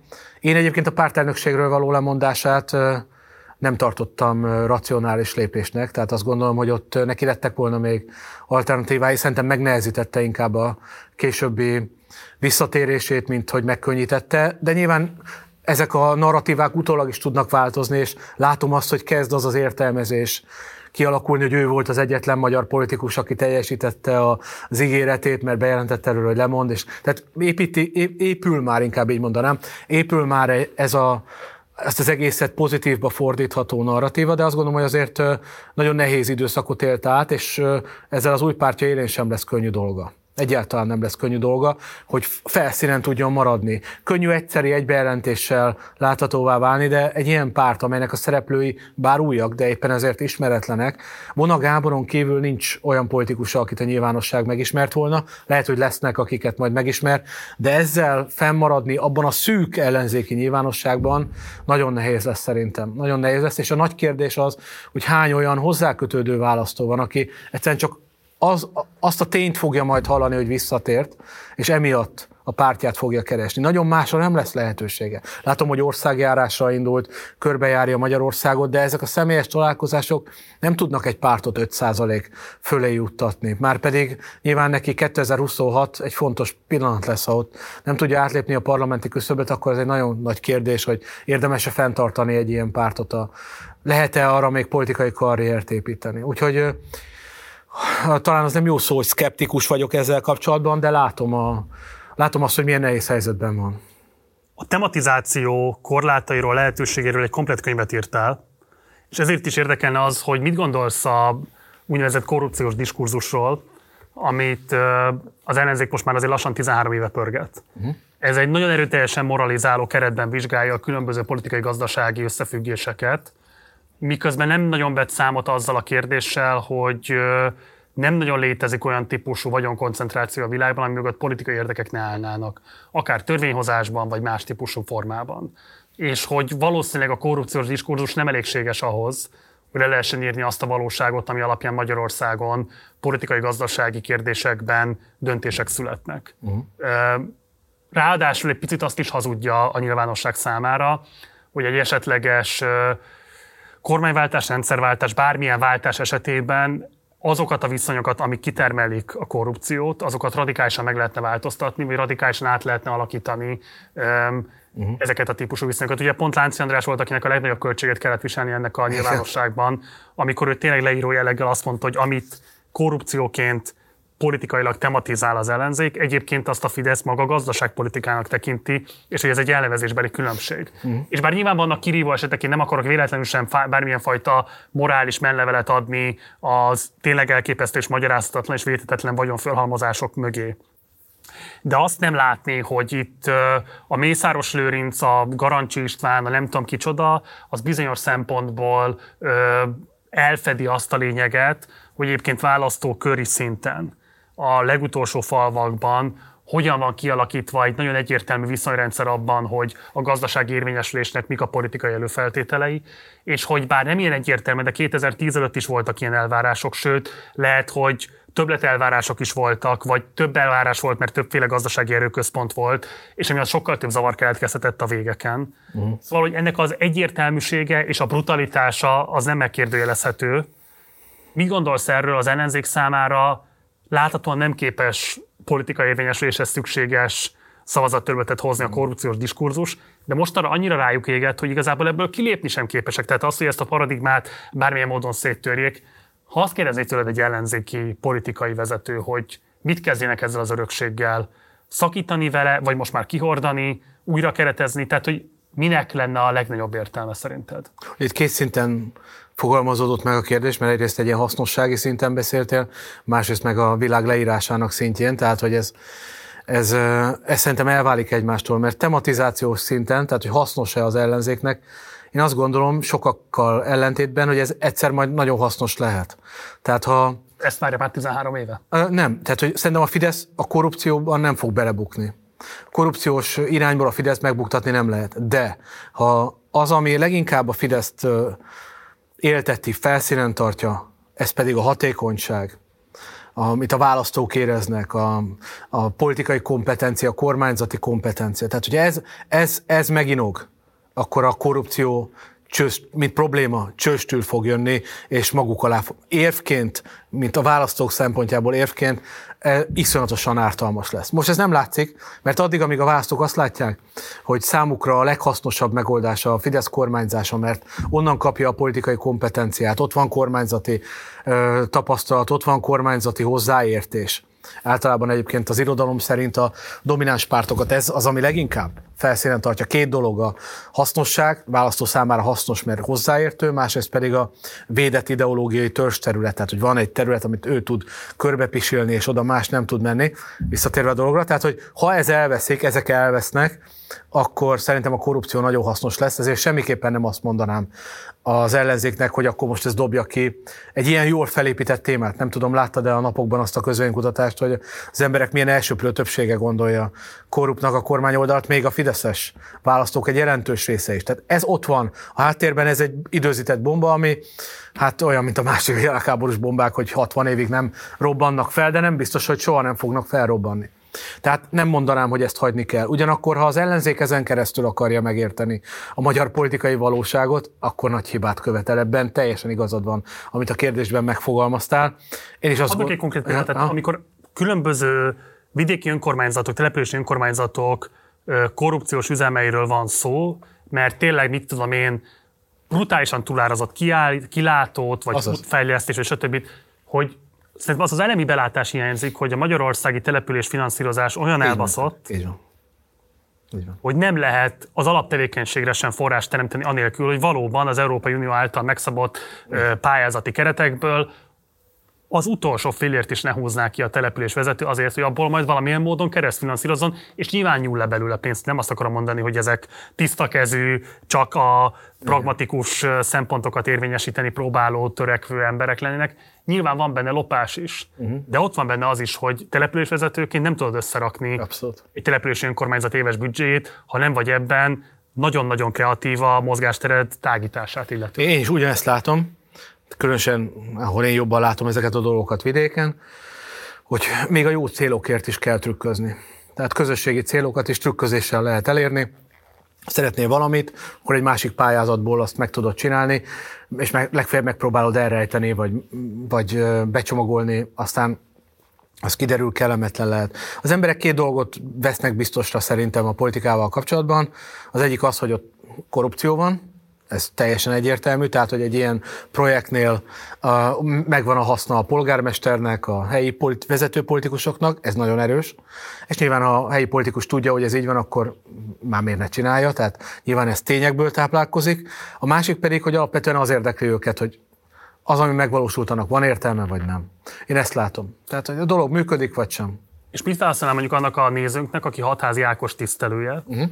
és azt mondja, hogy, de hogy ezek tűrhetetlen viszonyok, és egész egyszerűen nem akarja elfogadni azt, hogy a morálnak nincsen vezérelve abban, hogy egy nem tudom, gazdasági tranzakciót korrupciónak minősítünk, vagy sem. Jó, azért szerintem azért különbséget lehet tenni, hogy hogy saját célra épül pályázati pénzből nem tudom micsoda, ami a Balaton mellett is elég szép számmal megvalósult, és hatházi Ákos ezeket is végigjárta az elmúlt hetekben, vagy pedig valami közcélokra épül, és ott trükközés van a háttérben. Szerintem az emberek ezt elég jól látják, ezt a különbséget, és nekünk is látni kellene. Tehát nyilván azzal kapcsolatban teljesen más a véleményem nekem is, ami egyértelműen csak és kizárólag magáncélokat szolgál, mint azzal kapcsolatban, ahol a polgármesternek ügyeskednie kellett ahhoz, hogy egy játszótér, egy kutyafuttató, egy akár akármicsoda elkészülessen, mert a pénzt csak nem tudom mire lehetett kapni, de ő azt gondolta, hogy ott helyben fontosabb, hogyha épül a gyerekeknek ez az amaz. Tehát ezekkel szerintem sokkal megengedőbbnek kell lenni, és valójában így is működik a, választók szempontjából az érzékelés nagyon is különbséget tudnak tenni, hogy valami közcélokat szolgál, vagy magáncélokat. Szerintem ez, itt, itt, van a, itt van a fő elválasztás. Ezért túl doktiner ez az ellenzéki alapállás egyébként, amelyik azt mondja, hogy csak korrupció van, vagy nem korrupció. Nem, nyilván nem ez a helyzet.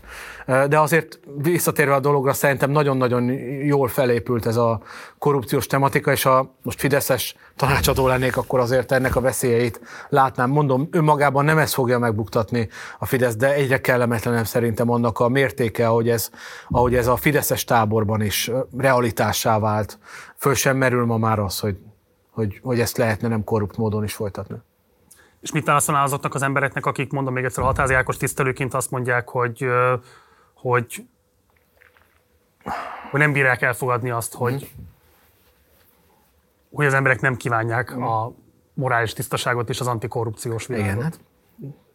Én is olvasom ezeket a posztokat és olvasom ezeket a kommenteket, nyilván bennem ugyanúgy felhorgat sok minden, amikor ezeket látom. Én teljes mértékben megértem azokat, akik a politikán számon kérik. miért nem tud sikeresni egy kifejezetten csak az antikorrupcióra fókuszáló politikai projekt szerinted?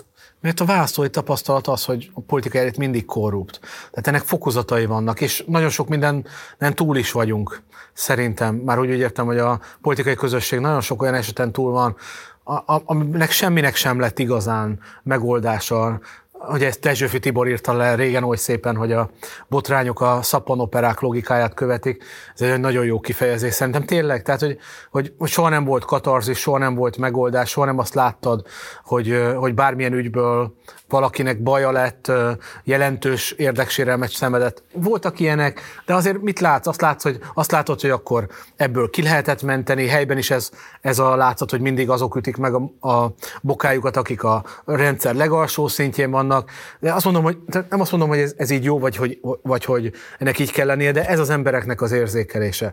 Ebben a, eb, ilyen, ilyen társadalmi alapfelfogással, vagy a politikai kultúrának ilyen jellegzetességével szerintem ez egy reménytelen küzdelem erre alapozni a politikát, hogy az emberek erkölcsi érzéke.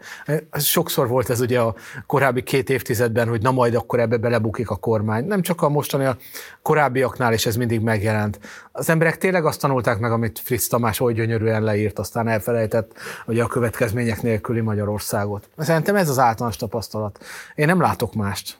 Különösen ott, ahol ahol nekem többlet információim vannak, a vidéki körzetekben, a vidéki Magyarországon ott, ott, ott én semmifajta, semmifajta pozitív elvárást vagy várakozást még azok részéről sem látok a politikával szemben, akik egyik vagy másik politikai tábor elkötelezettje. A sajátjairól is mindenki tudja. Hogyha kormányra kerül, vagy éppen kormányon van, akkor nyilván fele, nyilvánvalóan, mint minden szentnek neki is maga felé hajlik a keze. Ezt látod a mikrokörnyezetedben, az iskolában, az egészségügyi intézményekben, mindenhol. Ezt megtanultuk, ezt a leckét. Szerintem ehhez kell alkalmazkodni. Ez is az Orbáni politikának, bár ezt sokan nem szeretik, ha ezeket mondom, de ez is az Orbáni politikának a, a versenyelőnye, hogy ez a felismerés ott megtörtént. Hogy politikát egy politikai közösségben lehet sikerre vinni. Lehet, hogy jobb lenne más politikát, de az ebben a politikai közösségben nem lesz sikeres. Sosem voltál kampányfőnök, ugye? Kampányfőnök nem. Miért? Mert igazából a szakmai működésedből ez az a tapasztalat, ami talán a leglátványosabban hiányzik, nem? Én szerintem jól tudnám csinálni egyébként. De soha senki nem kért fel kampányfőnöknek. És te magad nem akartál tenni soha azért, hogy esetleg? Nem. Nem, mert nyilván azért ez egy, az egy nagyon másik szerep lenne. Nehezen lenne összeegyeztethető azzal, amit csinálok, de lehet, hogy nem lennék olyan rossz ebben a szerepben.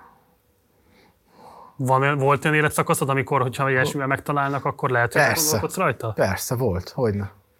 Hogyne. Én nem tartom ö, olyanok, ami, amihez azok a kompromisszumok kellenek, ami a politizáláshoz kell. Tehát ez, ez, ez ugyanaz, mint a politikai tanácsadó és a politikai elemzés. Ugyanaz a szakterület, csak nyilván mások a sikerkritériumok, meg más a módszertan, de, de ezek nagyon közel állnak egymáshoz szerintem. Zárásként egy rövid képzeletjátékot játszhatunk? Hogyne legyél most egy képzeletbeli kampányfőnök egy ellenzéki projekt élén.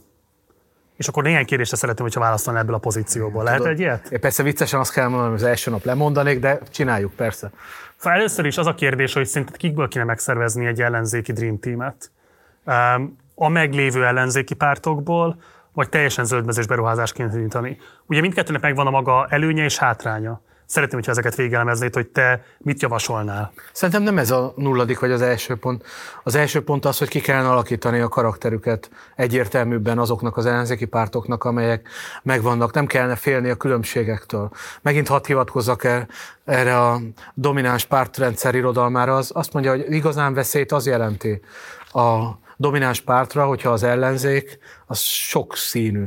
Nem az, amikor az ellenzék kizárólag a clean water stratégiát alkalmazza, tehát hogy mindent megszoroz mínusz egyel, hanem az ellenzék nagyon különböző, és akár van közöttük olyan is, amely bizonyos kérdésekben egyetért a kormány oldallal, amelyik bizonyos értelemben közel lép hozzá. Tehát először engedném azt, sőt, biztatnám a pártokat arra, hogy találják meg a saját identitásukat, hogy világos legyen, hogy ezek a politikai erők miben különülnek. Világvezetőleg karakteres pártokat Abszolút. szeretnél látni. Abszolút. Ehhez. Akár meg is lehetne erről az ellenzéki pártoknak állapodni, hogy, hogy, hogy egy adott ponton belül, vagy egy adott ponton túl nem támadják egymást emiatt, és olyan versenyt először lehet, hogy csak játszanak el, majd, majd, majd visznek színre, ami engedi, hogy megmutassa ezeket a különbségeket. Én ezt tartom a nulladik pontnak az ellenzéki politikában. Ez ami soha nem történt meg, mert soha nem futott senki ilyen versenyt, ami ne pozíciókról szólt volna, hanem karakterekről. Az, hogy az embereknek legyen három leírható mondatuk arról, hogy mi a DK, mit akar a DK, hogy mi, mit akar a Momentum, mit akar a Jobbik, stb. stb. Ez nem történt meg. Ahogy a Fidesznél le tudod írni, ezeknél nem tudod leírni. Versenyt, és biztatni az egyes szereplőket, hogy minél messzebb menjenek. Legyen igenis olyan szereplő, azt nem kiüldözni kell, aki bizonyos esetekben egyetért a fidesz hát az jó. E, az ellenzéket fogja gazdagítani. De nézd meg nálunk, ahol az LMP elkezd egy önálló arcszerű politizálást, rögtön jön az árulózás, a, a kitagadás, a vele szemben elindulás. Ennek semmi értelme. Igenis szükség lenne egy erőteljesen radikális új baloldali politikai erően, nagyon kellene, aki megmutatja az embereknek, hogy milyen az új radikális baloldal, kellene valóban környezetvédő párt, liberális párt, és kellene olyan is, amelyik közel lép a Fideszhez, mondjuk egy nemzeti konzervatív, nemzeti liberális párt. És elindulna ez a verseny, ez nyilván nem egy hónap alatt megy ez végbe, hanem ez akár egy ciklus munkája, azt követően lehetne szerintem arról beszélni, hogy ezeket egy választási szituációban össze lehet tenni. Amíg ez nincs meg, amíg nem lesz szélesebb az ellenzék spektruma, mint a kormányoldalé, és nem lesz benne olyan, amely versenyt jelent, vagy veszélyt jelent a kormányoldal szavazótáborára is, addig nincs miről beszélni. Tehát, ha jól fordítanak le, akkor azt mondod, hogy ha ezen a feladatod, akkor nem abban gondolkodnál, hogy hogyan lehet új szereplőket behozni, akik majd elrendezik a meglévő viszonyokat, hanem a már meglévő pártokat hogyan lehet karakteresebbé tenni, mm. hogy jobban látszódjon a különbség, és hogy színesebb legyen a felhozata. Én nem hiszek ebben az új szereplőkben, hát nem lehet leagasztani valahonnan. Nyilván az nem baj, az nem baj, ha bejön új szereplő, sőt, annak örülni kellene, ha, ha magától megszerveződik ilyen, de nyilván nem lehet egy katalógusból kiválasztani az új DK-t vagy az új Momentumot, ezek itt vannak, nem megkerülhetőek. Ezek az emberek évtizedek óta politizálnak, erre tették fel az életüket, nem lehet kizárni őket, de biztatni kellene őket arra, hogy találják meg a különbségeket. Nálunk viszont az a baj, hogy az első ponton egymásnak támadnak, ha egy kicsit eltérő regiszterben beszélnek, miközben érteni kellene, hogy most ez a lépés kell. Amikor van egy két és fél milliós vagy három milliós Fidesz, akkor nincs más út. Először sokasodni kell, abban az értelemben sokasodni, hogy jól elkülönülten, világosan megjelenni, és bizony megpróbálni kilépni a hagyományos szavazótáborból. Ha mindig arra megyünk rá, hogy ez a Clean stratégiával csak a Fidesz antitéziseként ki a legjobb, annak nem látom értelmét, abból nem fog kijönni semmi. És ugye van ez a dolog, hogy hát az ellenzéki nyilvánosság erősen kondicionálva van az antiorbánizmusra és az antikorrupciós Igen. tematikára. Szerinted mit tudna lenni az a történet, mit tudna lenni az a sztori, amivel meg lehetne szólítani széles tömegek politikai képzelő erejét? Hát ezt nehéz, nehéz, nehéz ezt megmondani. Szerintem erre is szükség van, amit, amit eddig csinált az ellenzék. Tehát olyan párt is kell, vagy olyan tartalom is kell, az se lenne baj, néhány, az ellenzéknek nem lenne baj, tehát most fantáziálunk, én nem abban vagyok érdekelt, hogy az ellenzék megnyeri a választást. Tehát a, a, a, az sem lenne rossz, ha a tetsz állapotban lévő pártok is elkezdenének valamit csinálni. Ugye az MSZP-ről se tudunk semmit, tehát nyugodtan lehet a hagyományos eddigi tartalmat is felelvelinteni, mert van annak is választóközönsége, hát nyilván van. Akár még egyébként a 2002 utáni korszaknak is van választóközönsége, csak hát ennél sokkal több kell. Kellenek új, új tartalmak, kellenek új, új irányok, és azokat, azokat hagyni kell, bátorítani kell, hogy azok, azok tábort teremtsenek maguknak. Én nem, de ugye van ez a félelem, hogy mindig ugyanazt a tortát szeletelik. Persze, addig igen, amíg mindennyien ugyanazt mondják, és tök csereszabatosak. Nekem egyébként még a Momentum meg a DK is tök ugyanaz. De nyilván értem a különbségeket, meg látom azt, hogy a háttérben milyen törekvések vannak, de őszintén a legfontosabb politikai kérdéseknél nem ugyanazt a választották mindig. Nem azt érzed mindig, hogy, egy, hogy fel kell mondani, hogy, hogy, hogy valójában a, hát egy Gyurcsány Ferenc hasonlás verseny, de ez nem hangzik jól, de hogy egy, egy az ideális ellenzéki politikus hasonlás versenye zajlik, hogy kifelel meg a legjobban ennek a képnek. Ez nem jó, ez biztos, hogy ez az ellenzéket tönkre fogja tenni, mert képtelen lesz kitörni ebből a szavazó közönségből. Nyilván ebbe sincs benne a siker biztos receptje, de ha lehet annak kínni, hogy máshol, hol, hogy buktak meg ilyen rendszerek, ha egyáltalán nem maguktól, hanem külső beavatkozásra, akkor az úgy történt, hogy kikezdték, bementek a védett ideológiai törzs területükre, lettek olyan szereplők, akik oda bejöttek, és ugyanazt mondták. Akár tök ugyanazt mondták, mint a Fidesz. Nyilván ez ebben a helyzetben nem megvalósítható, de témákban egyetértőleg léptek fel, ami azt jelenti, hogy azok a szavazók is meghallják, amit mondanak, akik ezzel egyetértenek. Nyilván persze a Fidesz ezt el tudná ma már intézni, hogy ezeket hiteltelenítse, de okozhatna problémát. Másrészt pedig, hogyha hogyha a kínálat megsokszorozódna, hogyha azok is kapnának maguknak választható pártokat, karakteres pártokat, akik egyébként magukat így vagy úgy, vagy amúgy azonosítják, mert ez korábban is így volt. Hm.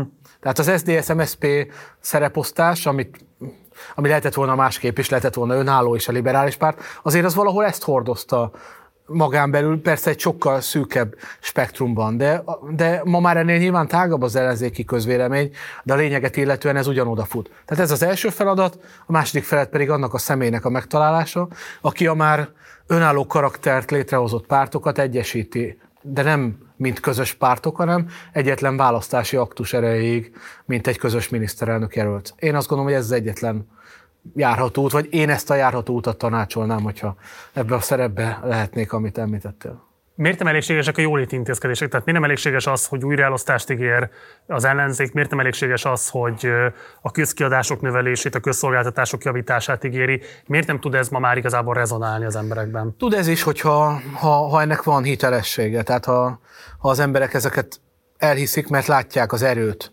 Ugye ez a másik, amit mondtam, tehát a, a védett ideológiai terület mellett a versenyelőnye az egy ilyen domináns pártnak, a, többször említettem már, a kormányzati kompetencia, a hasznosság. Az emberek ma mindent a Fidesztől várnak, még az ellenzéki szavazók is nyilvánvalóan a Fidesztől várnak. Senki nem gondolja, hogy azért szavaz a, a valamelyik ellenzéki pártra, mert ez megígérte, hogy több lesz a nyugdíj, vagy kevesebb lesz az adó. Ez hiteltelen az ellenzék szájából ma. Ez erőt, először erőt kell felmutatni, hogy ilyen közpolitikai kínálattal érdemben elő lehessen állni. Amikor fejfej mellett vagy, akkor van ennek tétje.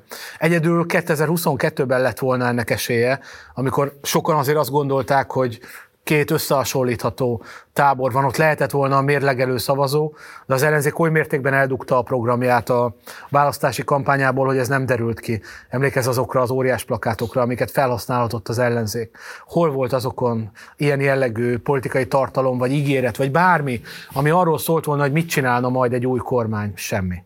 De ami az embereket is érdekli, olyan dolog, semmi. Hihetetlen, hogy mikre lőtt el az ellenzék a patronokat, nem? Elképesztő, hogy mik szerepeltek azokon, teljesen érdektelen. Az embereket nyilván egyáltalán nem érdeklő kérdéseket próbáltak ott meg középpontba állítani, és leginkább magukról szóltak, hogy összeálltak, hogy na mindegy, most nem menjünk bele. Tehát én azt gondolom, hogy, hogy ennek akkor van jelentősége, amikor az erő megszületik. Először az erőnek kell megszületni. Hogy azt lehessen látni, hogy ez a tábor, ez van akkora, mint a Fidesz, hogy ez ez a tábor ez képes együttműködni, van egy szereplő, aki ezt megjeleníti, és akkor teszi fel a választó a kérdést, hogy miben lenne mást az életem, hogyha nem Orbán Viktor kormányozna, hanem ez a másik, akinek most láthatóan van esélye. Akkor, akkor érdekes szerintem a közpolitikai kínálat. Fordítva ülünk a lovon, hogyha először dolgozzuk ki a szakpolitikai program. Ki kell dolgozni egyébként, csak hogyha attól várjuk azt, hogy oda jönnek a választók. A szakpolitikai program ma azért kell, hogy ezeket a külön, kellene, hogy ezeket a különálló arcéleket megjelenítse. De hát figyelj, én olvasok választási programokat tényleg, de még én se tudnám igazán megmondani, hogy ezek között a pártok között mi a különbség. Ha, amit Azt meg... mondod, hogy igazából a legfontosabb előfeltétel az, hogy valamilyen típusú erőt lehessen mutatni, tehát, hogy az Orbánra való reagálás helyébe Orbán kényszeríteni a helyzetbe, hogy neki kell reagálni. Így van, így van, pontosan. Pontosan, pontosan. De hát azért azt nagyon megtanulta, hogy arra vetemedni tilos. Persze. De azért, hogyha most nyilván ennek semmi realitást nem adok, amiről beszélünk, de hogyha elfantáziáljuk, akkor egy ilyen szituációban óhatatlanul előállna egy szimmetrikusabbnak tűnő politikai verseny, amit én egyébként tényleg vártam 2022-ben. Ennek meg volt az esélye. Ha Márkizai Péter kampánystáb és a pártok nem úgy reagálnak, akkor azért 2022 elejétől lehetett volna egy kihívói szerepben megjelenni. Hát a Fidesz szinte így várta az ellenzéket. A Fidesz erre készült, ilyen választási kampányra. A Fidesz lepődött meg legjobban, hogy nincs ilyen hogy neki nem kell, nem kell kompetencia versenyt folytatnia. Nem kellett. Mert a másik oldalon nem jelent meg ajánlat. Az volt az ajánlat, hogy mennek a magyar katonák háborúba. Ennyi volt. Tényleg. A legtöbb embernek ez jött le. Ugye mit, ennyit akar Márkizai Péter, hogy mi, mi lenne a más egy ellenzék által vezetett világban, alkotmányoznának. Az a média nyilvánosság kérdése, tehát hogyha nincsen meg az a típusú... De nem csak ott, ma. itt is voltak, ott ezer helyen voltak. Nem, bocs, Orbán Viktor most már lassan 20 éve nem áll ki nyilvános vitára, és tőle független médium számára sem biztosítja a kérdezés lehetőségét. Tehát azért nagyon egyszerű Orbán Viktornak a helyzete. Persze, nagyon egyszerű, abszolút. Hogy az imidzsét a róla készült képeket egy egyben a saját stábja gyártja le. Persze, persze. Hát ő kilométerekkel előbb indul a maratonfutásban, mint az ellenfelei, nyilván. De azért akkor is van egy szűk, volt egy szűk korlátozott lehetősége, figyelem az ellenzék irányába, és mire használták. De tényleg csak ezt érdemes végig gondolni, hogy mire használta fel Márki Zai Péter és az ellenzéki pártok azt a pici lehetőséget, amilyen volt. Hülyeségekre. Itt is, máshol is. E- ennyi. Szerintem ez a, ez a kulcs. Az első lépés kulcs. És akkor záró kérdés. Ez is már az volt? Az a záró kérdés kör volt, és ez már tényleg a záró kérdés. Politikai kommunikáció. Nem, de tényleg, tehát a, a, a kampányfőnöki szerepből kiindulva, hogy jövőre lesz Európai parlamenti választás, meg lesz önkormányzati választás. Elég egyértelműnek tűnik az ellenzéki stratégia arra vonatkozóan, hogy az EP-ben a második hely dominálásáért zajlik jelenleg a verseny. Mindenki elfogadja, ha nem is vallja be, hogy ezt a Fidesz fogja megnyerni. Így van. Um, lehet-e mögött egy olyan racionális kalkuláció, hogy most tényleg szeretnénk egy választást, ahogy te is mondtad, végre a saját színeinket futtathatjuk meg, egymás között lejátszuk a dominancia harcokat, és akkor aki kihull a rostán, az kihull, akik fennmaradnak, azok meg majd kialakítják, hogy olyan futnak neki 26-nak. Tehát lehet ez e mögött egy ténylegesen racionális számítás is, hogy miért ezt a pályát futják. De közben ott van a választó is, aki nyilván, hogyha azt érzi, hogy nem az első helyét folyik a küzdelem, akkor kevéssé lesz lelkes, kevéssé lesz mobilizálható, adott esetben kevéssé vállal kockázatokat, agitál mondjuk az ellenzék mellett. Te ebben a helyzetben a költséghaszon kalkulációban hova húzol? Tehát szerinted ez még akár le, jöhet jól is az ellenzéknek, hogy célzottan a második hely eldöntésért zajlik a küzdelem, vagy ellenkezőleg óvnád őket attól, hogy most ezt erre használják el, mert 24 után nem lesz már lehetőségük nagyon sokat gurítani 26-ig.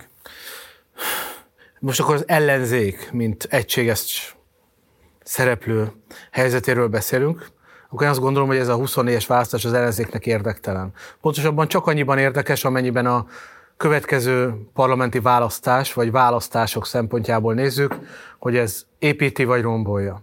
Ha 26-ból, vagy szerintem még inkább 30-ból, vagy esetleg 34-ből tekintünk vissza, akkor ez a választás az ellenzéknek kifejezetten jól jön mert arra a pályára állíthatja, vagy rákényszeríti az ellenzéket arra, amiről az előbb beszéltünk. Az, hogy kicsit mutasson magából valamit, hogy rá legyen kényszerítve arra, hogy, hogy, hogy megpróbálja magát kitalálni, elgondolni, hogy mi mik vagyunk. Látom már, hogy vannak pártok, akik most csak annyit mondanak, hogy induljunk közösen. Ez a kínálatuk, ugye? Hogy, hogy, hogy csináljunk valamit közösen. Ez az MSZP mondja. Igen, az MSZP. Ők is megmérettetnek majd ezzel, és nyilvánvalóan, ha ennyi a mondat, akkor messze ki fognak hullani. MSZP-nek is fel kellene ismernie magában valamit, valamit elmagyarázni a választóknak, hogy miért ők. És a többiek is. Tehát van egy külső nyomás az ellenzéken, szerintem az ellenzék szempontjából hasznosan, ami közelebb viheti őket 26-hoz, 30-hoz, 34-hez. Elindulhat valami gondolkodás arról, kényszer hatására, hogy ők mit, mit kínálnak a választóknak. Lesznek persze írtózatos kudarcai az ellenzéknek ebben a folyamatban, ebben biztos vagyok. De mégiscsak egy verseny, amelynek van egy meritokratikus jelleme, jellege, hogy az fog jól szerepelni, aki, e, aki jobban teljesít ebben. Hát de bocs, aki jobban, jobban kitalálja. a többiekhez képest. Tehát itt most nem a Persze. Fidesz legyőzendő ellenfél, de az nem fontos, de az, nem, de az nincs. Az a verseny nincs, Marci. A fidesz nem, nem mérkőzik meg senki 24-ben. Senki. Tehát mindenki tudja, hogy a Fidesz... Tehát e, e, ez a kérdés nincs is az emberek fejében. Az emberek fejében az a kérdés nem merül fel, hogy a Fidesz megverje valaki. De nem fogja tudni a Fidesz Jó, de akkor ez már önmagában egy nagyon komoly verseny Persze, az ellenzéknek. Tehát, hogyha nyilván. valakiről nem képesek elképzelni sem azt, hogy alkalmas arra, Persze. hogy első legyen. Hát, de hát nem ez volt korábban is? Hát nem, pont most mondtad. 22-ben nem, de 18-ban, nem erről szólt a választás 18-ban is? Lefutott választás, tét nélküli választás. Mi is ezeket mondtuk, más is ez látszott. Ugyanez a helyzet. Tehát mi mindig ugyanott tart az ellenzék, hogy el kellene kezdeni ezt a folyamatot. Nyilván... Hát igen, de bocs, tehát a, a, a karakteres, világnézeti megalapozottsággal történő pártépítés gyakorlata is mutatott már kudarcot. Persze. És az együttműködés kicsit kilúgozott a világnézeti alapon történő együttműködés is mutatott már kudarcot. Tehát, hogy tényleg az a kérdés, hogy most melyik mintázatot kéne megismételni, van esetleg ezen túlmutató mintázat? A karakteres együttműködés. Szerintem ez, a, ez az út. Karakteres pártok, amelyek felépítik magukat, magukkal foglalkoznak, riválisai a többieknek, és a végén, végén a választási rendszer kényszere miatt együttműködnek egy közös jelölt mögött. Én szerintem ez az, ami nem lett még kipróbálva alkalmas jelöltel, azonosítható pártokkal. Amíg a pártok csak abba az irányba haladt előre az ellenzék, hogy ne tudjuk meg, hogy kik ők. Hát ma már a Jobbik is olyan, mint a DK. Meglepne téged, hogyha a DK és a Jobbik közösen indulna? Nem. Ha Jakab Péter pártjával indulna, az meg még kevésbé lepne meg. Hát hova jutott az ellenzék?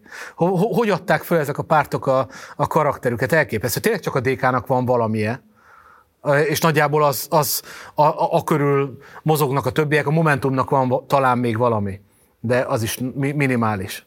Szóval, hogy, hogy, hogy, hogy, hogy amíg ez, és szerintem ebből a szempontból az EP-t erre kell használni az ellenzéknek. A problémájuk szerintem nem az EP-vel van, hanem a mellétett önkormányzati választással, hogy ott nyilván azért nagyon fontos az ellenzéknek, hogy ne veszítsen olyan sok pozíciót, azt meg nagyon nem tudja ebben a versenyben létrehozni, ott akkor kompromisszumokat kell kötni, én ezt látom nehéz helyzetnek, de ha van bölcsesség, akkor néhány kiválasztott megyei jogú városban, meg Budapesten együttműködnek, a többit meg elengedik az önkormányzati választáson, úgy sincs esélyük.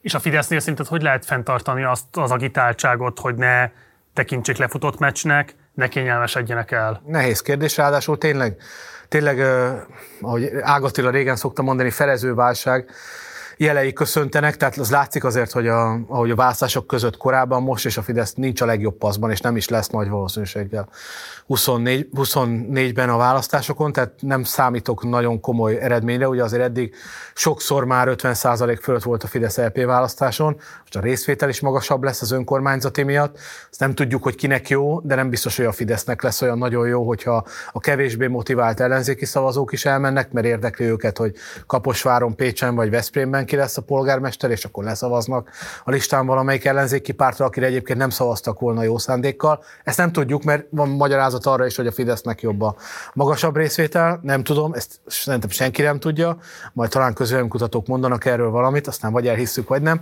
De összességében azt gondolom, hogy a Fidesznek nem lesz ez egy, ez egy fákjás menet. Annyiben igen, hogy elmondhatja, hogy megnyerte a választást, de minél közelebb lesz azért a 40% hoz nem hiszem, hogy 50% fölé kerülne, minél közelebb lesz a 40-hez, az azért az annál inkább, ha nem is kudarcnak, de figyelmeztető jelnek fog tűnni. Tehát én azt gondolom, hogy, hogy, hogy, hogy az ellenzék, ha másképp fogja fel a dolgot, hogy nem biztos, hogy ez lesz a Waterloo-ja. Már annyi Waterloo-n vettek részt, ez, ez, már, ez már sokkal jobb lesz szerintem az ellenzéknek, ha csak nem megy bele valami olyan borzalmas konstrukcióba, ami megint szétvágja az esélyeit. Nyilván még ez is előfordulhat persze. Azt el tudod képzelni magát, a mi hazánkot lesz egy olyan pont, amikor már nem tudja igazából féken tartani a Fidesz abban az értelemben, hogy a Frankenstein, a kreatúra önálló életre kell?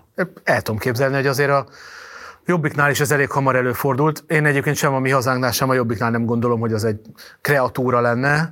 Legfeljebb terelgetni kellett szereplőket, de nyilván nem a Fidesz bűvész kalapjából jöttek elő, hanem ezek az emberek elő akartak jönni, és abban a politikai környezetben akartak olyan Van agenciájuk, ezt nem akarom eltagadni, de az teljesen nyilvánvaló, hogy ennek a játékterét meg Persze. a határait a Fidesz jelöli hát, ahogy az, el, az, az ellenzék többi politika, politikai pártjának is, nyilvánvalóan, ahogy ez ugyanez Gyurcsány Ferencre is el tudod mondani szerintem.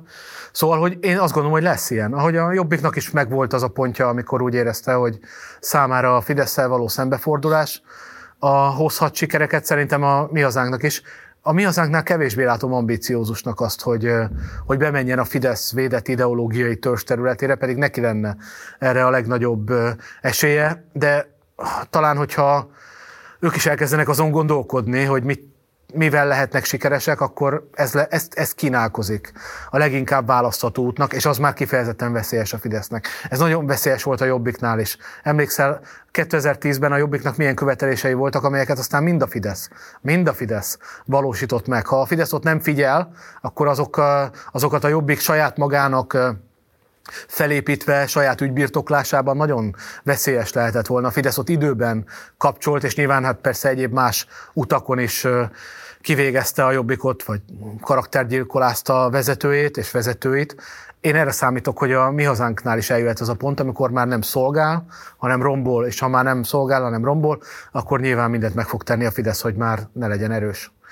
És mire figyeljen a néző? Tehát mire figyeljen szerinted az állampolgár a következő 7-8 hónapban, aki érdemben szeretné a folyamatokat ö, vizslatni, te mire hívnád fel a figyelmét, hogy a retteltes nagy média zajban, ö, nyilvánosság zajban, kakofóniában és így tovább, Mire figyeljen, hogyha a lényeget akarja látni?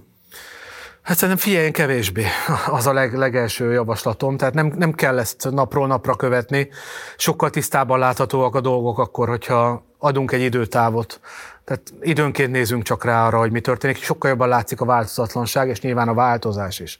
Én azt látom a legnagyobb problémának, aki a napi politikai verseny alapján próbál elhamarkodott kijelentéseket tenni arról, hogy milyen komoly változások vannak. Ha ilyen szappanoperásan nézzük, tehát hogy 30 részenként nézünk bele, akkor sokkal jobban látjuk, hogy még mindig ugyanaz van, még mindig a Leoncio szereti az Izaórát, vagy fordítva, sokkal könnyebb érteni az egészet szerintem. Azt, hogy mennyire ugyanaz a játék és ezt most mennyire nem kell figyelnem. Ha így járunk el, akkor sokkal jobban fogjuk, tisztában fogjuk látni szerintem azt, hogy, hogy van-e elmozdulás, van-e bármilyen stabilitást veszélyeztető elem. Nyilván egyrészt a Fideszt érdemes figyelni, hogy ott a védett ideológiai törsterület megmarad-e, és a, kormányzati kompetencia nem, igon, nem inoge meg, bármelyik a kettő közül megtörténik, akkor azt szerintem ott bekapcsolhat egy gomb, hogy érdemes figyelni, változások következhetnek. A másik pedig az ellenzéknél azt kell figyelni, hogy, hogy az eddigi mókuskerékből ki tud-e szállni az ellenzék, és elindul-e a, azon az úton, amit szerintem hasznos lehet, és amit én javasoltam, vagy amiről az előbb én beszéltem. Nyilván vannak más alternatívák is, de hogy valamit próbál-e, van-e innováció, próbálkozik-e valami mással, vagy csak ugyanazokat a köröket futja. Ha így néznénk rá egyébként az elmúlt évekre, csomó mindent megsporolhatunk volna, mert tényleg azt látnánk, hogy a Fidesznél végig megvolt a védett ideológiai terület, és a, megvolt a kormányzati kompetencia is legalább annál a három millió embernél, vagy három és félnél, akik a célkeresztben vannak, az ellenzék meg bár Mesterázi Attilának hívják, vagy Ungár Péternek, vagy Komjáti, már nem is tudom, az ő keresztnevét se hirtelen így a hat óra, Imrének hat óra végén a nevét. Tehát, hogy a szereplők változnak, nem Leoncio van, hanem Hozé van, de valójában ugyanaz a játék folytatódik. Tehát ne engedjünk a politikát övező, lenéző undorkodásnak. Ne, semmiképp. De közben ne is függjünk rá a politika fogyasztását. Abszolút, így van. Tiszteljük a politikusokat, és lássuk a nehéz helyzetüket. Szerintem ez fontos. És nyilván, nyilván szkepszissel, meg távolságtartással, de azért érdeklődve időnként figyeljük, hogy mi történik.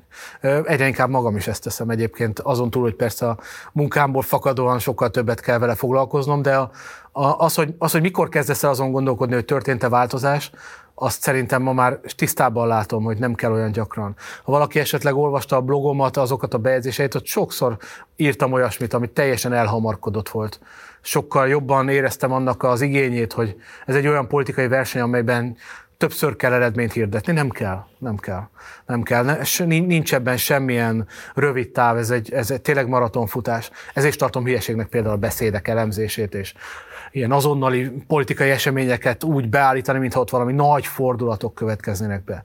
Ezek mind epizódok, és az epizódok állnak össze egybe. Stratégiákat kell nézni, helyzeteket kell nézni szerintem. Hát köszönöm szépen, hogy mindezt elmondtad nekem. Nagyon élvezetes volt veled beszélgetni.